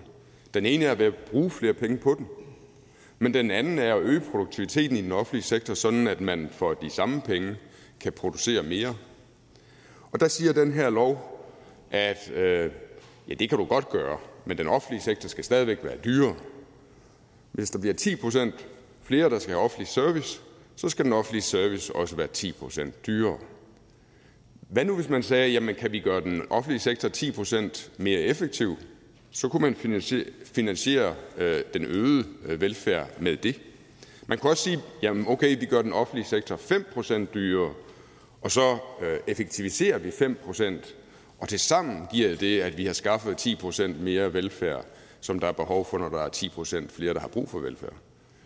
Men det vælger man ikke at gøre. Man siger, at når der er flere, der skal have service fra den offentlige sektor, så skal øh, der være øh, 10 procent højere udgifter, hvis det er 10 procent flere, der skal have service. Det er underligt, at man har den tilgang til den offentlige sektor. Den private sektor produktivitetsudvikler hvert eneste år. Det gælder i såvel øh, industrien som i servicefagene, at man godt kan finde ud af at gøre tingene bedre fra år til år. Og selvfølgelig kan man det. Man kan jo finde på nye produktionsmetoder, nye løsninger, nye måder at organisere arbejdet på, som gør, at man kan øh, producere mere for de samme penge. Det kan man i den private sektor, og den tilgang bør man også have til den offentlige sektor. At de ting, som den private sektor kan, bør den offentlige sektor også kunne gøre. Jeg synes, det er en, øh, en falit erklæring for regeringen at sige, at øh, man altid bare skal gøre den offentlige sektor dyrere. Det er jo ikke det, som er borgernes interesse. Borgernes interesse er at få en Øh, service fra den offentlige sektor, som er tilfredsstillende. Så hvis regeringen havde et ambitiøst mål, så ville den i stedet for at lave en lov, der siger, at den offentlige sektor altid skal være dyrere, så ville den have en lov, der sagde, at den offentlige service ikke må blive ringere, eller måske endda skal blive bedre. Det er det, som borgerne går op i. De går op i, at den offentlige service skal være god nok. Det er det, man burde lave en lov om. Men det kræver selvfølgelig, at man tager, sig, tager ledelsen af den offentlige sektor på sig. Det er en organisation, det her, og vi er de valgte ledere til at håndtere den her organisation. Vores opgave er at sørge for, at den leverer bedst muligt med de penge, vi putter ind i den. Og det ønsker regeringen ikke. Det er et hårdere arbejde end bare at bevidstløst at øge de offentlige udgifter. Og det er også et arbejde, hvor regeringen øh, kan komme i konflikt øh, med sine støttepartier. Vi ved jo, at partier som øh, Enhedslisten og SF i det daglige fungerer som postkasser for de offentlige ansattes fagbevægelse. Altså man putter et, et ønske ind til SF og Enhedslisten fra de offentlige ansattes fag, fagbevægelser, og så stiller Enhedslisten og SF de forslag i Folketingssalen. Øhm, og, og, og det er den bøvl, som regeringen ville komme ind i, hvis den skulle sige til SF og Enhedslisten, nej, altså, vi har ambitioner om at gøre den offentlige sektor mere produktiv, så løber man ind i det bøvl, at SF og Enhedslisten svarer, at det vil vi overhovedet ikke være med til, og, og hvis I ikke vil være med til at gøre den offentlige sektor dyrere og dyrere og dyrere, øh, så øh, gør vi altså livet surt for jer. Og så øh, er det jo bare sådan, at nogle mennesker de engang imellem tager nogle slagsmål, fordi der er noget, der er vigtigt, og andre mennesker de læner sig tilbage og siger, nej, lad nu barnet. Og regeringen er altså øh, den karakter, at den siger, nej, vi læner os tilbage og siger, lad nu barnet. Og øh, så er vi så nået herhen, hvor vi har en, en lov om, at den offentlige sektor skal være dyrere, og det er naturligvis en lov, øh, som vi stemmer imod. Tak for det. Der er ikke nogen korte bemærkninger, så vi siger tak til øh, ordføreren. Og så går vi videre til ordføreren for de frie grønne, og det er her Sikander Siddiq. Tak for ordet, formand. Tak for ordet, og øh, tak til øh, ministeren for, øh, og regeringen for forslaget. Øh, Fri Grønne ser positivt på regeringens udspil om en velfærdslov. En velfærdslov, der skal sikre, at pengene følger den demokratiske udvikling år efter år. Til gavn for vores ældre, såvel som vores yngre borgere i det her land. Det er afgørende for vores demokrati og vores kernevelfærd, og derfor bakker Fri Grønne naturligvis op om intentionen og forslaget. Men vi vil også gerne bruge lejligheden til at rejse en diskussion om, at vi i Fri Grønne ønsker at sætte de kommunale og statslige institutioner mere fri, så de får bedre mulighed for at komme tilbage til den sociale, kulturelle og politiske organisatoriske tænkning, der i sin tid fødte dem. Altså tilbage til lokalsamfundet, tilbage til borgeren, altså mere selvbestemmelse og mere selvorganisering.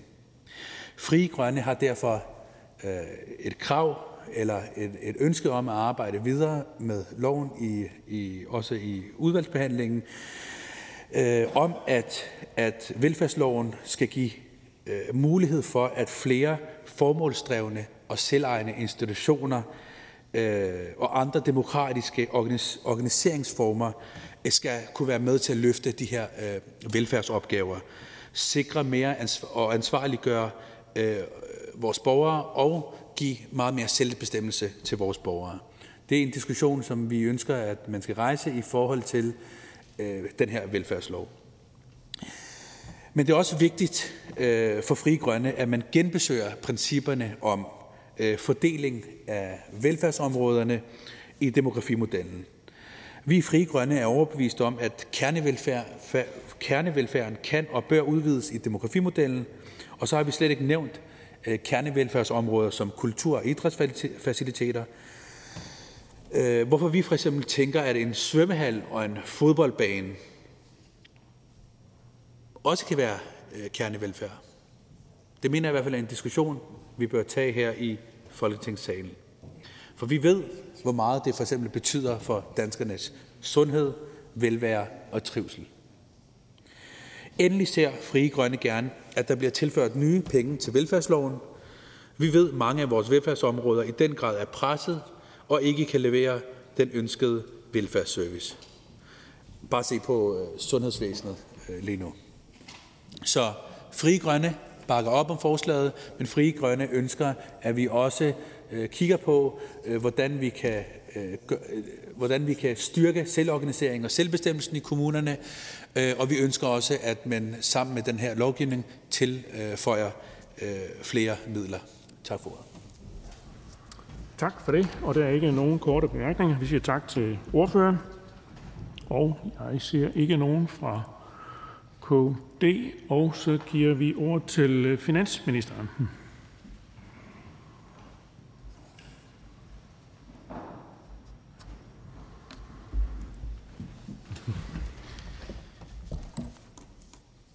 Tak for det, og øh, tak for debatten her.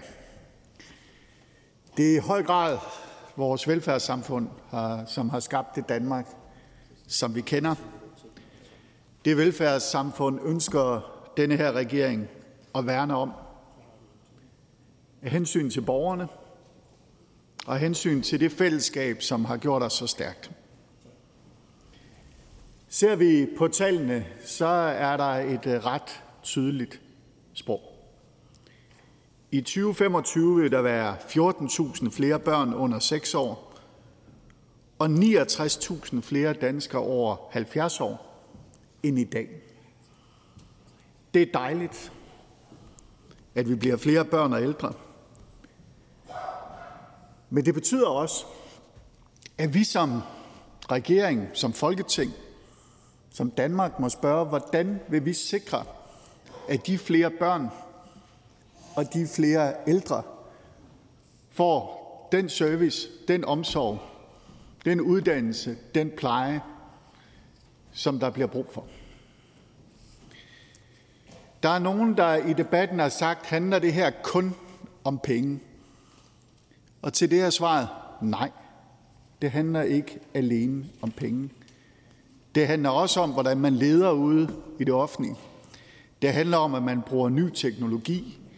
Det handler om, at man hele tiden prøver at finde de bedste løsninger til gavn for blandt andet vores børn og ældre.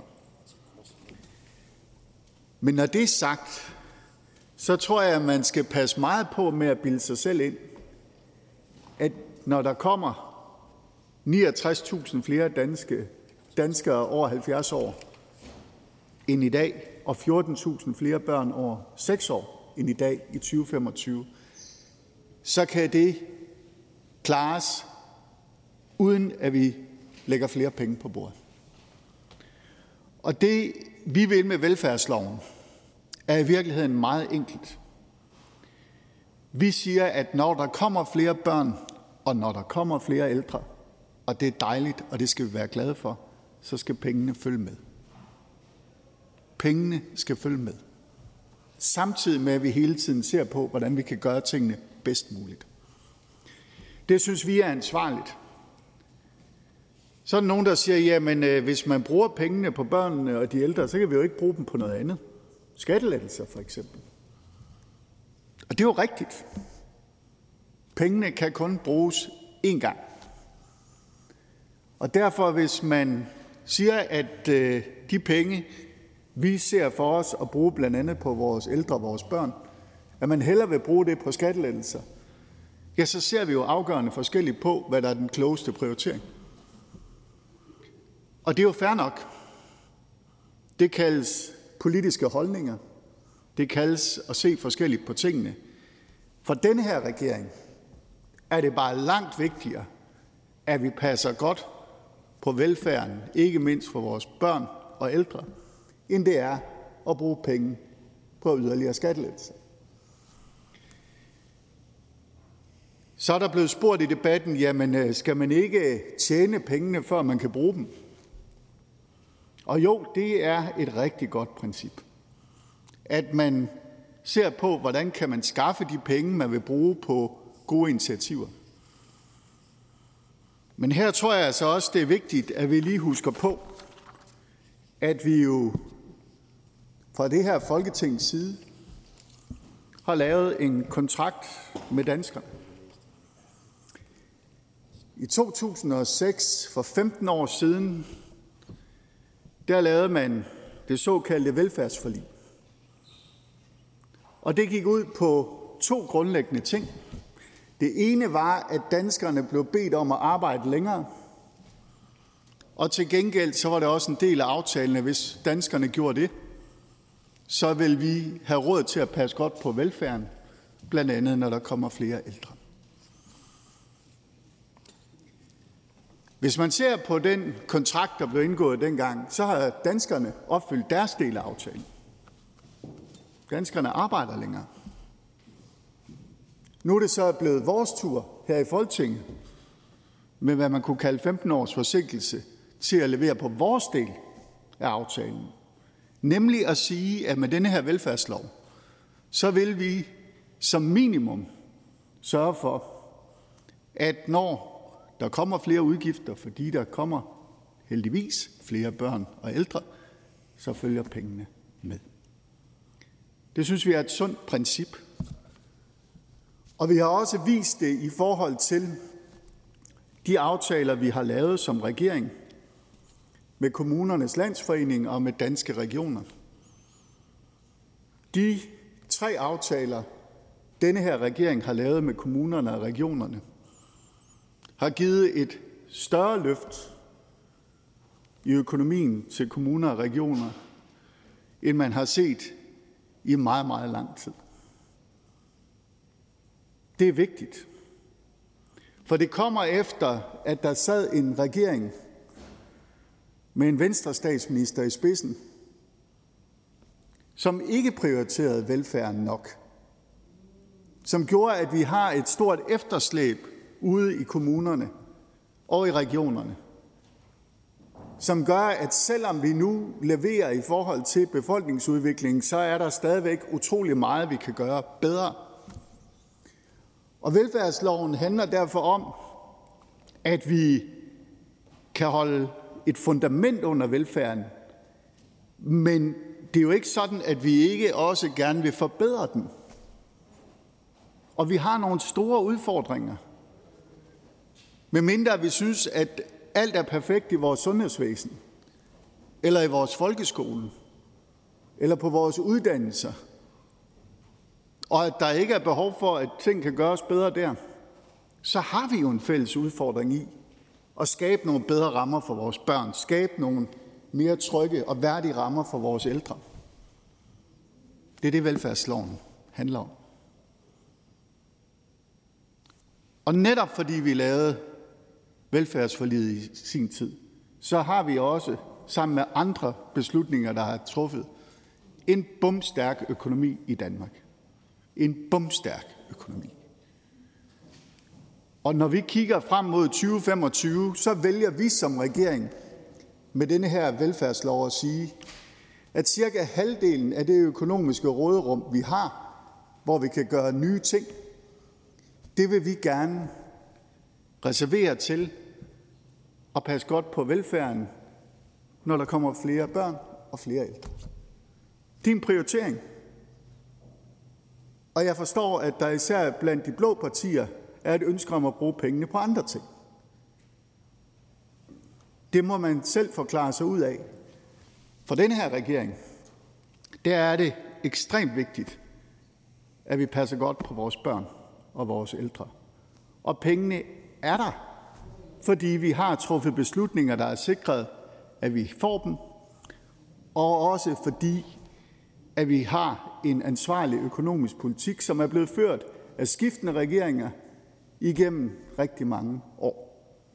Og det vil jeg gerne kvittere for, at det jo ikke noget, regeringen eller det parti, jeg tilhører, alene har æren eller ansvaret for. Det er noget, rigtig mange partier i det her folketing har ansvar og ære for.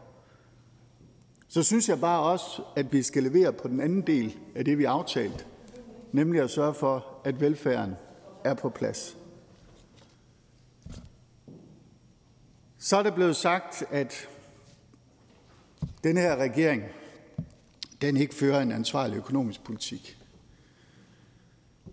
Undskyld mig. Vi har lige været igennem og kæmper stadigvæk med virkningerne af corona i forhold til det danske samfund. Og hvis man for halvandet år siden, da coronaen ramte med fuld styrke, ikke alene Danmark, men hele verden og Europa ikke mindst, havde fortalt mig dengang, at vi vil kunne stå her i dag med den højeste beskæftigelse nogensinde i Danmarks historie. Med den højeste økonomiske vækst i 15 år, udsigt til det. Med en meget, meget lav arbejdsløshed. Og med en udfordring, der hedder, hvordan skaffer vi flere hænder? Ikke, hvordan gør vi noget ved en kæmpe stigende arbejdsløshed? Så tror jeg, jeg vil have sagt, det lyder rigtig, rigtig dejligt. Vi vil gøre alt for, at det kan lade sig gøre. Men det lyder godt nok som nogle meget, meget ambitiøse mål i betragtning af, hvad det er for et stød, vi har fået. Men det er lykkedes.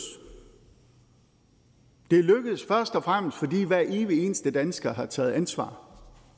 Fordi dansk erhvervsliv har taget ansvar, fordi danske lønmodtagere har taget ansvar, men også fordi vi politisk har taget ansvar – og vi har sat en kurs, og vi stod skulder ved skulder om at få Danmark bedst igennem også den økonomiske krise.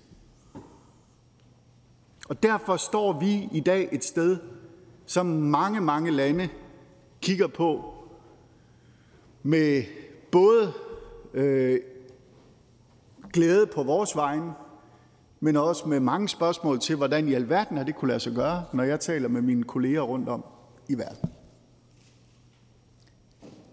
Så i stedet for nu at prøve at male nogle skræmmebilleder op i forhold til dansk økonomi, så synes jeg faktisk, det vil være mere passende, at vi glæder os over, at vi er kommet så stærkt igennem, siger, at vi har et råderum, som vi kan bruge på forskellige ting.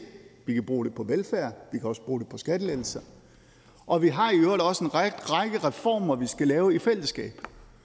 Og det er jo derfor, regeringen også har fremlagt Danmark kan mere 1, hvor vi jo vil lave reformer af det danske samfund, så vi kan investere i uddannelse, grøn omstilling, i vores virksomheders mulighed for øh, at klare sig endnu bedre, og også sådan, at der bliver flere hænder til rådighed for vores samfund.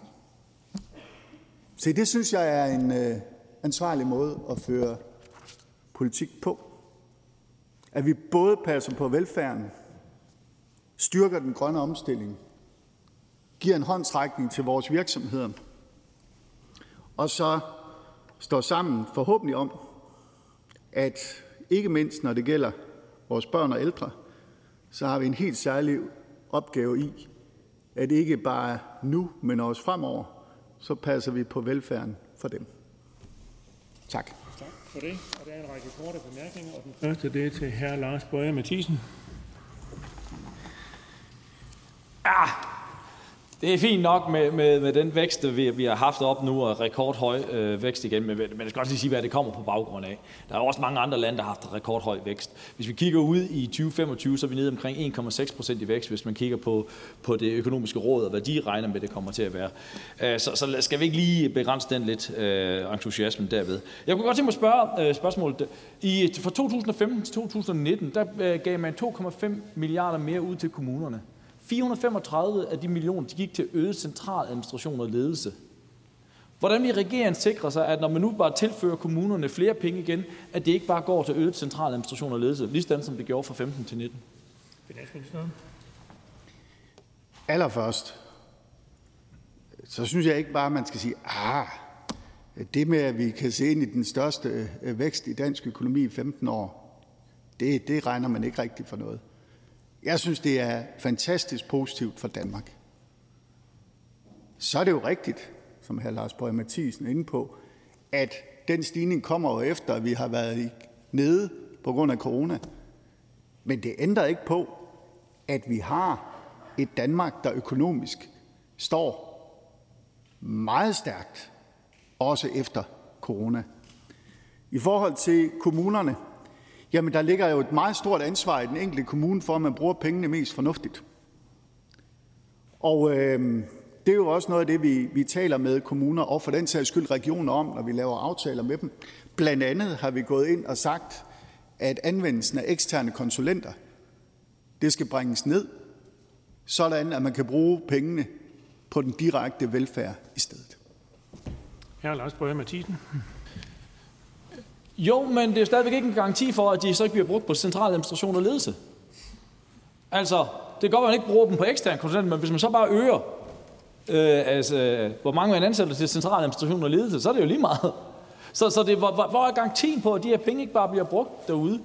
Fordi, at som det står her, så er der ingen konsekvenser, hvis kommunerne vælger at bruge dem på, ja, øget øh, teater, hvis de vælger at bruge på at ansætte øh, øget marketingsfolk, hvis de vælger at gerne vil bruge flere penge på at bygge et nyt rådhus, eller hvad de vil, så er der ingen konsekvenser til det. Så er det, så er det jo ikke grundlæggende velfærd, som gør noget på med for Jensen, der bor ude på plejehjemmet. Der er ingen krav på, hvordan kommunerne skal bruge pengene i den her lov. Det er bare, de skal have lov til at bruge flere. Så er det finansministeren. Det vi lægger op til, det er at sørge for, at når der kommer flere børn og flere ældre i de kommende år, og det gør der, at så sætter vi penge af til, at kommunerne kan give fortsat en god omsorg, en god uddannelse, en god pasning. Så er det også sådan, at vi har kommunal selvstyre. Der er 98 kommuner, der hver især prioriterer forskelligt. Og jeg kan have mange holdninger til, hvordan man prioriterer i kommune X, og hr. Lars Bøge Mathisen har i forhold til kommune Y. Men det, vi giver muligheden for med det her, det er, at hvis man træffer fornuftige beslutninger ude i kommunerne, så kan man også tage højde for, at der heldigvis kommer flere børn og ældre. Tak. Og så er det fru Lisbeth Bæk Nielsen. Tak. Og øh, tak for, øh, for lovforslaget. Øh, det har vi rost i SF, og det vil jeg gerne gøre igen. Og så kan jeg ærligt talt ikke forstå, at øh, det lige pludselig skal være et problem, at man har et lovforslag, der består af fem paragrafer. Jeg synes måske, det modsatte øh, øh, er lidt overdrevet til tider herinde i, i Folketingssalen. Øh, jeg vil gerne øh, spørge øh, ministeren, eller øh, finansministeren, om han kunne se for sig, at metodedelen blev lagt ud til øh, de økonomiske vismænd, netop for at vi ikke skal øh, øh diskutere øh, under den ene eller anden farve finansminister om, om øh, øh, hvordan man, man opgør metoden i Finansministeriet.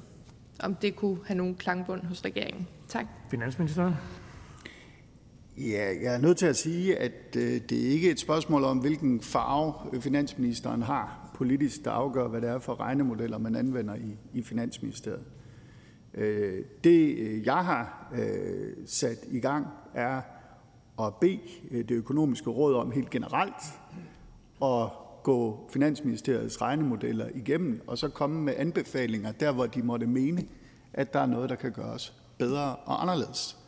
Jeg tror, det er rigtig, rigtig vigtigt, at vi har et finansministerium, hvor uanset om der sidder en blå finansminister eller en rød finansminister, så er det de samme øh, regneregler, man, man opererer ud fra. Øh, og man, får løbende, man justerer jo løbende på regnereglerne i Finansministeriet, når der kommer ny og bedre viden. Øh, og det skal øh, være øh, sagligt øh, og ikke farvet hverken med en rød farve eller en blå farve. Øh, så man kan sige, at det økonomiske råd kommer indirekte til jo at kunne få ganske stor, eller kan direkte få stor indflydelse på Finansministeriets regnemodeller. Øh, men i forhold til at udregne det demografiske træk, det er, noget, det er en opgave, som Finansministeriet står for, og det ligger naturligt der. Fru Lisbeth Bæk Nielsen. Ja, det kan man jo bare beslutte, at, at selve metoden øh, bliver fastlagt af, af dør, og, og at det så er Finansministeriet, der på den baggrund foretager beregningen. Men jeg hører, at Finansministeren siger, at det er man ikke interesseret i.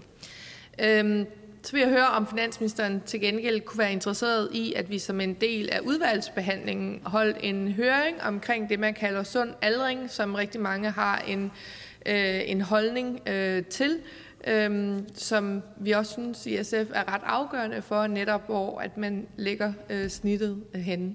Finansministeren. Jamen som sagt, i forhold til øh, regnereglerne, så har jeg taget initiativ til, at det økonomiske råd kommer med deres bud, ikke alene i forhold til det demografiske træk, men i forhold til, hvordan vi generelt bruger vores regneregler. Og der kan de løbende komme med anbefalinger og udgangspunktet vil være følg eller forklar. Altså de anbefalinger, man kommer med fra det økonomiske råd, vil vi øh, i udgangspunktet tage til os i Finansministeriet. I forhold til, øh, hvad man i udvalgsbehandlingen og i Folketinget gerne vil have af, af konferencer, møder eller andet, det overlader jeg trygt til Folketinget selv at afgøre. Så er det her René Christensen. Tak for det. Og tak for talen. Og øh, når man sådan lytter til finansministeren, så kan man jo ikke sådan være uenig i det, når der kommer flere ældre, og der kommer flere børn, og skal vi være med til at finansiere det? Det mener jeg bestemt, vi skal være. Men når man så læser, hvad hedder det lovforslaget, så taler det meget om forbrugsvækst. Øh, og jeg vil egentlig bare gerne spørge finansministeren om, fordi, som jeg også sagde i min ordførertale, overskriften er sådan set god nok. Det er sådan mere indholdet, udfordringen er. Hvis man kigger der, hvor de ældre er, og der, hvor børnene er, så er det ude i kommunerne. Hvis man kigger der, hvor de syge er, og der, hvor der er nogle udfordringer i forhold til, til sundhed, så er det jo i regionerne. Altså, hvor er det, at... Altså, kan man ikke på en måde, når vi skal tale om det her, hvis det skal lande på et fornuftigt sted, se, at man ikke kan definere sådan lidt mere, altså når vi alle sammen nævner de her bløde velfærdsområder, hvordan man får pengene kanaliseret hen imod der, hvor, hvor de ældre er, og eksempelvis hvor børnene er. Finansministeren. Jeg øh, har jo sagt i forbindelse med denne her øh, velfærdslov, at noget af det, vi er meget, meget optaget af, det er, når der kommer flere børn og når der kommer flere ældre, at så giver vi kommunerne og for den sags skyld regionerne mulighed for at imødekomme, øh, at der også er en økonomisk side af det dejlige, at der bliver flere børn og ældre. Og vi kan gøre det øh, endnu bedre end det, regeringen har lagt op til med velfærdsloven. Jamen, der har vi jo et åbent sind, og hvis der er gode idéer øh, fra Dansk Folkeparti eller andre, så vil vi meget gerne øh, drøfte det. Øh, jeg hører øh, Dansk Folkepartis ordfører også i sin tale øh, være der, hvor man er enig i intentionen, øh, men øh, er ikke øh, tilfreds med forslaget, som det ligger nu, og så må vi jo prøve at, at snakke om tingene. Ja, René Christensen. Ja, for det er jo det, der er interessant. Øhm, jeg ved ikke, om det er på kanten af det, men det var faktisk sådan, så i finansloven for, jeg mener, det var 2017 eller 2018, der fik vi faktisk i gang sat et arbejde fra Dansk Folkeparti's side over i ældreministeriet og se på, hvordan man også kan måle kvalitet. I dag er det sådan, der måler vi kvalitet på, hvor mange penge man bruger. Men det er jo faktisk sådan, hvis en kommune ligger på indeks 98, så siger man så, at de har et lavt serviceniveau. Men det kan jo faktisk godt være, at de er rigtig, rigtig dygtige, at de faktisk kan lave et super god service, oplevet service over for borgerne, 2% billigere. Er finansministeren egentlig også villig til, når man nu snakker velfærdslov, egentlig også kigge på, hvordan måler vi egentlig service ude i kommunerne, og hvordan sags skyld også regionerne? Finansministeren. Jeg synes da bestemt, at det er en, en øh, diskussion værd, øh, hvordan vi ikke alene ser på, hvor mange kroner og øre, der kommer ud, men jo også, hvordan de penge bliver brugt, og hvad oplevelsen er hos borgerne af den service, man får. Øhm, som jeg også sagde i, i min, øh, min tale øh, her for et øjeblik siden, det her handler ikke alene om kroner og øre. Det handler også om kroner og øre. Og jeg tror, at når der kommer øh, 69.000 flere øh, ældre over 70 år, så kan man ikke bare øh, organisere sig ud af det. Men det betyder ikke, at der ikke er mange andre ting, man kan gøre ved siden af at tilføre penge, som er klogt, og som samlet set vil give en bedre service, velfærd for borgeren. Så er det her Torsten Schack Petersen. Tak for det. Jeg skal bare lige forstå den tolkning, som finansministeren nu lægger ind i, i 2006-aftalen om, at så var der øh, en til en øh, sikkerhed for, at det demografiske træk det ville blive dækket. Hvorfor brød finansministeren i tidligere ministeregenskab under fru Helle thorning Schmidts regering så den tolkning af velfærdsaftalen? For det er mig bekendt sidste gang, vi i Danmark har haft negativ offentlig forbrugs med, forbrugsvækst med en finanslov. Det var under fru Helle thorning Schmidts regering. Så måske finansministeren lige overtolker øh, velfærdsaftalen en smule. Det var det ene spørgsmål. Det andet spørgsmål det er, hvis lovforslaget det vedtages, som det foreligger, vil det så forhindre 90 mandater i Folketinget i at vedtage en finanslov med et lavere offentlig forbrugsvækst end det demografiske træk? Finansministeren. Ja, allerførst, øh, når jeg taler om, om velfærdsaftalen fra, fra 2006, jamen så er det jo fordi, at man der lavede en kontrakt med danskerne, der grundlæggende hed, hvis I, kære danskere, arbejder længere, så får vi også mulighed for at passe godt på velfærden, ikke mindst når vi kan se, at der kommer heldigvis flere ældre i de kommende år. Og det, jeg siger med øh, forslaget her i dag, det er, at det vil vi gerne med velfærdsloven tage et vigtigt skridt i forhold til at sikre, at det rent faktisk er tilfældet. I forhold til Helle thorning Smiths regering, så øh, glemmer hr. Thorsten Schack jo en ret væsentlig tilføjelse til historien, nemlig at det var, da finanskrisen kom med bullerne kraft og ændrede forudsætningerne for dansk økonomi med et kølleslag. Og jeg synes, det ville være klædeligt, at hr. Thorsten Schack havde taget det med. Og det, der jo også ligger i denne her lov, det er jo, at kommer der helt uforudsete begivenheder, så er der en undtagelsesbestemmelse. Og det er jo præcis for at tage højde for netop den slags udfordringer, der måtte kunne komme. Ja, Torsten Schack Petersen. Jeg fik ikke svar på spørgsmålet om, hvis lovforslaget, som det foreligger, vedtages, om det forhindrer 90 mandater i Folketinget at vedtage en finanslov, der ikke lever op til det. Det er det ene spørgsmål nu. Det andet spørgsmål det er, kan finansministeren sige, hvordan regeringen stiller sig til det ændringsforslag, som jeg har bebudt på Venstres vegne, om at det her det skal ledsages af et skattestop og en forpligtelse til at tage initiativer, hvis BNP-væksten er lavere end det demografiske træk, således at der sikres, at der er varig velstand og varig finansiering af vores velfærdssamfund? Finansministeren. Ja, denne her, det her lovforslag øh, betyder jo, at øh, finansministeren forpligtes til at sørge for at fremsætte et øh, finanslovsforslag, der lever op til det demografiske træk. Øh, betyder det, at et flertal udenom regeringen ikke kan vedtage noget andet? Øh, nej, øh, det gør det ikke. Men, men det vil være en ret usædvanlig situation, at man vedtager en finanslov udenom den siddende regering. Øh, det, det er ikke hyppigt forekommende, vil jeg sige. Øh, så i forhold til, øh, i forhold til Venstres røgslør for ikke at stå ved sit valgløfte, nemlig at man lige pludselig efter at have lovet danskerne, at man vil sikre, at når der kommer flere børn og ældre, så vil man også levere på det. Nu så her i, i opposition, så finder på en masse ting med småt, som ikke engang stod, øh, da man øh, gik til valg. Øh, nej, det er ikke noget, jeg øh, synes er, en klog tilføjelse til, til det, vi er kommet med her. Det, det må Venstre altså selv forklare sig ud af. Så er det her Rune Lund.